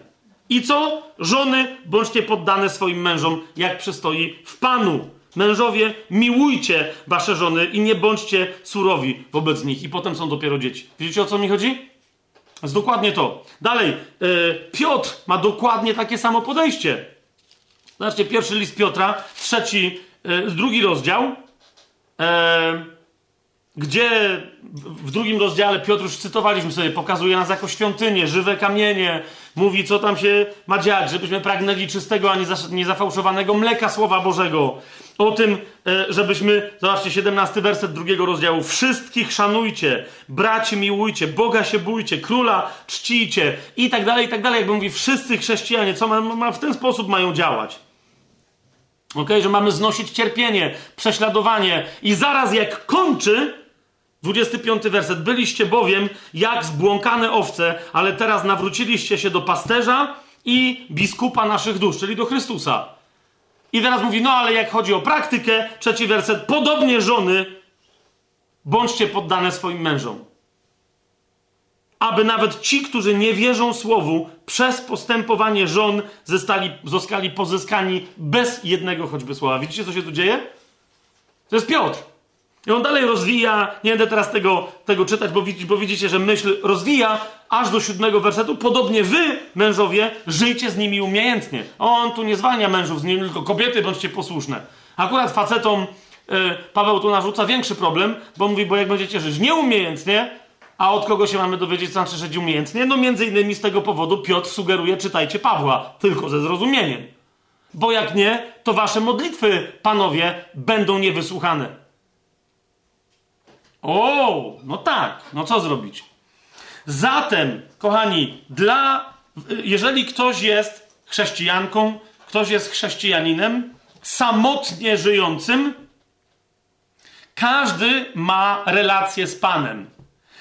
W momencie, kiedy chrześcijanie decydują się, aby wejść w związek małżeński, w święty chrześcijański związek małżeński, wówczas wszystko to, do czego oni są zobowiązani w swojej relacji z Chrystusem, ma znaleźć swój wyraz specyficzny w relacji do męża lub do żony. Jest jasne to, co powiedziałem, bo chcę jak najdalej dzisiaj dojść, jak najdalej nam się uda. Ok? Pierwszy list do Koryntian, jak sobie otworzycie, siódmy rozdział.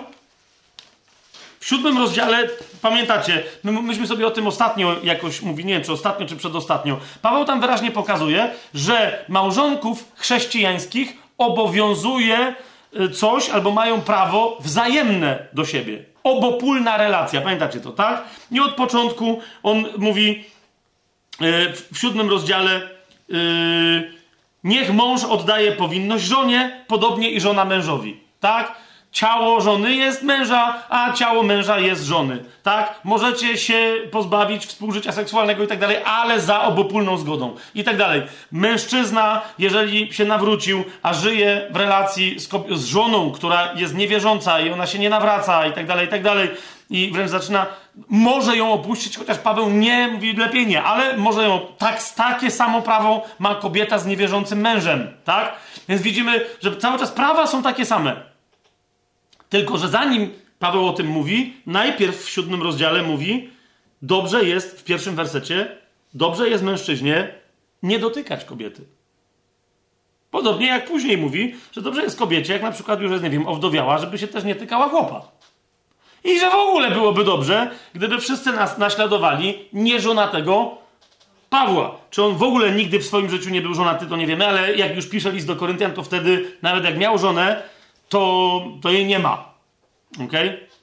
Wszystko na to wskazuje, że jednak raczej jej nie ma. I kwintesen mówi, jak jesteście w małżeństwie, ok, ale to, o czym ja teraz mówię, Paweł mówi, dlaczego ja tak mówię? Bo widzicie, w momencie, kiedy jesteście samotni, każdy funkcjonuje, czy kobieta, czy mężczyzna, w bezpośredniej relacji z Panem. Tak? Jak jesteście w małżeństwie, on mówi, nadal funkcjonujecie, jak ty się modlisz, no to się nie, nie, przecież kobieta się nie będzie modlić w imię swojego męża do Pana Jezusa i w imię jeszcze jego do Ojca, tak? Nie, nadal masz tą relację, ale mówi, po pierwsze, ciało z, zrobi ci dodatkowy problem, bo ciało naturalnie w wyniku upadku, w wyniku grzechu kobiety będzie powodować, że kobieta będzie chciała y, się poddać mężczyźnie nie na wzór kościoła miłującego Chrystusa, tylko po prostu tak jak po ludzku i jednocześnie będzie chciała nim manipulować, będzie chciała mu się przypodobać z różnych powodów i tak samo mężczyzna. Nie będzie chciał pozyskać na różny sposób swoją żonę, będzie robił różne rzeczy dla niej, a nie dla pana i będzie mieć problem z rozeznaniem. Zobaczcie, siódmy rozdział, 32 werset. Więc Paweł mówi, yy, małżeństwo no, jest, jest problemem. Mówi, chcę, żebyście nie mieli trosk. Dlatego się nie rzęcie ani za mąż nie wychodzi. Chcę, żebyście nie mieli trosk. Nieżonaty troszczy się o sprawy Pana, o to, jak się przypodobać Panu. Lecz żonaty troszczy się o sprawy tego świata, ściślej rzecz ujmując, o to, jak się przypodobać żonie. Jest też różnica, dalej Paweł mówi, między mężatką a dziewicą. Niezamężna troszczy się o sprawy Pana, Oto by była święta i ciałem, i duchem. Zobaczcie, że trochę inaczej opisuje funkcję kobiety poza małżeństwem i w małżeństwie, nie? Kobieta, e, mężczyzna ewidentnie jako bardziej manipulatora, kobietę, która się tam może poplątać trochę w świętości jednego ciała i ducha. Ok? A więc niezamężna troszczy się o sprawy Pana, 34 werset, oto by była święta i ciałem i duchem, mężatka zaś troszczy się o sprawy tego świata. Oto, jak się przypodobać mężowi. Mówię to dla waszego dobra, nie aby zarzucać na was sidła, ale żebyście godnie i przyzwoicie stali przy Panu, nie dając się rozproszyć. Wiecie o co chodzi? Więc on nie mówi, nie, no nie chodzi o to teraz, żebyście się spinali, że zaś jesteście w małżeństwach. Nie! Zresztą wcześniej w siódmym rozdziale on mówi, ej, rzęcie się i za mąż wychodźcie. Jasne. Tylko niech was to, czym naturalnie jest małżeństwo, nie rozproszy. Jasne? A więc mówi, co możecie zrobić, żeby was to nie rozproszyło? Funkcjonujcie w małżeństwie przede wszystkim jako w znaku i jako znaki relacji Chrystusa, więzi, związku Chrystusa z Kościołem i Kościoła z Chrystusem. Jasność? Mamy czy nie mamy? Jeszcze raz, list do Efezjan, jak ktoś nie ma, 25 rozdział, 22 werset, aż do 33, czy tam nawet 34. List do Efezjan, tak to jest, jak zaraz masz 50 rzeczy w głowie, 5 rozdział do 33 wersetu. 5 rozdział do 33 wersetu. Zobaczcie też, yy, jeszcze raz sięgnijmy po ten pierwszy list Piotra, Ok? Trzeci rozdział. Zobaczcie. Yy, on mówi, nawet jak jesteś żoną, żoną yy, niewierzącego. Ok? Demonstruj wobec niego postawę Kościoła wobec Chrystusa, bo już widziałem u, pa u Pawła wszędzie oznacza żony bądźcie poddane swoim mężom. Jak Panu albo w Panu, jak w Panu, tak? I Piotr, zauważcie, pierwszy Piotra, trzeci rozdział, pierwszy werset. Żony, bądźcie poddane swoim mężom, aby nawet ci, którzy nie wierzą słowu, przez postępowanie żon zyskali, y, zostali pozyskani bez słowa, widząc wasze czyste, pełne bojaźni postępowanie. Nie bojaźni wobec nich, ale tej bojaźni, którą ma Kościół, rozmiłowanej i zachwyconej bojaźni wobec Chrystusa, jako swojego Pana, jako swojego Zbawcy. I tam mamy, niech waszą ozdobą nie będzie to, co zewnętrzne, lecz co ukryty, wewnętrzny człowiek, który, czym on jest? Który zna miłość Chrystusa ponad wszystko. To, tak? No, co to jest wewnętrzny człowiek, to nie musimy sobie teraz tego tłumaczyć. Mam nadzieję, tak? I teraz nawet powołanie się, szósty werset, na Sarę, która była posłuszna um, Abrahamowi, nazywając go Panem, um, to idzie cały czas o to, żeby demonstrować nadzieję położoną w Bogu. Zobaczcie, tak bowiem niegdyś przeozdabiały się święte kobiety, pokładające nadzieję w Bogu przez bycie poddanymi swoim mężom. Nie, nie rozumiecie o co chodzi? I mówi, nawet Sara, która nazywała Abrahama swoim panem, robiła tak, bo pokładała nadzieję w Bogu, a nie w Abrahamie przede wszystkim. Tak? I jej nazywanie Abrahama panem było wyrazem jej wiary w Boga i pokładania nadziei w Bogu, a nie w człowieku. Tak? Jej córkami jesteście wy, jeśli tylko dobrze czynicie i nie dajecie się niczym zastraszyć. Włącznie z tym, żeby was mąż zastraszał. Więc rozumiecie, o co chodzi, że ta bojaźń jest bojaźnią nale należną Bogu, Chrystusowi, a nie ludziom, czy jakimś tam zwyczajom, obyczajom, trendom, yy, oczekiwaniom ludzkim itd., tak itd. Tak, tak? Co do mężów, znowu Piotr ich napomina mężowie, siódmy werset, żyjcie z nimi umiejętnie, okazując im szacunek jako słabszemu naczeniu kobiecemu. Yy, yy, więc tu się niektórzy spinają z tym słabszym naczyniem. Jemu chodzi o to, że bardziej wrażliwemu na, jakby na, na, różne rzeczy, w tym także podatnemu na zranienie. Na, no wiecie, jak jest jakieś naczynie, ono może być ładniejsze, może być lepsze, nie wiem, tak jak szklanka, ale powiedzmy, że będzie y, y, i lepiej jest komuś podać y, coś tam, jakiś napój w szklance, niż w jakimś garku dziadowskim, wiecie chodzi, metalowym. Nie zmienia to jednak faktu, że no, szklanka jest bardziej delikatna niż garnek, tak? Jakby ani to nie uwłacza szklance, że jest, yy, że jest od jakiegoś garczka metalowego bardziej delikatna, ani to nie, uwłacza garnkowi, że jest garnkiem. No wiecie o co mi chodzi, tak? Nie wiem czemu tu się niektórzy spinają z tym słabszym, yy, bardziej wrażliwym yy, czy podatnym na, na, na zranienie naczyniem kobiecym, a więc okazując im szacunek jako słabszemu naczyniu kobiecemu. Mówi, miejcie na względzie naturę kobiet, i znowu, niezależnie od tego, jak dzisiaj wiecie, w filmach akcji się pokazuje, że kobiety się leją z mężczyznami normalnie na równi, dźwigają te same ciężary i tak dalej, i tak dalej. Jasne, że się zdarzy kobieta, jak nasza yy, serdeczna znajoma, Chris Cyborg, tak? Która straszy i kobiety, i mężczyzn. Zawodniczka już prawie, że była zawodniczka MMA. Yy, przerażająca w starciu, w klatce w swojej wadze, może nie dla wszystkich mężczyzn, ale dla bardzo wielu. Jasne, że się zdarzają takie, ale zasadniczo, ogólnie rzecz ujmując, kobiety są i, i lepiej wyglądające o wiele niż mężczyźni, i mniejsze, i jeszcze raz mówię, statystycznie rzecz ujmując, czy to jest jasne? Bo się zaś ktoś nie, nie przywalił, ja nigdy nie rozumiem tych takich, że o, bo nie można tak mówić. No, ale jak weźmiesz statystykę, rozumiesz to, to bardzo rzadkie jest prawdopodobieństwo, że wszyscy będą równi statystycznie pod każdym względem, tak? No jak powiesz, że jest więcej na świecie dzisiaj, nie wiem, farbowanych czy naturalnych blondynek niż brunetek, to to jest jakieś, wiesz, e, dyskryminacja brunetek, no rozumiesz, no taki jest fakt, jakby, co nie znaczy, że brunetki są głupsze, tak? Albo, że blondynki są, no, no wiecie o co mi chodzi.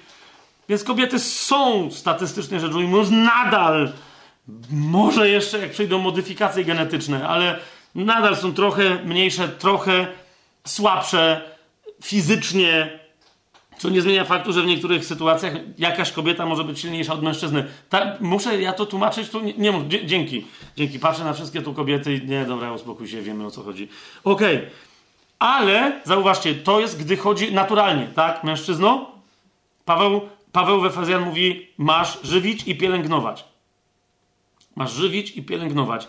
A Piotr mówi: masz patrzeć na nią w sposób naturalny, jako bardziej delikatną, i jak na ciebie ktoś huknął, to nie znaczy, że ty na nią masz huknąć. Jak ciebie ktoś szturchnął, to nie daj Bóg, żebyś ty ją szturchał, i tak dalej, i tak dalej. Więc mówi od strony czysto naturalnej, ale patrzcie, nie, dalej co się dzieje. A więc okazując im szacunek jako słabszemu naczyniu kobiecemu i jako tym, które współdziedziczą łaskę życia, a więc nieustannie dostrzegając w nich tak samo warte, tak samo godne, takie samo dziedzictwo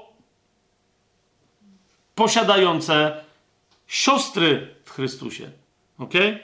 Które współdziedziczą łaskę życia. I teraz Piotr mówi: Nie ma takich ostrzeżeń wobec kobiet. Piotr mówi: Jeżeli tego nie zrozumiecie, a więc nie będziecie traktować kobiet ze zrozumieniem we właściwy sposób, żon, żon, nie kobiet, zajmij swoją żoną.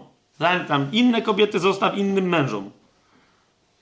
Żon, przede wszystkim, potem córek, w innych miejscach Słowo Boże nas pouczy, ale żon, jak nie będziesz traktować z właściwą im delikatnością, zaś nie przesadzajmy z właściwą, oraz jak nie będziesz traktować swojej żony nadal jako swojej współsiostry, to wtedy się nie dziw, że twoje modlitwy mogą doznać przeszkody i, i będziesz widzieć i się zastanawiać, czemu moje modlitwy są bezowocne, aby wasze modlitwy nie doznały przeszkód. Mamy amen w tej kwestii? Dlatego otwieramy sobie pierwszy list do Koryntian, 11 rozdział. Zadam wam tylko pytanie, czy to wszystko, co do tej pory powiedziałem, jest dla was wystarczającym już na tym etapie dowodem, argumentem, że wyraz, który czasem jest tłumaczony jako żona lub jako kobieta, lub w liczbie mnogiej żony lub kobiety, oraz wyraz tłumaczony e, na język, też na inne języki, jako mąż lub jako mężczyzna, lub też w liczbie mnogiej mężczyźni albo mężowie, że w jedenastym rozdziale, w trzecim wersecie, Pawłowi nie chodzi, pierwszego listu do Koryntian, Pawłowi nie chodzi o w ogóle mężczyzn i w ogóle o kobiety, ale że chodzi o mężów i o żony. Ok? Ktoś powie, no, no zaraz, ale tu jest powiedziane, że Chrystus jest głową męża, a, a nie całego małżeństwa, czy nie stanowi zaś to pewnego problemu? Nie, nie stanowi pewnego problemu. Dlaczego? Ponieważ mężczyzna w związku małżeńskim z kobietą i kobieta w związku małżeńskim z mężczyzną, jak jeszcze raz powiedziałem, prze, mają przefiltrowane swoją, swoje osobiste relacje z Chrystusem przez relacje z, ze współmałżonkiem lub ze współmałżonką. Okay? A zatem, jeszcze raz punktem wyjścia jest list do Efezjan i list do Efezjan mówi, żona, jeszcze raz zauważcie tamten tekst, w tym tekście Paweł, bo jeszcze jedna bardzo istotna rzecz, zauważcie, że Paweł wyjaśnia całą teologię, na przykład Efezjanom. Do Koryntian on się w ogóle nie zajmuje teologią, tylko się odwołuje do tego, co nauczał i do tego, jak w związku z jego z nauczaniem powinna wyglądać praktyka. Więc on tu nie przedstawia całej teologii, tylko pewną rzecz przypomina, tak? Jak zobaczycie jeszcze raz list do Efezjan, bo już mi się nie chce tam dziesiąty raz tego czytać, tak? To co to oznacza, że, męż, że kobieta ma szanować, ma demonstrować Kościół? Otóż jej głową, jako członkini jako członka Kościoła, jej głową jest Chrystus, tak samo jak i każdego innego mężczyzny. Ale to, jak ona tę głowę szanuje, ma się wyrazić w czym? Tylko i wyłącznie w relacji ze swoim mężem. Na, w pierwszej kolejności, a w drugiej kolejności we wszystkich, w innych rzeczach, do których jest powołana. Czy to jest jasne, co, co teraz powiedziałem? Ok? Dlatego żony bądźcie poddane swoim mężom, jak Panu, jak w Panu i tak dalej, i tak dalej, i tak dalej. Nie, Paweł mówi, nie musisz być niczyją żoną. Jesteś wdową, jesteś niezamężna, jesteś yy, dziewicą niezamężną, jesteś panienką, wszystko, nie musisz być niczyją żoną. Tak? I wtedy, ale jeżeli jesteś czyjąś żoną, to to, jak jesteś poddana Panu i czy jesteś poddana głowie jako członek Chrystusowy, to się wyraża w czym? W Twojej relacji z mężem. Tak? Inna też rzecz, że uwa uważajcie na to, bo, bo to ma swoją pewną konsekwencję. Nikt inny, tylko mąż, nikt inny nie może być sędzią, mąż zresztą też nie, ale jakby recenzentem, nazwijmy to, rozwoju duchowego żony, tylko jej mąż. Nikt inny nie ma prawa do niej przyjść i się odezwać, że ona coś źle robi, dobrze robi, coś mogłaby rozwinąć, ok? Nawet jeżeli ma jakąś doradczynię, doradcę duchowego, kogoś, wiecie, taka kobieta, jak ma męża, cokolwiek ktoś jej powie, jej obowiązkiem jest przyjść do męża i zapytać, co ty na ten temat sądzisz. Przepraszam, ale tak właśnie uważam, na, na, podstawie wszystkich tych fragmentów, które mówią o mężach i o żonach. To jest to, to jest twój recenzent. To jest języczek uwagi, który ostatecznie ci mówi tak albo nie tak. Ok? I dlatego teraz e, Paweł, który mówi, przejdźmy teraz do tego, jak wy praktykujecie pewne rzeczy. Tak? A więc nie mówi o teologii małżeństwa, czyli że małżeństwo ma demonstrować związek Kościoła jako ciała ze swoją głową, którą jest Chrystus, ale mówi o pewnej praktyce. Otóż on mówi, że na zewnątrz, na zewnątrz, głową małżeństwa jest e, Chrystus, ale ponieważ głową żony musi być mąż, no bo ona, oni demonstrują to, to jeżeli ktoś coś ma do tego na przykład, że żona coś robi nie tak, ma się zwrócić do jej męża, i tak, rzeczywiście, w tym sensie, w tej instancji, absolutnie Pawłowi chodzi o to, że mąż kryje żonę. Wiecie o co chodzi? Masz jakiś problem? On, ona, I dlatego, jak się już zaczynacie pewnie domyślać, w tym fragmencie chodzi o to, żeby było jasne na publicznych zgromadzeniach i dla pogan, dla niewierzących i dla wierzących, jak wstaje kobieta i coś robi, ona ma prawo to robić, tak czy siak, ale jak ktoś coś do niej ma, bo, jej się nie, bo mu się nie podoba, co, co ona tam mówi, jak się modli, o czym prorokuje, to wara mu od tej kobiety, ponieważ jej głową, jej przykryciem jest jej mąż. Ty w swojej relacji uważasz, że coś jest z nią nie tak, to idź do kogoś, kto w reprezentacji zewnętrznej jest jej głową, czyli idź do jej męża. Tak? I teraz Paweł, dlatego on od tego zaczyna. Swoją drogą, tu muszę dodać, potem jeszcze o tym może raz powiem, ale tu muszę dodać. Kochani, trzeci werset, w naprawdę już takim właściwym, oryginalnym brzmieniu, idzie następująco. Drugi i trzeci werset, pozwólcie. Chwalę was, bracia, za to, że we wszystkim, w domyśle, co ja robiłem, o mnie pamiętacie i zachowujecie ten depozyt moje, mojego postępowania tak, jak wam go zdeponowałem. Tak jak wam, wam go złożyłem w depozycie. Tak? Za to was chwalę.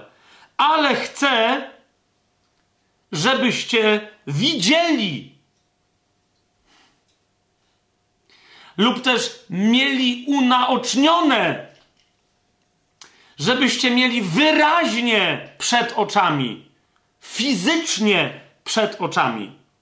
Chcę, żebyście widzieli, że głową każdego męża jest Chrystus, głową żony mąż, a głową Chrystusa Bóg. A więc cała reszta, o której będzie pisać, i teraz ktoś powie, zaraz, co, co, jak to. Tak, żebyście jakby dawali znać innym i żebyście się dowiadywali, ale przez co? Przez konkretne, widzialne oczami obrazy.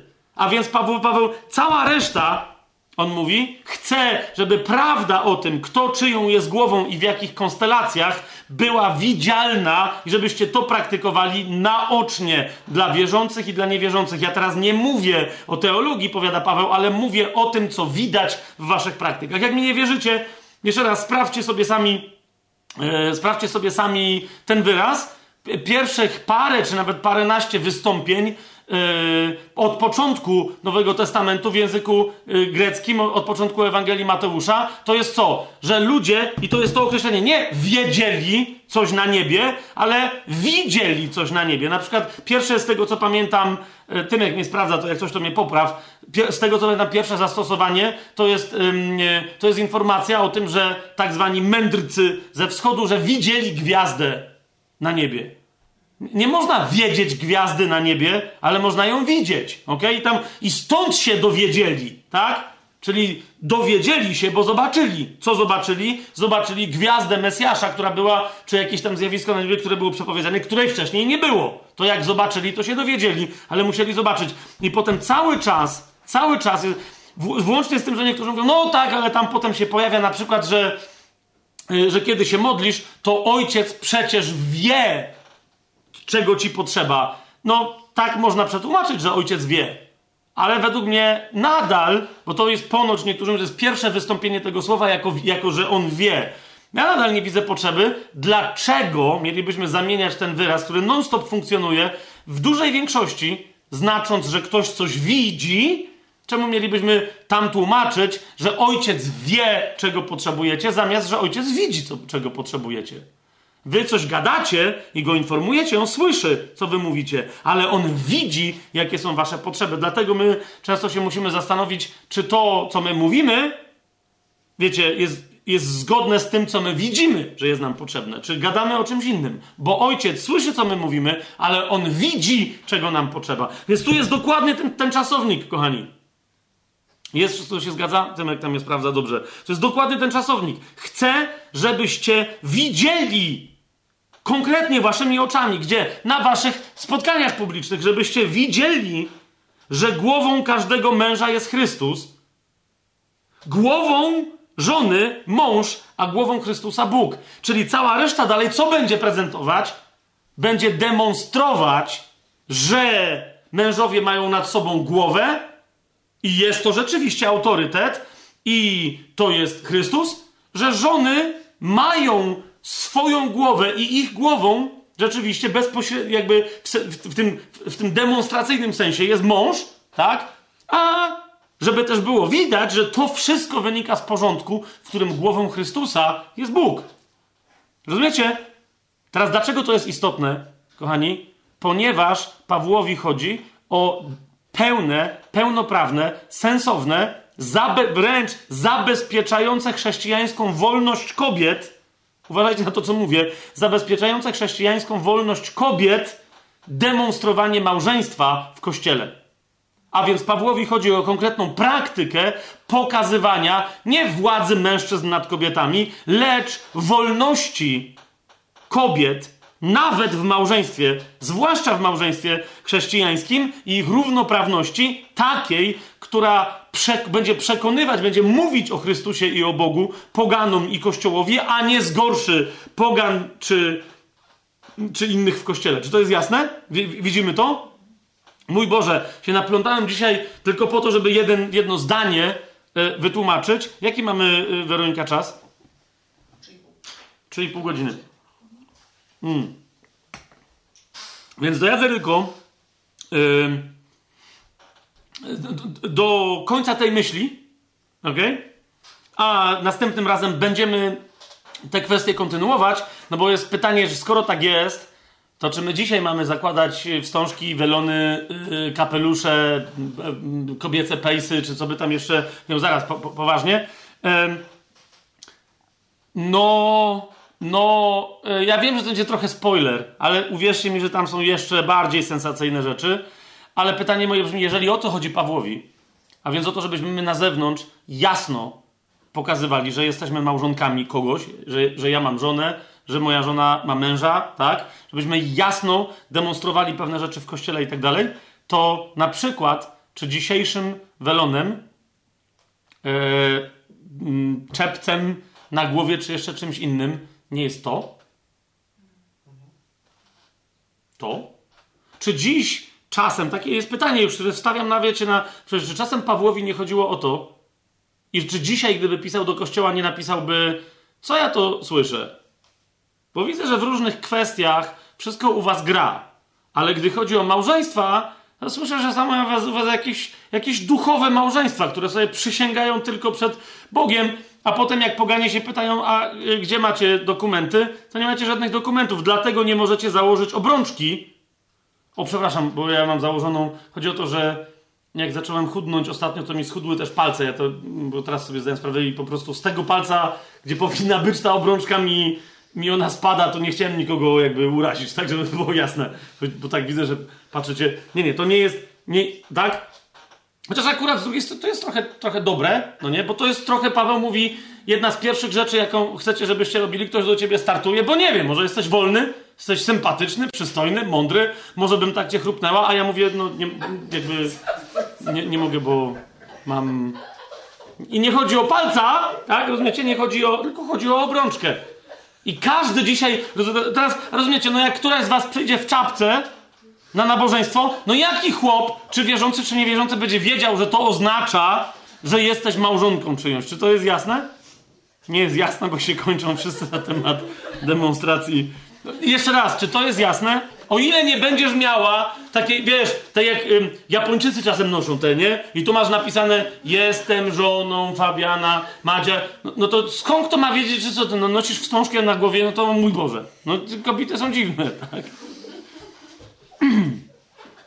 Jeszcze raz, wszędzie, powtórzę to, wszędzie, wszędzie, wszędzie, gdzie Paweł odnosi się do porządku stworzenia, także odnosi się do małżeństwa. Jeszcze my do tego wrócimy, ale mm, y, wiecie, jeden z takich mocno kontrowersyjnych fragmentów, otwórzmy sobie yy, pierwszy do Tymoteusza. Tak? Mamy tam taki fragment, który mówi, dwunasty werset, to jest pierwszy do Tymoteusza, drugi rozdział, dwunasty werset. Tak? Dokończymy kontrowersje związane następnym razem z 11 rozdziałem pierwszego listu do Koryntian, ale mamy też tą kontrowersję. Pierwszy do Tymoteusza, drugi rozdział, dwunasty werset. Nie pozwalam zaś kobiecie nauczać, ani mieć władzy nad mężczyzną, lecz aby trwała w cichości. Tak? Jak się domyślacie, zapewne, to jest ten wyraz, który można byłoby przetłumaczyć jako męża i żonę. Dlaczego uważam, że to jest złe tłumaczenie i że to, to zdanie powinno być. Ostatnio ktoś do mnie przedmówi, Fabian, ale jak ty możesz mówić, że nigdzie w Biblii nie jest napisane, że nie pozwalam nauczać? Przecież jest tutaj napisane. Mówię, no ja, takie masz tłumaczenie, ale według mnie w Biblii ma tam mowy o mężczyznach i kobietach. Tam jest mowa o relacji żony do męża. Dlaczego? Bo, trzynasty werset, Adam został stworzony najpierw, potem Ewa. Do czego to jest odniesienie? Argument ze stworzenia. Niektórzy mówią, to jest argument ze stworzenia, który zabrania nauczać kobietom czegoś w kościele? Nie. Nie pozwalam natomiast żonie nauczać ani mieć władzę nad mężem, lecz aby trwała w cichości, w relacji z nim. Jeszcze tam tą cichość też wyjaśnimy. Jak się domyślacie, to, to wszystko jest naplątane przez tradycje rozmaite dzikie. Dlaczego? Bo Adam został stworzony najpierw, a potem Ewa. I tyle. Rozumiem, po pierwsze, tak? To jest ten sam argument, pamiętacie, co w pierwszym do Koryntian w 11 rozdziale. A jest argument ze stworzenia, a potem jest co? A potem jest argument z grzechu. I mówi jeszcze na domiar wszystkiego, ona ma pewne kary naturalnie i on też na, na siebie ściągnięte. I nie Adam został zwiedziony, lecz, lecz kobieta. Jaka kobieta? No jego żona. I nie Adam został zwiedziony, lecz żona, gdy została zwiedziona, popadła w przestępstwo. Ona tam nie reprezentowała wszystkich kobiet na świecie z wszystkich pokoleń, rozumiecie? Ona tam reprezentowała, tak, zgadzam się, wszystkie żony. Podobnie, podobnie jak uległa we właściwy Boży sposób Abrahamowi, który otrzymał obietnicę dla nas wszystkich, którą jest Chrystus, którą my żyjemy, list do Galacjan, amen? Podobnie jak żona tegoż Abrahama jest matką wszystkich chrześcijańskich żon. Dlatego pa Paweł mówi, yy, Piotr mówi, jesteście jej córkami wtedy, kiedy. Tak? To jest to. I ona tutaj jest prekursorką, prearchetypicznym obrazem każdej żony, tak? I również w związku z tym Pan pokazuje pewną drogę, jak yy, z grzesznego małżeństwa i z bycia pogańską żoną stać się chrześcijańską żoną. Stąd się pojawia tam sławetne lecz będzie zbawiona przez rodzenie dzieci. Jak się domyślacie, tu pewnie też jest co innego napisane. Nie do końca, ale no kontekst... Ach, tu jeszcze dotrzemy. Niemniej po, powtórzę to. Wszędzie, gdzie widzicie argument za stworzenia albo z pierwszego grzechu, on się odnosi do człowieka jako do małżeństwa, a więc stosuje się do małżeństw i to nam pomaga tłumaczyć te fragmenty, tak? A nie do ogólnie kobiet i mężczyzn, bo nic takiego w planie Bożym nie istnieje. Dla, człowiek jest jeden, funkcjonuje jako mężczyźni i kobiety, ale w momencie, kiedy my już doświadczymy pełni zbawienia, będziemy jacy? Jako aniołowie w niebie indywidualnie. I ani się nie będziemy żenić, ani za mąż wychodzić. Amen? Bo w, i, w, i to nas uzdatni do tego, żeby wszyscy razem jako święta wspólnota takich właśnie jako aniołowie funkcjonujących osobowości, żebyśmy wszyscy razem byli małżonką jak najbardziej kobiecą, jak najbardziej męskiego Chrystusa. Jest to jasne? Jeżeli więc, jeżeli więc yy, wszędzie, gdzie pojawiają się takie argumenty, chodzi o męża i żonę, to jeszcze raz powtórzę w 11 rozdziale, w pierwszym liście do Koryntian, chodzi o męża i żonę. Okay? I to, co, na co im to pozwala, a na co im nie pozwala, oraz innym wobec małżeństwa, na co pozwala, a na co nie pozwala w kościele. Ok? Dalej. Eee... Jeszcze raz, kontekstem, jeszcze raz to powtórzę, tego, co Paweł tu mówi o małżeństwie, jest, aby dziesiąty rozdział, 32 werset pierwszego listu do Koryntian, nie być zgorszeniem ani dla Żydów, ani dla Greków, ani dla Kościoła Bożego. Tak? I teraz zauważcie, yy, i teraz zauważcie, my jeszcze do tego tekstu przejdziemy, ale jak jedenasty rozdział wywołał, czy niewłaściwe jego rozumienie wywołało kontrowersję, tak potem, yy, tak potem się dowiadujemy yy, w czternastym rozdziale, gdzie po prostu Paweł wraca, wy jako małżeństwa, mówi nie wprowadzajcie zamieszania na wspólnych spotkaniach, na publicznych zwłaszcza, głównie na publicznych spotkaniach. Nie wprowadzajcie zamieszania. Bo potem na prywatnych, na których nie mają wstępu poganie, czyli na wieczerzach, mówi o czymś innym. Ale mówi na publicznych spotkaniach, po pierwsze, jako małżeństwa nie wprowadzajcie zamieszania. Potem mówi, nie wprowadzajcie zamieszania usługą charyzmatami, tak zwanymi darami Ducha Świętego. W 14, to jest 12 rozdział, w 14 rozdziale Paweł to rozwija, tak? Y, dla, skąd o tym wiem? No bo on tu cały czas mówi, że yy, na przykład. Yy, 14 rozdział, 23 werset. Jeśli więc cały Kościół zbiera się w jednym miejscu i wszyscy mówią obcymi językami, a wejdą nieuczeni albo niewierzący, czy nie powiedzą, że szalejecie? I potem wyjaśnia, co w związku z tym zrobić, tak? A więc widzicie, mamy kontekst. Ktoś powie, a skąd wiemy, że w 11 rozdziale jest ten sam kontekst? Za chwilę. Czy nie powiedzą, że szalejecie? I teraz z tego samego, i potem Paweł wraca i mówi, i tak samo w małżeństwach. Jak już wam wyjaśniłem w 11 rozdziale, jak się macie prezentować jako małżeństwa, to teraz przypominam, że kobiety z drugiej strony, które są czyimiś żonami, są małżonkami, są w małżeństwach, nie mają żadnych ekstra specjalnych praw przez fakt, że mogą ze względu na aniołów nosić władzę na głowie, bo tak, tam jest mowa o władzy i nie, nie ma tam mowy o władzy męża nad żoną. Mhm ale o władzy kobiety, która wynika z tego, że jest czyjąś żoną. Tak? Dlatego ta władza ma być wyraźna ze względu na aniołów, bo ludzie jakby z innych powodów mają pewne rzeczy zobaczyć. Ze względu na aniołów. Ale mówi to, że kobiety i tylko mężatki, pewnie o to chodzi, tylko mężatki mają prawo do tej władzy na głowie ze względu na aniołów. Tak? Tylko później niech te kobiety z tego powodu nie cwaniakują, że zaś mają większe prawa niż inni członkowie w kościele, a zwłaszcza niż kobiety, które są niezamężne. Tak? I o to chodzi Pawłowi, kiedy w 14 rozdziale, e, w 34 wersecie e, mówi e, i kontynuuje: Niech wasze kobiety, jak myślicie, o kim tu jest mowa? Niech wasze żony milczą w kościołach bo nie pozwala się im mówić, ale mają być poddane, jak też prawo mówi. Komu mają być poddane? Kościołowi, pastorowi, starszym, aktualnie prowadzącemu nabożeństwo? Nie, problem polega na tym, że te kobiety mają być poddane komu? Mężom! O czym wcześniej była mowa w 11 rozdziale. I na ten temat zresztą widzicie, że dalej kontynuuje Paweł, a jak się chcą czegoś niby nauczyć, bo jeszcze jest pytanie, czy tu chodzi o to, że nie wolno im mówić, czy, czy co innego.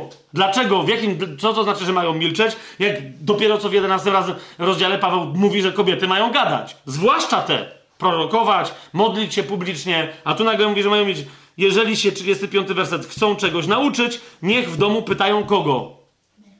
swoich mężów. Nagle tu tłumacz się kapnął, że a zaraz, to już by było głupie, jakby tu powiedzieć, niech się w domu pytają swoich mężczyzn. Czy kogo? Wnuków? Synów? Kochanków? No nie, to jest jasne, że mężczyzn. No to może niech wasze żony milczą, skoro się następnie pytają swoich mężów w domu. Jeżeli mają mężów, to są czyimiś żonami. A jak jakaś kobieta nie ma męża, to nie jest niczyją żoną, tak? No ale też nie do niej stosuje się zasada, żeby poszła do domu i się spytała męża, bo czyjego? To ma do cudzego pójść? Nie wiem, czy widzicie, no z samego tego prostych dwóch wersetów wynika, jak powinna być przetłumaczona, yy, przetłumaczone kobiety w 34 wersecie. Żony! Hańbą bowiem jest dla żony i tu jest ten czasownik, który sobie dopiero przetłumaczymy. Cosik tam robić w kościele, bo na pewno nie chodzi o przemawianie publiczne. Hańbą jest dla kobiety. Taką samą, jak jeżeli pokazuje się, będąc mężatką, jakby nie była mężatką. Bo o to chodzi z nakrywaniem głowy. Już robię też spoiler, tak? O to chodzi z nakrywaniem, yy, z nakrywaniem głowy przez kobiety, że one mają demonstrować, że są mężatkami, tak? Co jest znakiem i dla niewierzących, i dla Żydów, i dla wierzących, i dla tych fascynujących aniołów, bardzo konkretnych aniołów, o których Paweł w paru miejscach wspomina, w, zwłaszcza w miejscu, w którym nie nazywa ich aniołami, więc nie wszyscy kojarzą, gdzie to jest. Okej. Więc i e, małżeństwa, mężowie, ale zwłaszcza żony, to jest cudowność w ich wolności chrześcijańskiej, równości, w godności itd., tak itd., tak e, mają nie zgorszyć, ale być fantastycznym znakiem. Jeszcze raz powtórzę. Dla niewierzących, dla Żydów, też niewierzących, ale Żydów to jest trochę co innego, rozumiecie? Żyd i Grek, tak? Dla wszystkich wierzących oraz dla aniołów. Skąd my wiemy, że i, i, i na tym dzisiaj zakończę, tak? Tu mam jeszcze dalej notatki, ale e, skąd my wiemy, że w 11 e, rozdziale pierwszego listu do Koryntian, bo w 14 rozdziale to jest jasne, tak? tam jest kontekst przychodzących na publiczne zgromadzenia yy, niewierzących albo nieuczonych chrześcijan. Tak? I tam kobiety wtedy nie powinny, po prostu powinny milczeć. Tak? A skąd wiemy, że w 11 rozdziale, że od początku 11 rozdziału chodzi o takie zgromadzenia?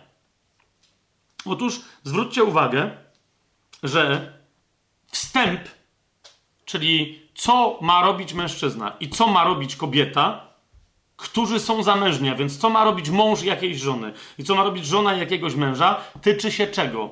Publicznej sytuacji czwarty i piąty werset 11 rozdziału. Każdy mężczyzna, gdy się modli, albo prorokuje z nakrytą głową, hańbi swoją głowę. I każda kobieta, gdy się modli, albo prorokuje z nienakrytą głową, hańbi swoją głowę. Niektórzy mówią, no ale co, nie może sobie prorokować e, prywatnie, albo modlić się prywatnie? No nie. Dlaczego? Ponieważ cały kontekst tego, o czym pisze Paweł i praktyka Koryntian, nie tylko Koryntian, ale wszystkich kościołów bożych jest jaka? Że samo słowo prorokować, którym Paweł się tu posługuje, oznacza aktywność publiczną. Skąd o tym wiemy? 14 rozdział pierwszego listu do Koryntian, wersety 2 do 4. Ten bowiem, kto mówi językiem, obcym językiem, nie mówi ludziom, ale Bogu, bo nikt go nie rozumie.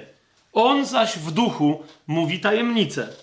Ale ten, kto prorokuje, mówi do ludzi Widzicie to?